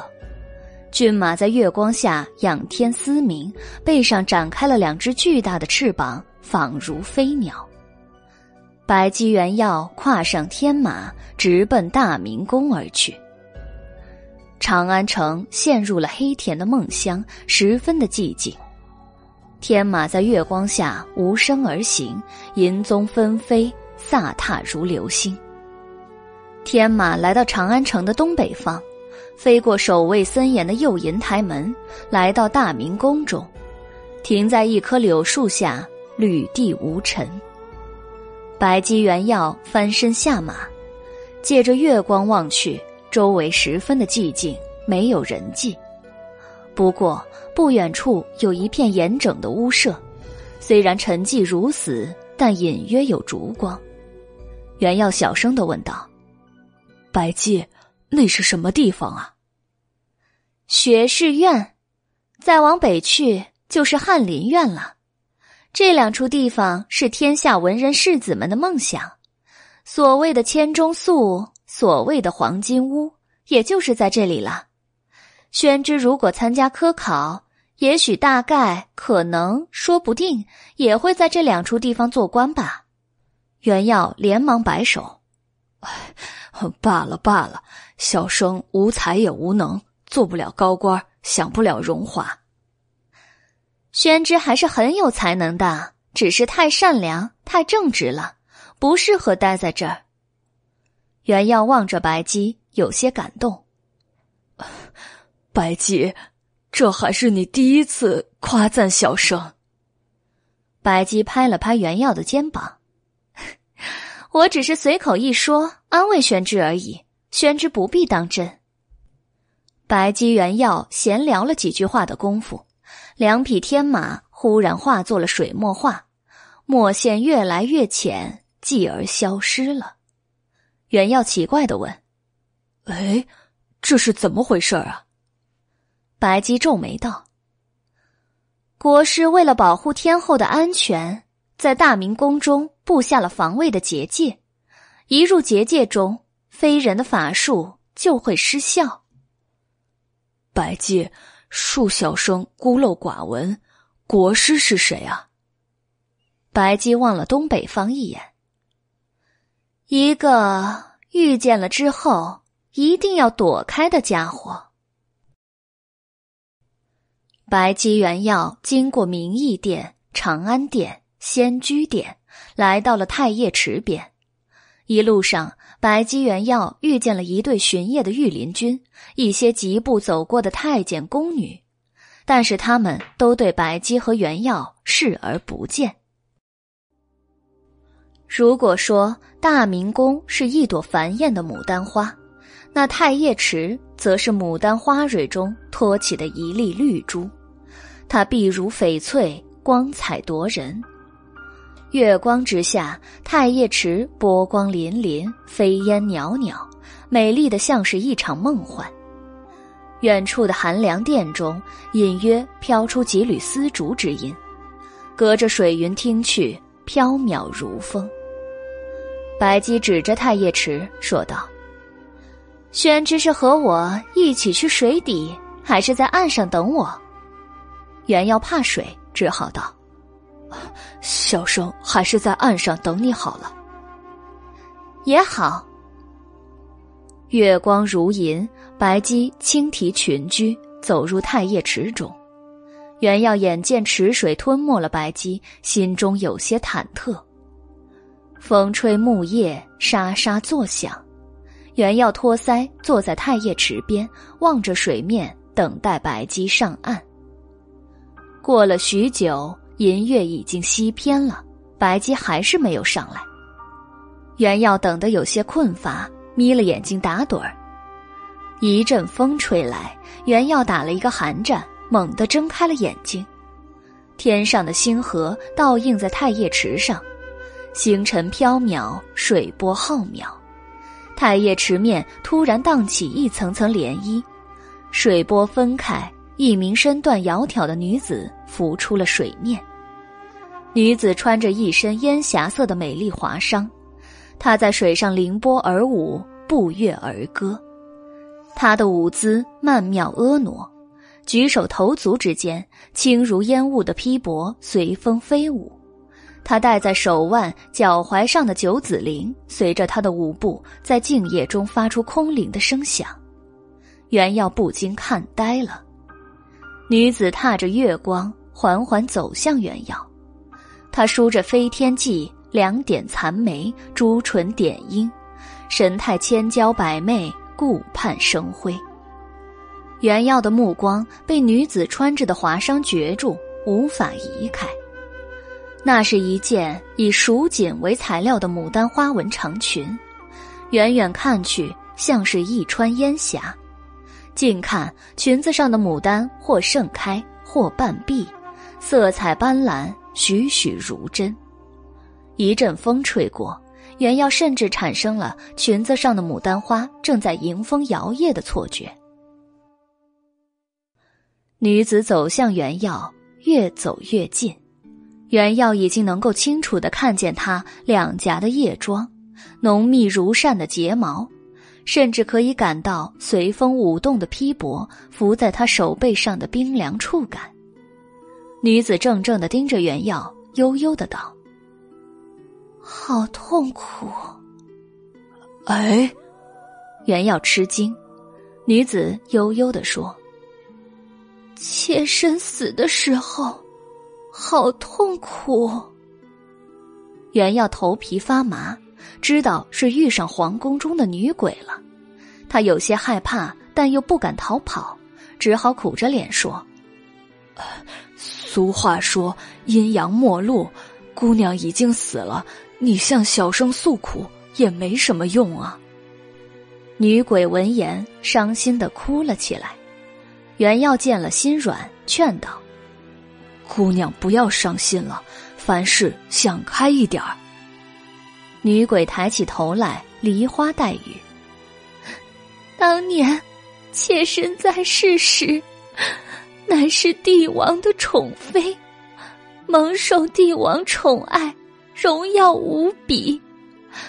如今，独居在阴冷的水底，凄凉孤苦，总是不由得会想起死去的痛苦啊！原来。这女鬼生前是帝王的嫔妃，袁耀不由得肃然垂下了头，不敢再多看女鬼。请娘娘不要多想，凡事宽心。女鬼望着袁耀，眼波盈盈。公子，你觉得妾身美吗？女鬼花容月貌，风情万种，美丽的像是一朵盛开之极艳的牡丹。原耀道：“娘娘国色天香，仿若神仙妃子。”女鬼妩媚的一笑，挽住袁耀的胳膊。公子既然不嫌弃妾身颜陋，那就跟妾身一起去池底吧。你我可以做一双游鱼，如神仙般快乐。袁耀如遭电击，急忙推开女鬼。阴阳殊途，请娘娘自归池底，小生还要在此等人呢。女鬼不放开袁耀，妾身一人待在水底太寂寞了，望公子垂怜。原耀不肯去，小生还得等人呢，请娘娘自去啊。女鬼不放手，仍然拉扯原耀，婉言诱惑。公子若去池底，妾身愿意朝夕侍奉公子。原耀不为花言巧语所动，任由女鬼百般拉扯，他抱定了一棵柳树不撒手。小生怕水，且还要等人，请娘娘自去啊！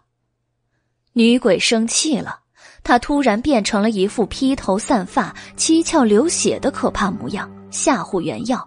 硬要拖袁耀沉入水底，袁耀的力气不如女鬼大，眼看就要被拖走。大明宫的东北方突然响起了一声仿如狮吼的幻音，太液池上荡漾起一圈圈涟漪。女鬼倏地不见了，只留下灰旧的一个东西在原地。一阵寒风吹过，袁耀打了一个寒战，醒了过来。月白风清，水波粼粼，袁耀还坐在太液池边的石头上打盹儿，一切都静好如初。袁耀摸了摸头，难道刚才纠缠他的女鬼、惊走女鬼的狮吼都是幻觉？他抬起手时，衣袖滑落，手腕上有一圈青紫的淤痕。不，不是幻觉。这是刚才女鬼拉扯他时留下的。袁耀转头望向刚才半梦半醒之间，他抱着不放的柳树，发现柳树旁边有一件灰旧的东西。袁耀走过去拾起那件东西，原来是一件破旧的、湿漉漉的布帛。他抖开布帛，又旧又脏又破。已经看不出是个什么东西了。袁耀正望着布帛疑惑，冷不丁的有人拍了拍他的肩膀，袁耀吓得大叫。那人眼疾手快，在袁耀还没叫出声的时候，伸手捂住了他的嘴，轻声道：“宣之，是我。”袁耀定睛望去，但见白姬站在他眼前，一袭月下白披帛随风翻飞，翩跹如蝶。袁耀松了一口气，拍胸定魂道：“哎呀，原来是白姬啊！吓死小生了！你你找到牡丹衣了？没有，宣之，先离开大明宫，我们被国师发现了。”袁耀吃了一惊：“国国师，那要马上逃吗？”“必须马上离开。”白姬说道。他看见了袁耀手中的布帛，有些吃惊。伸手拿了过来，宣之，这东西是从哪里来的？是刚才一位女鬼掉下的。什么样的女鬼？一个自称是宫里娘娘的女鬼。白姬笑了，她伸手拍了拍袁耀的肩膀。宣之，走吧，我们已经找到牡丹衣了。啊？袁耀有些吃惊。白姬也不解释，带着原药离开了太液池。白姬原药沿着原路出宫，白姬一言不发，匆匆而行，似乎有些心虚。原药第一次看见白姬这般模样，不由得有些奇怪的问道：“白姬，你害怕国师啊？”白姬闻言不高兴了：“我怎么会害怕国师呢？”不害怕的话，你为什么这么慌张啊？还有一些心虚的样子。白姬勉强笑道：“ 我怎么会心虚呢？牡丹衣也拿到了，我不过是想赶快回缥缈阁睡觉罢了。你你说谎，袁耀在心中道。有眼睛的人都看得出来，白姬在心虚。他感到有些奇怪，即使国师是一个道行高深的人，白姬也不可能会这么心虚，仿佛做了什么亏心事儿啊。袁耀问道：“国师是什么人啊？”国师叫光藏，是李淳风的弟子，住在大明宫东北方的大角观中。他上通天文，下知地理。颇得天后的赏识和重用，啊，那他一定会降妖伏魔了。比起降妖伏魔，他倒是更加醉心于炼丹术吧，妄想长生不老。我来的时候掐算了，他应该在闭关炼丹，怎么突然就出来了？宣志，我们还是快些离开吧。袁耀又问道。刚才那一声狮吼，好像是从东北方传来的，那是国师在大角观中发出的吗？那是小吼发出的，应该是光藏让小吼警告我们，他已经察觉到我们了。小吼又是谁啊？袁耀奇道。说话之间，白姬、袁耀已经走回了学士院附近。夜色沉沉，在天马消失的柳树下。静静的站着一只浑身欲火的尸兽，白姬叹了一口气，指着柳树下的金色尸兽说道：“啊，宣之，那就是小吼。”袁耀定睛望去，不由吃惊：“一一只狮子！”狮兽不高兴了，仰天咆哮了一声，雷霆震怒：“我是酸泥，不是狮子！”袁耀两耳发聩，双腿发软，险些摔倒。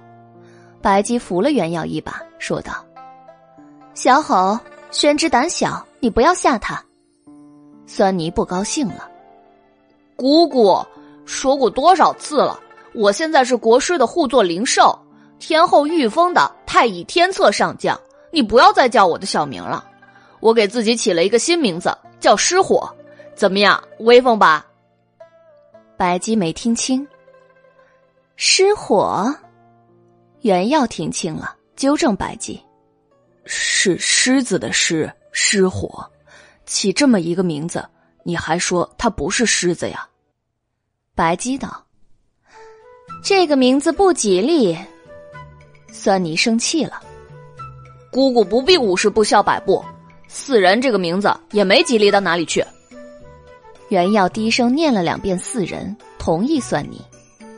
确实不太吉利，怪不得白姬你讨厌别人叫你“四人”啊。白姬不高兴了。袁耀，妖元，宣之的名字也没见得有多吉利啊。不管怎么样，妖元也比死人好啊。白姬眼中闪过一道刀锋般的寒光。盯着袁耀笑道：“宣之，你再说一遍。”袁耀急忙改口了：“啊，呃，袁耀和四人其实也差不多。”酸泥道：“比起四人，原耀还是失火这个名字更吉利。”一点也不吉利。白姬、原耀异口同声的表示反对。白姬。原耀、酸泥为了名字的事情互相嘲笑、争吵，似乎都忘记了自己本该做的事情。直到八名手持桃木剑的小道士飞奔而来，白姬才想起自己应该赶紧离去。酸泥也才想起自己是来抓捕白姬和袁药的。白姬拉了袁药想遁走，酸泥一跃而起，拦住了白姬，道。姑姑难得来大明宫一次，我奉国师之命，请姑姑去大角观喝茶观星。白姬心虚的笑道：“这都快天亮了，还观什么星啊？我得回缥缈阁了，改日再去大角观拜会国师。”国师说了，不关心可以，但你必须退回骗走他的七千两黄金。哎，那都是三年前的事儿了，国师倒还记得这么清楚。不过，我用七粒玄天长生丸换国师的七千两黄金，这是明码实价，公平交易啊，怎么能说是骗呢？酸泥咆哮了一声：“你说吃了红军老祖炼的玄天长生丸就可以长生，国师才花重金买下的，谁知道吃了以后长生不长生还不知道。但是他的头发、眉毛都掉光了，至今都没长起来。现在国师每天都戴假发髻，画假眉毛，真是苦不堪言。你还说不是骗？”袁耀忍不住了。如果这是实情的话，白姬你也太坑人了。白姬瞪了袁耀一眼，对酸泥笑道：“国师一定是听差了，我当时没说玄天长生丸能长生啊，我只说能延寿。至于掉头发、掉眉毛，这是红军老祖炼出来的仙丹，国师要问责，也得去找红军老祖啊。”红军老祖已经不在天地之中了，国师上哪儿去找他呀？红军老祖的仙丹不可能会让人掉头发、掉眉毛的，国师一定是服用的金石丹药太多太杂了，才会掉头发、掉眉毛。你让国师少服一些丹药，也许头发和眉毛就长出来了。无论如何，你得退还国师的金子。白姬不肯。哼，他都把玄天长生丸吃了，哪有退金子的道理啊？说完这话，白姬原要准备离去，八名小道士举剑围上来。白姬身袖拂去，一阵风卷起，八名道士化作了八个纸人，飘落在地上。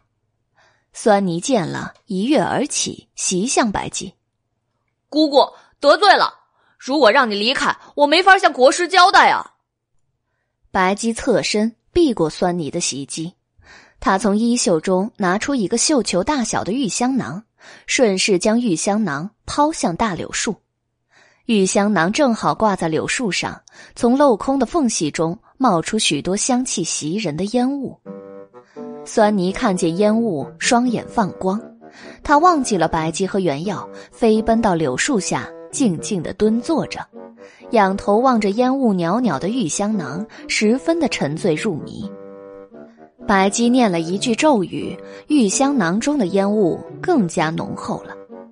酸泥心满意足的望着烟雾，入迷到不知今夕何夕。原耀不由吃惊：“这这是怎么一回事儿啊？”白姬低声道：“小吼最喜欢烟雾了，只要一看见烟雾，他就什么都不管了。”宣之，我们快走。袁耀苦着脸说：“天马没了，我们还能出宫吗？”白姬低声念了一句咒语，之前消失的两匹墨画的天马从虚空中走出来，双翅如翼。酸泥还蹲在柳树下，陶醉的望着树上的烟雾。白姬、原要跨上天马，离开了大明宫。天马行空，寂静无声。原耀问白姬道：“白姬，酸泥叫你姑姑，难道他是你的侄子？”“是啊，小吼是我的九个侄子之一。”“九个侄子？小生还以为龙没有什么亲戚呢。”“宣之此言差矣，龙的七亲八戚列出来写成书，比《论语》还要厚呢。”白姬。《论语》其实不太厚。闭嘴！突然，没有征兆的，夜空中有四道光亮闪过，东西南北四个方位分别出现了一张光网，都投向白姬元要照来。白姬反应奇快，在光网照下的瞬间，化作一缕青烟溜了。宣之，我先走一步，你后面来。啊啊！原耀没反应过来，被光网束缚住，无法动弹。一名道士骑着酸泥飞来，雷声道：“龙妖休走，还本国师的金子来！”酸泥仰天发出一声巨吼，震耳欲聋。即使骑在天马上，袁耀也吓得双腿发软。他知道是光藏国师和失火追来了。不由心中暗骂白姬狡诈，居然抛下他先逃了。袁耀举目向光藏望去，这一望之下，袁耀微微吃惊。他原以为国师应该是一位鹤发童颜、面色红润的威严长者，没想到却是一个胡子拉碴的骆驼壮汉。光藏穿着一身紫金色道袍，头插玉簪，足履云靴。他显然来得很匆忙，眉毛没有来得及画，假发蓬乱的堆在头顶上，看上去没有一点仙风道骨、超尘脱俗的高人之相。光藏匆忙赶来，施法擒拿白姬，谁知道没有擒住白姬，只看见一个青山书生被困在他的法术之中。拉长了苦瓜脸望着他，光藏一愣，问道：“龙妖哪里去了？”袁耀心中发苦，白姬先跑了。光藏打量了袁耀一眼：“你是什么人？”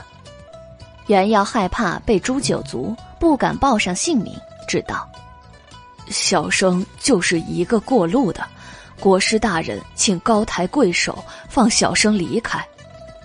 酸泥道：“国师，这书生叫袁耀，不是路过的，他是跟着姑姑一起来的，没准儿是我的姑父。”光藏闻言，瞪大眼睛打量袁耀：“你是龙妖的夫婿，那正好，把你抓去炼仙丹，以解本国师的心头之恨。”袁耀心中发苦，对酸泥道：“哎呀，名字可以乱起，话可不能乱说呀。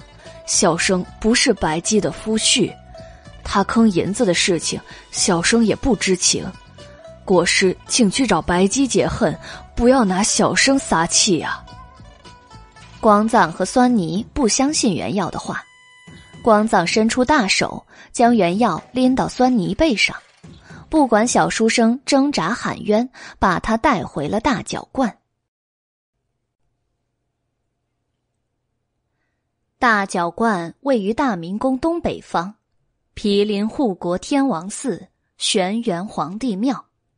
大角观处在山丘之上，飞檐斗拱，殿阁归尾，四周隐约有祥云环绕。玄机楼。四面轩窗大开，月光如银，清风徐徐。一只巨大的青铜丹炉摆放在大厅正中央，丹炉下火焰如织，炉中青烟袅袅。四个小道士分别跪坐在四个方位，添柴山火。大厅东北角一幅伏羲八卦图下，光藏、元耀盘腿坐在一张木案边。酸泥伏在两人旁边。光藏回到玄机楼后，就把假发髻取下了。他的光头反射着月光，十分锃亮。小书生呆呆的盯着光藏的光头。光藏生气的瞪眼，问道：“书生，你看什么？”袁耀急忙垂下头：“没没没看什么。”酸泥道。这书呆在看国师你的光头，袁耀赶紧分辨：“嗯，没有，小生只是在看月光，没有看国师大人的光头。你明明在看国师的光头，小生没有看国师的光头。你再看光头，小生没有看光头。”酸泥不依不饶：“你就在看光头。”在一声一声的光头之中，光藏的脸色逐渐铁青。他大吼一声：“都住口！”原药酸泥吓得赶紧闭嘴。光藏豁然起身，奔去了内室。不一会儿，他带着一顶乌黑油亮的假发髻出来了，还画了两道卧蚕眉。光藏重新在原药对面坐下，怒声问道：“你是什么人啊？”和龙妖是什么关系？从实招来，否则把你丢进丹炉里去。袁耀望了一眼火光熊熊的丹炉，十分害怕，只好招了。小小生姓袁，名耀，字玄之，本是襄州人士，如今客居长安，流落西市，在缥缈阁中干一些杂活糊口。小生从不害人，也不干那些坑人钱财的事情。白姬干的坏事与小生无关，小生全都不知情况，请国师大人明鉴，放小生离开啊！光藏皱了一下画出来的卧蚕眉，说道：“哼，今夜龙妖来大明宫干什么？”袁耀想脱身，只好招了。白姬受了韩国夫人的拜托。来大明宫取她女儿的牡丹衣。光藏沉默了一会儿，才嘀咕道：“这龙妖真是闲得慌，都是二十多年前的事情了，还翻这段旧案干什么？”袁耀不明白光藏的话，但也不想细问，只想赶紧离开。他站起来想走，国师如果没有别的事情，小生就告辞了。光藏伸出大手，将原耀按回原位。书生，先别急啊！原耀只好坐下了，苦着脸问：“啊，国师还有什么吩咐啊？”光藏唤小道士拿来十几个葫芦，依次从每个葫芦里倒出了不同的丹药，分别放在木案上。袁耀望着眼前一片花花绿绿的丹药。迷惑的说道：“嗯，国师大人，这是什么意思呀？”“哼，龙妖跑了，本国师的金子也没指望了。幸而书生你留下了，这是本国师新炼出的丹药，还不知道功效呢。书生，你正好可以替贫道试丹药。”袁耀望着古怪的丹药，想到了光藏的光头和秃眉，冷汗如雨。啊，这个小生小生只吃五谷杂粮，从不服食仙丹灵药啊，恐怕尝不出优劣，反而糟蹋了国师的心血。光藏淡淡的道：“无妨，反正都是试验品。”有些也许还有毒呢，原要赶紧推脱。小生不习惯吃丹药，光藏紧逼着，吃着吃着也就习惯了。原要哭求道：“哎呀，国师大人，请高抬贵手，放过小生。那你替龙妖还本国师的金子。”原耀苦着脸。小生一共攒了六吊钱，改日替国师送来。六吊钱，龙妖欠的是八千两黄金。袁耀疑惑的道：“怎么变八千两了？之前不是说七千两吗？”光藏盛怒，将假发髻揭下，大声的说道：“多出的一千两，用来给本国师买假发髻。”和罗子带，袁耀闭嘴了。光藏逼迫袁耀吃丹药，袁耀说什么也不肯吃。光藏决定把小书生囚禁在玄机楼，不给他食物，让他饿到只能吃丹药。袁耀很伤心，很害怕，十分苦楚。光藏连夜画了八张金符，让道童去紫宸殿呈给武后。去呈报天后，本国师夜观天象，妖云东来，遮星惑月。近日皇宫中恐怕将有妖邪作祟，请天后将八卦金符贴于寝殿八方，以避灾厄。道童领命去了。日出东方，天色已亮。失火蹲在香炉边睡着了。光藏在大厅西面的木架边整理各种丹药，原耀坐在木案边，又累又饿，困顿不堪。辰时，两名小道童为光藏端来了早饭，一碗清香的梗米粥，四碟精致美味的小菜。光藏停止整理丹药，故意坐在原药对面喝粥。原药的肚子饿得咕咕直叫，见光藏喝粥，闻见粥的香味儿，垂涎欲滴。嗯国国师，小生也还没吃早饭呢。光藏瞪眼：“你先把丹药吃了，本国师就给你盛粥喝。”小生空腹服药，一般会吐的，恐怕浪费了国师的丹药啊！国师还是先让小生喝一碗粥吧。光藏想了想，让小道士给原药盛了一碗粥。原药喝完了粥，又死活不肯吃丹药了，气得光藏要打他。光藏按倒原药，硬要往他嘴里塞丹药的时候。一只黑猫从西南方的飞檐上跳下，轻灵的穿过栏杆、轩窗，走进了玄机楼的大厅里。黑猫道：“牛鼻子，放开书呆子！”光藏抬头看见黑猫，一愣：“缥缈阁的猫妖，你是怎么窜进我大教观的？”原要一见黑猫，不禁流泪：“狸奴老弟。”狸奴猫躯一震，跳上一个没有生火的大丹炉，傲慢的俯视着光藏。哼，区区大脚怪有什么进不来的？只要爷乐意，太上老君的兜率宫也都能走一遭。牛鼻子见识浅，大惊小怪。两名道童见黑猫如此嚣张，十分生气，拂尘一扫去打他。猫妖休要张狂！你这个畜生也敢在国师面前放肆！黑猫纵身而起，躲过两名道童的袭击。他轻灵的一个跃起，落在闭目睡觉的酸泥头上。酸泥睁开眼睛，眼珠上移，正好和黑猫对视。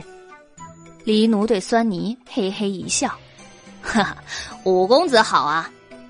酸泥大惊，一跃而起：“国师，不好了！”姑姑家的猫妖闯入大脚观了，两名道童追上来打黎奴，拂尘扫过的时候没有打到黎奴，却狠狠的打中了跃起的酸泥。酸泥大怒，一口火喷去，两名道童顿时被喷晕了过去。黎奴坐在酸泥头上，气定神闲。光藏见状，伸手从衣袖中拿出两道飞符。黎奴见状，急忙道。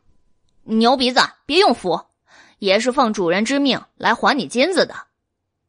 光藏闻言收了飞符，说道：“猫妖如果敢诓本国师，本国师就将你丢入丹炉中去。”黎奴从酸泥头上跳下，化身成一个清俊的黑衣少年。他走到袁耀面前，坐了下来。袁耀见了黎奴，分外的亲切。他深袖拭泪道：“ 黎奴老弟。”黎奴瞪了一眼袁耀，骂道：“书呆子，你哭什么呀？真没出息！”黎奴老弟有所不知，国师逼迫小生吃这些，也许会秃头，也许会死人的丹药啊。不吃的话，他就要饿死小生。不就是丹药吗？也替书呆子吃了。黎奴将木案上的丹药一把一把的塞进嘴里，连水都不用，就这么囫囵吞下了喉咙。元妖大惊，张大了嘴，结结巴巴的道：“啊！”这这这些丹药还还是试验品呢，吃吃下这么多，妖鬼也不会死的吧？光藏也是大惊，他冲了过来，掐住黎奴的脖子摇晃：“臭猫妖，把本国师的仙丹吐出来，给我吐出来呀！本国师辛苦炼制的仙丹是给人吃了长生的，不是给妖鬼吃着玩的。”黎奴腾的又化作黑猫，溜出了光藏的钳制。他一跃而起，跳上原耀的肩膀，伸舌舔唇道：“啊，难吃死了，一点也没有香鱼干好吃。”光藏大怒，又掏出一道飞符，要收拾黎奴。黎奴见状，又赶紧道：“哎，牛鼻子且慢，我们先谈金子的事情。”光藏闻言，又把飞符收了进去，忍住怒气道：“好，你说。”主人说：“光藏国师是一位世间奇人，上通天文，下知地理，更是精通玄门之术。而且光藏国师也是一个大好人，心地善良，德高望重。”光藏打断黎奴：“不要废话，说金子的事儿。”黎奴干咳一声：“哼，嗯，国师如果放了书呆子，主人愿意还你三千两黄金。”光藏生气的道：“三千两，龙妖贪财贪昏了头吧？他当时可是骗走了本国师七千两黄金。”主人说：“他当时确实只收了国师的三千两黄金。”胡说，还有四千两呢。黎奴左右一望，低声道：“那四千两在天后那儿呢。其实。”当时是天后和主人一起坑了国师的金子，那玄天长生丸根本就不是红军老祖炼的仙丹，它就是天后沐浴洁面用的神仙玉女粉。大家都说国师醉心丹术，为求长生不惜金箔，天后和主人才开了这么一个玩笑。没想到牛鼻子你果然上当了。光藏大惊：“啊，此言当真？”国师不相信的话，可以去问天后啊。当时还是天后告诉你说，主人有红军老祖的玄天长生丸吧？如果主人真有玄天长生丸，天后早就买下了，还轮得到牛鼻子你吗？光藏一阵晕眩，他根本就不敢去问武后。思前想后，又三分相信了李奴。他又想了想，觉得能讨回三千两黄金也不错。龙妖真的肯退还本国师的三千两黄金？李奴点头。只要国师放了书呆子，主人就把黄金送来。光藏想了想，未免夜长梦多，本国师还是自己去缥缈阁取好了。也行，主人已经解除了八卦迷魂阵，国师和五公子不会再找不到缥缈阁了。你去转告龙妖，本国师会去缥缈阁拜访他。黎奴笑了，哼，欢迎国师。谈话完毕，黎奴带原耀离开了大角观，光藏派遣道童送他们从银汉门离开了大明宫。望着一人一猫离去的背影，光藏喜乐参半。天后居然和龙妖沆瀣一气，坑了本国师，太让人生气了。不过进了缥缈阁，就有办法长出头发和眉毛了。酸泥小声的嘀咕道：“这姑姑专程让黎奴来找他，这书呆不会真的是姑父吧？”